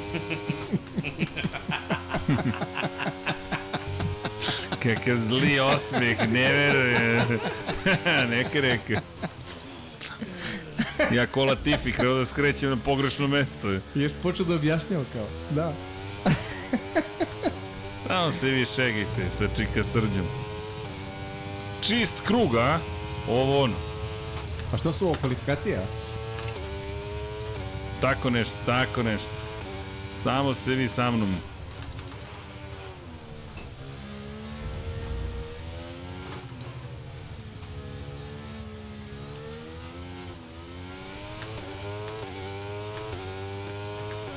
Samo se vi šegajte. Dobro, nikog se ne vidi ispred, ali kakve sad to veze ima? naravno. A ne zato što si prvi. Ti si Max u stvari ovde.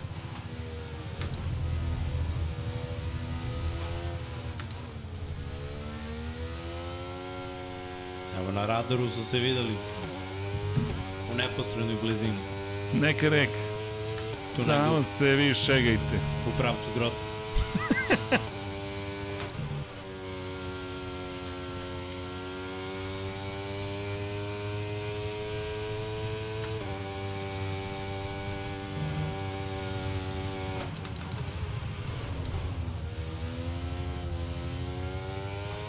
A Latif?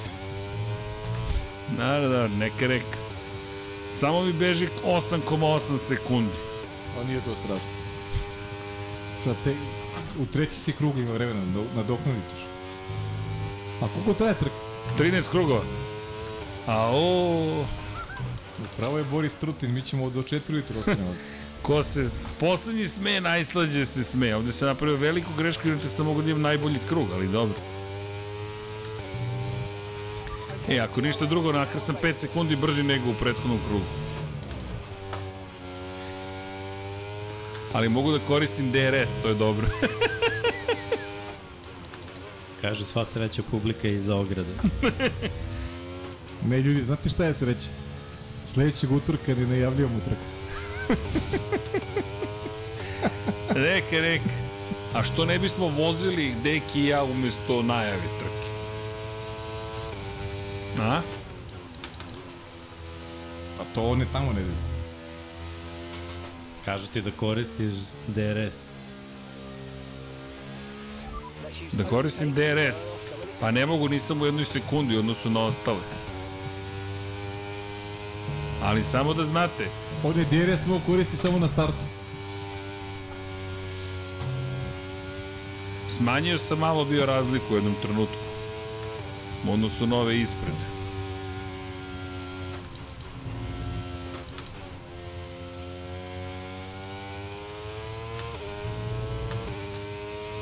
Samo se vi šegajte. Uskoro počinje sustizanje. A onda...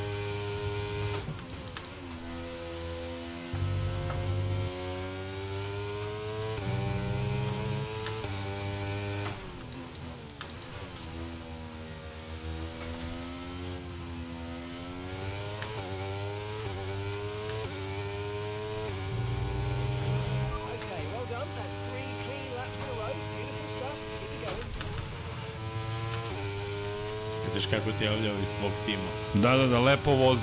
Tri kruga već.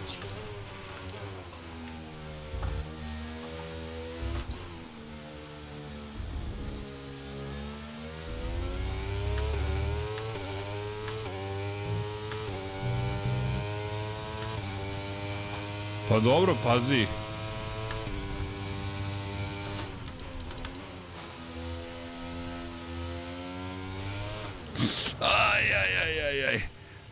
Nećemo da vas više mučimo. Ja mislim da je to bilo sasvim u redu. Šta vi kažete? A?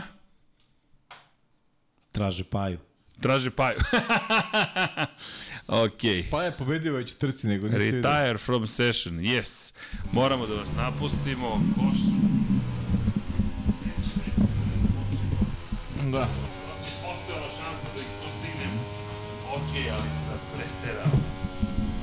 Evo, ja ću samo da, da prenesem Borisovu informaciju. Da. Da, NASCAR je stvarno bio zanimljiv.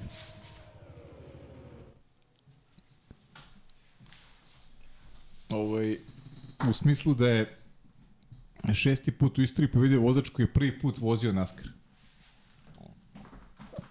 Prvi put vozio trku i pobedio. Tako je. Posljednji put se to dogodilo 1960. godine. 60. i neki u stvari. Ovo je ulična trka bila. Sve krivine po 90 stepeni. Da, to znam da je, kiš, da je, da je, da je kasnio početak zbog kiše. I eto, Boris preporučuje svima koji nisu gledali da da vrati da pogledaju. Eto, hvala Borise na, na informacijama, s obzirom da Srđan i ja nismo gledali jer je nakon one nedelje koja je baš bila onako ovaj, intenzivna od ranih sati, nismo stigli da pogledamo i tu trku, ali eto, možda da pogledaš srđene, pošto je kod tebe laptop da vidiš kako se zove pobednik. I sa Novog Zelanda je pobednik inače. I stvarno je interesantno eto, da, da, da je neko ko, ko prvi put vozi NASCAR pobedi u trci. Sad ćemo da vidimo. Baš super podatak. Dok se ovde namesta, namešta kadar iza. Da. Kulisa, šta kaže za? Tiriririririr, NASCAR. Ćao, drugari. Pa jo, a? Ćao Srki, bravo. A? Dobro, nije loš, nije loš. Zadovoljni smo, Miksi i ja smo zadovoljni. Upisat ćemo te u autoškolu. Ne, samo se vi šegajte, kad počnem da pobeđujem, vidjet ćete. Dakle, uh, Shane Van Gisbergen. E, taj. Lepo. Inače, Red Bullov sportista. Eto, čudno mi čude. Eto. Počeli smo sa Red Bullom, pa i da završimo Vreme sa je da Red Bullom. završimo sa Red Bullom. Dobro, Pajče, ti znaš da ja ujutru na put. Znam, znam. Dakle, sutra ni Dekija Znam. nismo tu, trebalo je da, da, da, da budemo mala promena u cijeloj priči, ali da. nemojte da zamerite. Žao mi što ne idem s tobom sutra, vrlo rado, ali Da. da. ajde, bit će, bit će prilike. Biće ovaj, lepo putovanje, ja se nadam. Da. E, inače, e, imali smo donacije, nismo videli. Stani. Ih, E, Luka Luka, i to na početku, 5 švajcarskih franata. Kad je netko iza Maxa 15-20 sekundi, to izgleda kao minuta, a kad je za, zagrijavao softice dok je Leclerc iza njega je boss move, ruši sve rekorde Max. E, da, da, pa to je to. Dakle, kako samo zagre. E, Slaven, 84, novi član. Uhu, Slavene! Zdravo, Slavene! Tr, početnik. E, Triške, e, pet uh, bosanskih maraka. Kad ćeš Srki ekipa igrati F1 20 i vidimo kako radite Festa slepove, pošto je Traction Core daleko bolje od F1 22. Evo igru sam upravo, kao što možete vidjeti, samo što onako, imaju tu još da se vežba. Tomić Miloš, novi član. Zdravo Miloš. Zdravo, novi člane. Hvala ti. Ovo je mala pritika. E, aha, Uh, Andre, ovo je mala kritika kad jedan komentator na TV-u, drugi uvek treba da mutira mikrofon što se čuje disanje na surround sound. E, to nam je neko rekao, ja sam ne, A ne znam. do sad nikad, se nije čulo. Ljudi, Nikad, da. Da. Da. Na TV-u, ne ovde, nego na TV-u. Ljudi, I to su nam znate, pisali znate ljudi, gde nam je mikrofon? prvi Ja sam put, da. mikrofon sklonio ovako. Da. Uopšte ne znam kako disanje se čuje. Ne znam ja. Verujte, To je više, baš ćemo tu da kažemo, ovaj, da, da, kazat ovo je ćemo. kritika više za Srkija. Hvala Andrej, još je čovjek donirao 50 uh, dirhama. Ne, ne, ne, okej, kritika je, kritika je, nije Ma to, ne, to, je, okej. to je, to je kritika, ovaj, ide na račun ovaj, svih nas, ali to ćemo, to ćemo baš da kažemo kad budemo sad u petak, kad budemo radili pre, ovaj, treningi. Ne znam kako je moguće se Da, to ne znam, tako. to, to nikad nam se Ali nije nikad se ranije- Ovog vikenda, ja, a, a, Nije prvi koji nam je pisao. ne, ne, ne, mnogo Nije ljudi je prvi, pisalo kako se čuje disanje. Da. E, Ver, veruj mi, pa evo, ja sam ovako iskrivio na kraju mikrofon, sklonio ga od sebe. Da, da. Pričali smo ti ja o tome, i, i, ali, ali smo to, ajde da kažem, dobili smo to u nedelju posle trke. Da, ne znam Smo kako to da testiramo. Da. Morat ćemo to da vidimo. Da, Po- hvala, pokušat hvala, ćemo nekako da istestiramo, ali ja, Hvala ne puno. znam. Da, da, čuje se i, i kao da jedete nešto ili otvarate u pozadini. Pa mi niti jedemo, niti otvaramo. Pogotovo dok radimo. Pogotovo dok radimo, da. Ne, znaš nas miksa, to ne radimo. Kaže, možemo da vam uradimo CT pluća. Ja sam, e, ja sam jednom, to je, znaš da mi jednom, jednom sam otvarao, otvarao limenku evo, Coca-Cola, još dok sam pio, kaže- dok sam pio Coca-Cola, Ali, znaš da, da je neko čuo, čak da je, da je uspeo da primeti, da, da, da, da po zvuku e, da jeste, prepozna. jeste, jeste, jeste. Ali kaže, uh, da, kaže, spominje da Junkie se čuje u MotoGP-u. Sad, Ne, ne, ovo je bilo, pisali su nama, nas, pisali da. su sad za nas, za nedelju, za, za vikend. E, kaže, Branislav kaže da smo čuli smo pajna pluća. Pa sad, stvarno ne znam koga, ali nikad do sad se nije čulo. Nikada, ne znam. To nam je prvi kako. put za sve ove godine, okej. A, e, da vidimo, srđane delili smo kazne, zaradio si, zaradio si uh, dosta u ovom podcastu, 45 sekundi i jedna novčana kazna. Da se, se kaže, evo deo donacija za sluške, 500 dinara, hvala Ivan Vojsinović, hvala. dobro. A, možda im samo pišti ustima pa čuju sve i svašta. A, p, ne, ušima, aha, možda pišti u ušima. U ušima, da. ne, možda, ko zna. A, čuješ se šuškanje papira. Mi čak ni ne koristimo Ne, mi, papir. da, Ljudi, mi nemamo papir. Nemamo ništa ovaj od, od, Ja, to je papira. bizarno da nešto ne ulazi sa strane. Mi, mi ne držimo, Da. mi smo digitalni skroz. Nemamo, Dakle, da, nemamo ništa od papir papira, u kabini. da. Kao da nešto jedemo. Mi Nikada, stvarno u kabini ne jedemo to ne nikada. jer To, Kad, kad bih imao vremena da jedem za vreme jer, ove jer ljudi, znate šta, kad bi, kad bi jeli, onda bi se onda se isključiš iz iz prenosa Da, da, i ne, onda ne, mi- možete čujete bukvalno ništa, Ništa, onda su ako neko mikrofoni. jede ili onda Da, ti da, kad ili izađemo onda ti, onda kabine. ti ka, ako žvaćeš nešto se ne čuje ali ali mislim tokom prenosa to ne radimo nikad stvarno ne znam E, Marko te pita koja je tajna tih brkova čoveče, moram znati. Koji brkovi Kako, br, mislite, kako on to brkove održava? koji to brkovi to su brkovi dva dana ljudi tri u stvari to su brkovi 15 dana da ovaj Kaže, meni malo jači vetar dune i odnese brkovi kaže, slušaj ovo, Branislav Dević, imate problema s pacovima, zovite Miksu. To je fora iz 99 yardi, pošto se razume u, u, u vidre i sve ostalo. to Masi Dobro, sabotira zbog paje. Ma moguće masi nešto da njega ćemo da zovemo. Kaže, Srki, šta misliš o ome? 2025. se Fenixi dižu iz pepela. Mark Marquez, Lewis Hamilton, Jonathan Rea. Ljudi, što da ne, sve to, sve to zabavno. Kaže, resničan, mislim da je ovo prozivka, kaže, kada bi jeli, zamislite koliko bi imali kila. To je tačno. Luka Ostrolučani, Srki, hoće se voziti ta F2. Evo, sledeće nedelje vozim F2 jer ne najavljamo trku. Jo.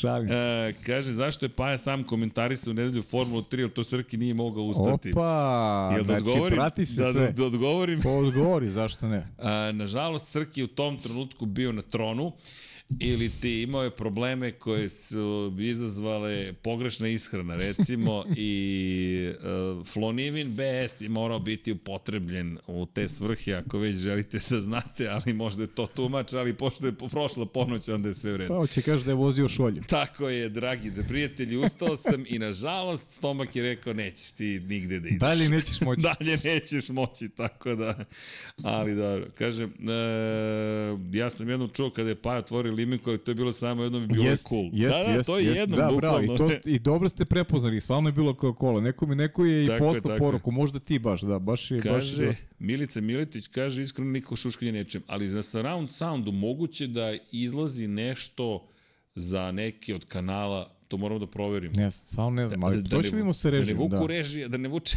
režija nekog iz, do, iz, iz, iz Formula 1 produkcije. Ali mi stvarno, ja sam I- baš pokušavao da skronim i tako Ili dalje. da neko od njih ne ide, a se Kaže, to. pita Hami, jesi otvorio DRS na WC tronu ili si vozio kao Latifi? ok, prozivajte, prozivajte, ali to je sve. E, kaže, gde mi da pišemo koji nemamo Twitter, da ne kažem sa jeftinijom kartom? Pavle, ovako. Imenjače. Da, da li može da nam se javi uh, Alan Schmidt, da nam se javi da mi pokrenemo taj Discord kanal Lab 76 i da onda imate Discord, Discord dakle, na Discordu da sve to radimo, ali to može. Uh, kaže, ja čujem to i na kompu, na Eonu i na TV-u. Ako hoćete, mogu da vam sredim da čujete i u podcastu. da.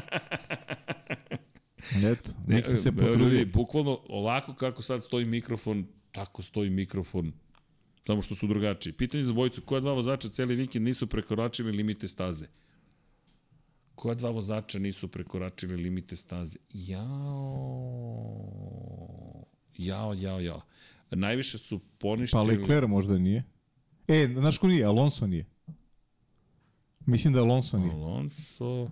Alonso nije prekoračio, sigurno Alonso a nije. Sargent? Ne znam. Možda, ne, možda, možda Leclerc i Alonso. E, Alonso čekajte. sigurno, evo, to ja, ja onako, Alonso i Leclerc, to je moj odgovor. Ovako, broj obrisanih krugova, Albon 7, Alonso 2, Bottas 1, De Vries 2, Gasly 8, Hamilton 8, Hulkenberg 3, Leclerc 3, Magnussen 6, Norris 4, Ocon 5, Perez 4, Piastri 1, Sainz 7, Sargent 4, Stroll 4, Cunoda 11, 2 Verstappen. Dakle, 2, 4, 6, 8, 10, 12, 14, 16, 18. Koji nam nedostaju? Hulk je tu, Magnussen tu, Albon, Alonso, Stroll je tu, koga sam promašio? Sainz, Sainz je tu, Pa sam je to bio kazna. Norris, Magnussen, Če, Russell. Jel Russell? Russell nije tu. Russell jedan. Ra, evo ga, Russell. Znači, ja sam mislio da Alonso. Russell je Nije dobio prvi. upozorenje nikakvo Alonso. De Vries jeste. Cunoda, oha, haj. Ajmo po timovima. Ferrari jeste, Mercedes, Hamilton. Hamilton je dobro, Pa šta, osam. Hamilton dobio kaznu.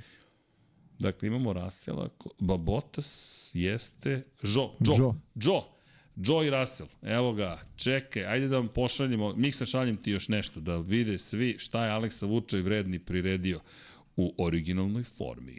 Samo na Lab 76, gospodin Aleksa Vučaj za vas pripremio upravo ove grafike. Eto ga, vidiš ti šta sve zajednica pripremi, šta ti divni ljudi urade. Eto, Joe i George, eto, Hulk je dobio pozorenje za prekruzanje nakon što je ispao iz trke.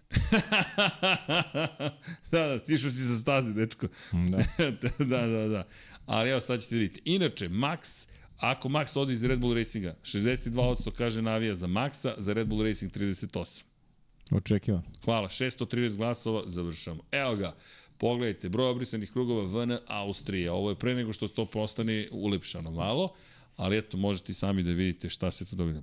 Vezano za proizvođača gu- guma, Marijan Filipović, koja je šansa da u prvenstvu bude više proizvođača kao što je, na primjer, Šumi koristuje Bridgestone, a to je Michelin? Ili još bolje tri proizvođača, čisto da zavrte prvenstvo. Teško Neće u skorije desiti. vreme, da. Neće se sigurno desiti, problem je u tome što su što smatraju proizvođači da proizvođač guma previše utiče na ishode trka i zato žele jednog proizvođača guma i on utiče, ali smatraju da njihov uticaj manji nego kada biste imali dva, tri različita, jer Bridgestone u jednom momentu ima ogromnu prednost u Michelin, pa Michelin odnosno na Bridgestone ima u jednom trenutku i tako dalje i to se neće promeniti. promeniti. Ima još jedna stvar koju vam niko neće reći. Pogledajte šta stoji oko staze kada se voze. Reklame su tog jednog proizvođača, tako da je to za njih pre svega marketički projekat i ogroman izvor prihoda zapravo za Međunarodnu automobilsku federaciju, to jest za Formulu 1. Tako da to se sigurno neće menjati. Da li ste videli nju je da po kiši stoji prepisuje od McLarena, respekt. Pa to je ono što smo pričali, nju i prepisuje od svih ljudi, zato što se on ne stidi. Znate šta je, šta je to, ko je to rekao? To je Bornstein, ja mislim, rekao. Neznanje nije problem, problem je iluzija znanja. Ili ti kad neko glumi da je pametniji nego što jeste. Ako neko zna da ne zna, taj neko zna da može da nauči. Ali ako neko je ubeđen da zna, a nema pojma, u problemu smo kao što se može često videti. Pajo, ko zadnji e, vezni, e, Paja ima noge ko zadnji vezni. Nekadašnji futbaler, dame i gospodo. Vaterpolo mu je u srcu, ali... kaže, Tufon, kaže, ja ću navijati za Ferrari, iako Max ode iz Red Bulla. Sjajan. E, da, kad će specijalo Seni? Polako, polako. Nemo da obećam. Srki, da li je moguće, pošto je Schumacher ustupio mesto Hamiltonu, da Hamilton ustupi mesto Miku Schumacheru? Nemoguće. Ne, nemoguće, bukvalno. E, Nikola Niksi i onda polako da se odjavljamo, pošto neki u šest moraju da ustanu da voze. Jel te? Vezano za tri trke u SAD, očekujete li da smanje broj trka u Americi i, ili ako se Las Vegas pokaže odlično, možda će dodati još neku trku, šta mislite? Oček, Do, očekujemo da poveći. To je tako je, pa već je najavljena trka u New Jerseyu zapravo s pogledom na Manhattan i na New York, tako da očekujemo da ih bude više. U svakom slučaju, kaže Boško, upravo tako da navijam za Max i Red Bull plagijator iskopirali, na, iskopirali naš pod. Ej, ljudi, A, šta da vam kažemo? Mnogo vam hvala. Nadamo se da ste se lepo zabavili, da ste uživali. A, koji nam je ovo sat? Treći sat, tre, tre, 3 sata i 15 minuta. Da, ušli smo u četvrti, da. Pa kao očekivano, da. E, inače, ovoga vikenda kaže Formula Academy u Monci ovoga vikenda. Da, moramo da počnemo da radimo Formula Akademiju. A, polako ali sigurno i o tome da više komentarišemo. Šta da vam ka... E, udrite like, čekajte drugari, pa la, la, la, like, like, like. Uh, kako? Subscribe, kaže Miksa, subscribe. To je, to, to. kaže Night Train, nema problema sa dodavanjem trka u Americi, samo da ne izbacuje evropski. Pa da, ima i u tome. Jedini problem je što ih ima mnogo, da. Nešto će morati se izbaciti. Da, nešto mora. U svakom slučaju, dragi ljudi, pre svega se nadamo da ste se zabavili, uživali, videli ste pajne noge, videli ste moju ćelu, Otkrili ste zašto mi nije bilo na trci Formule 3, bio je jedan uzbudljiv informativni podcast uh, Lab 76 broj 322.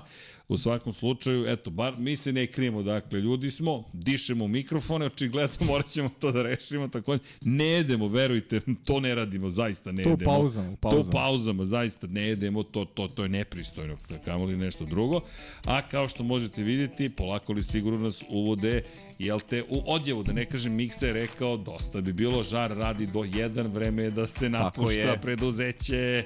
E, ajmo patroni. Ajmo patroni. Kaže, inače, ovo je 323. da, nije 322. Ne, 322. Ja sam pogrešno pisao da je 323. 321 je bio prošle nedelje za MotoGP. e, možeš se A, ali dobro, sve se to događa. Dakle, Formula 2 sledeće nedelje, vidim da, da moj, moja iskrenost ovde inspiriše komentare, ali u svakom slučaju Možda vam ostane ono između, između zuba pa čistiti, to se čuje. Pa ne radimo to ljudi, šta vam je. ja, ne, e, imam utisak da neko negde neku kam, kabinu ko zna hvata. Ali menjali smo i kabine, nemoguće. E, ali jel se čulo i u nedelju i u subotu i u petak ili samo jednog dana? To je ozbiljno. Da, menjali smo kabine, da. Menjali smo kabine. U nedelju smo promenili kabinu. Miksa, znaš šta si zaboravio? Nije još vreme za oproštaj. pre toga 7 minuta EPP-a. Da ne kažem, to, da to. ne kažem da Patreone i naše YouTube članove poštujemo i čitamo vaša imena s obzirom na činjenicu to najmanje što možemo da učinimo. Pre svega vam hvala.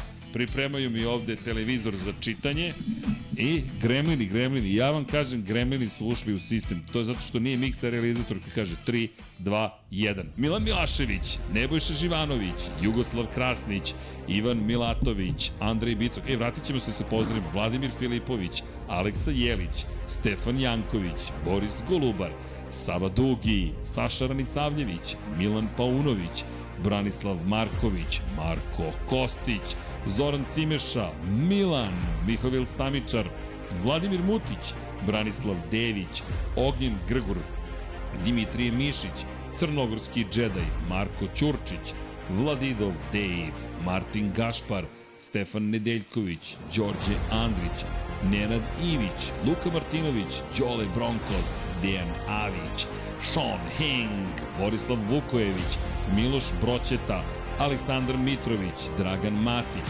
Šmele, Nemanja Labović, Dušan Ristić, Miloš Banduka, Filip, Aleksandar Bobić, Nedo Lepanović, Aleksandar Banovac, Mihajlo Krgović, Aleksandar Milosavljević, Đerman, Predrag Pižurica, Petar Relić, Vučinić Miroslav, Đorđe Đukić, Miroslav Cvetić, Ivan Rečević, Ćole Cheesehead, Mladen Mladenović, Strahinja Blagojević, Nemanja Miloradović, Vanja Radulović, Srđan Sivić, Ivan Simeunović, Dejan Đokić, Žorž, Jeca, M. Stefan, Miloš Radosavljević, LFC, Milan Ristić, Monika Erceg, Stefan Dulić, Igor Jankovski, Matija Rajić, Stefan Stanković, Neđo Mališić, Đorđe Milanović, Zorana Vidić, Ognjen Ungurjanović, Vladan Miladinović, Igor Gašparević, Nikola Stojanović, Bogdan Uzelac, Ivica,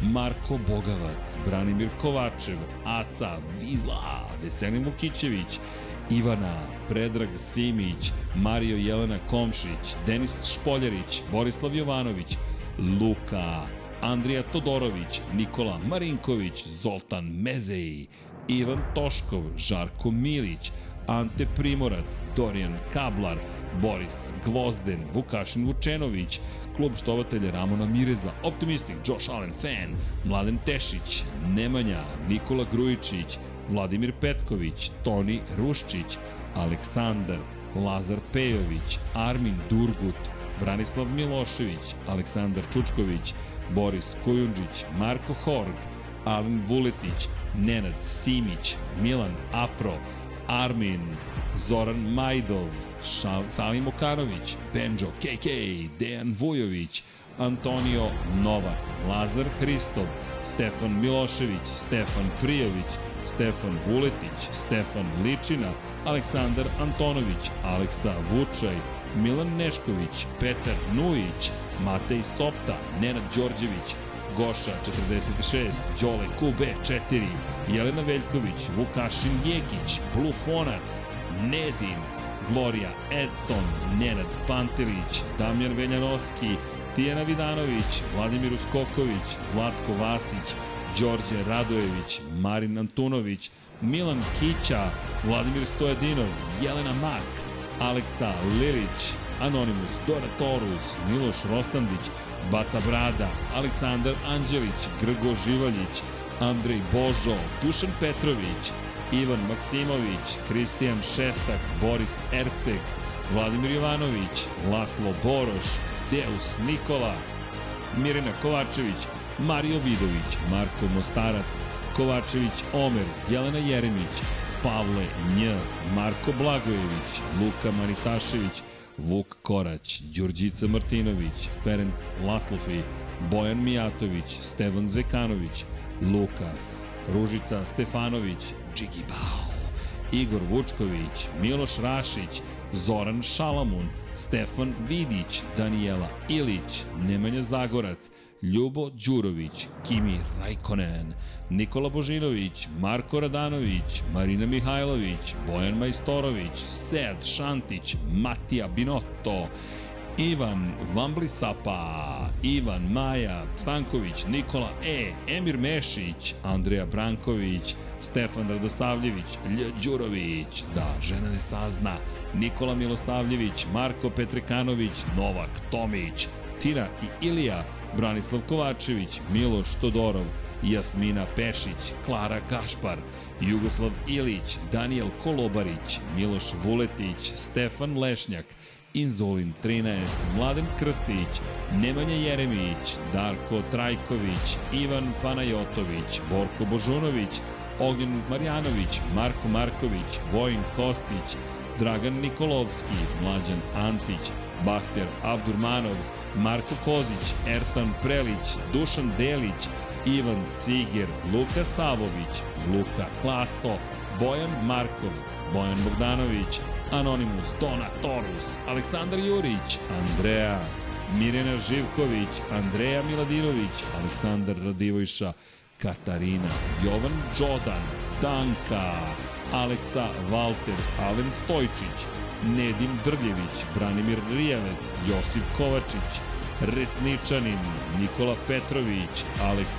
Vulović, Marakos, Vukašin Vučenović, Vlada Ivanović, Branislav Dević, SS, Petar Bjelić, Ivan Doko, Vojislav Tadić, Josip Buljovčić, Alen Jesenović, Nemanja Cimbaljević, Ejhel, Branko Rašević, Eks Nikola Grujičić, Omer Sarajlić, Jovan Bojanić, Nikola Vulović, Pujo, Aleksandar Nikolić, Milorad Reljić, Krorobi 00, Nikola Grđan, Ivan Bojosinović, U, Kosta Berić, Din Stero, Domagoj Kovač, Vladan Đurić, Lazar Milentijević, Aleksandar Kockar, Uroš Ćosić, Oliver Nikolić, Miloš Zed, LFC, Ivan Božanić, Mađar 007, Bojan Gitarić, Vladimir Vujičić, Ljiljana Milutinović, Miloš Stanimirović, Bakadu, Uroš Čoturilo, Anonimus Donatorus, Ivan Vincetić, Bruno Jurić, Dejan Plackov, Plackov, Toni Soni 76, Đera 7, Marko Bogavac, Nikola Adamović, Vladimir Subotić, Bojan Stanković, Sejdo Mujičić, Zlatko Marić, Tatjana Lemajić, Milanka Marunić, Ivan Hornjak, Almedin Ahmetović, Ivan Magdelinić, Jelena Jeremić, Marina, Milan Knežević, Nikola Niksi, Almir Vuk, Nemanja Bračko, Igor Ilić, Goran Mrđenović, Nikola Kojić, Galeksić, Drago Veković, Vladan Miladinović, Ivana Vesković, Dejan Janić, Žika Soul, Marko Stojilković, Srđan Ćirić, Igor Ninić, Saša Stevanović, Ada Sokolović, Maksi, Bojan Markov, Donador, Pavle Lukić, Škundra, Nikola Božović, Žiksi, Nemanja Miloradović, Aleksandar P, Mensur Kurtagić, Blagoj Ačevski, Nemanja, Đorđe Janjić, Divlji Bučak i vreme je da se pozdravimo. I sada je vreme za odjevnu špicu. Ton, ton, ton, ton, ton, ton, ton, ton, ton. Mada me podsjeća na Crni oktobar. A, nisi očekivao tu priču. Da. Provokacija, provokacija stiže, a? Ali vidi. Moji srđane. Školovao. Školovao. Bio sam ja tamo u studiju Petica u Zemunu, tu sam blizu ziva, to, to je se zvalo Matije Gubca, sad se zove Karamatina. Po čuvenom Karamati čiju kuću smo posećivali s obzirom na činjenicu da je Miroslav išao u 8-3, a mi u 8-1. Mala 8-3 istorija. Zemuna, to... Moraš da nabaviš. Šta? DJ slušalicu. Da jedna, da, da, da, da. Bez brige miksa, sve ćemo da sredimo. Dame i gospodo, bio je ovo Lab 76 322, a možda i 323. Ko će ga znati? Tanki smo s matematikom, Ali činjenica je da vas volimo, mazite se, pazite se, budite dobri jedni pred drugima. 1492 na 3030 ili 1503 na 3030. Pomozimo Jovani i Martinu. Želim vam lepu i laku noć, zaista budite dobri, volite se i mi vam kažemo Ćao, Ćao svima. svima, čao.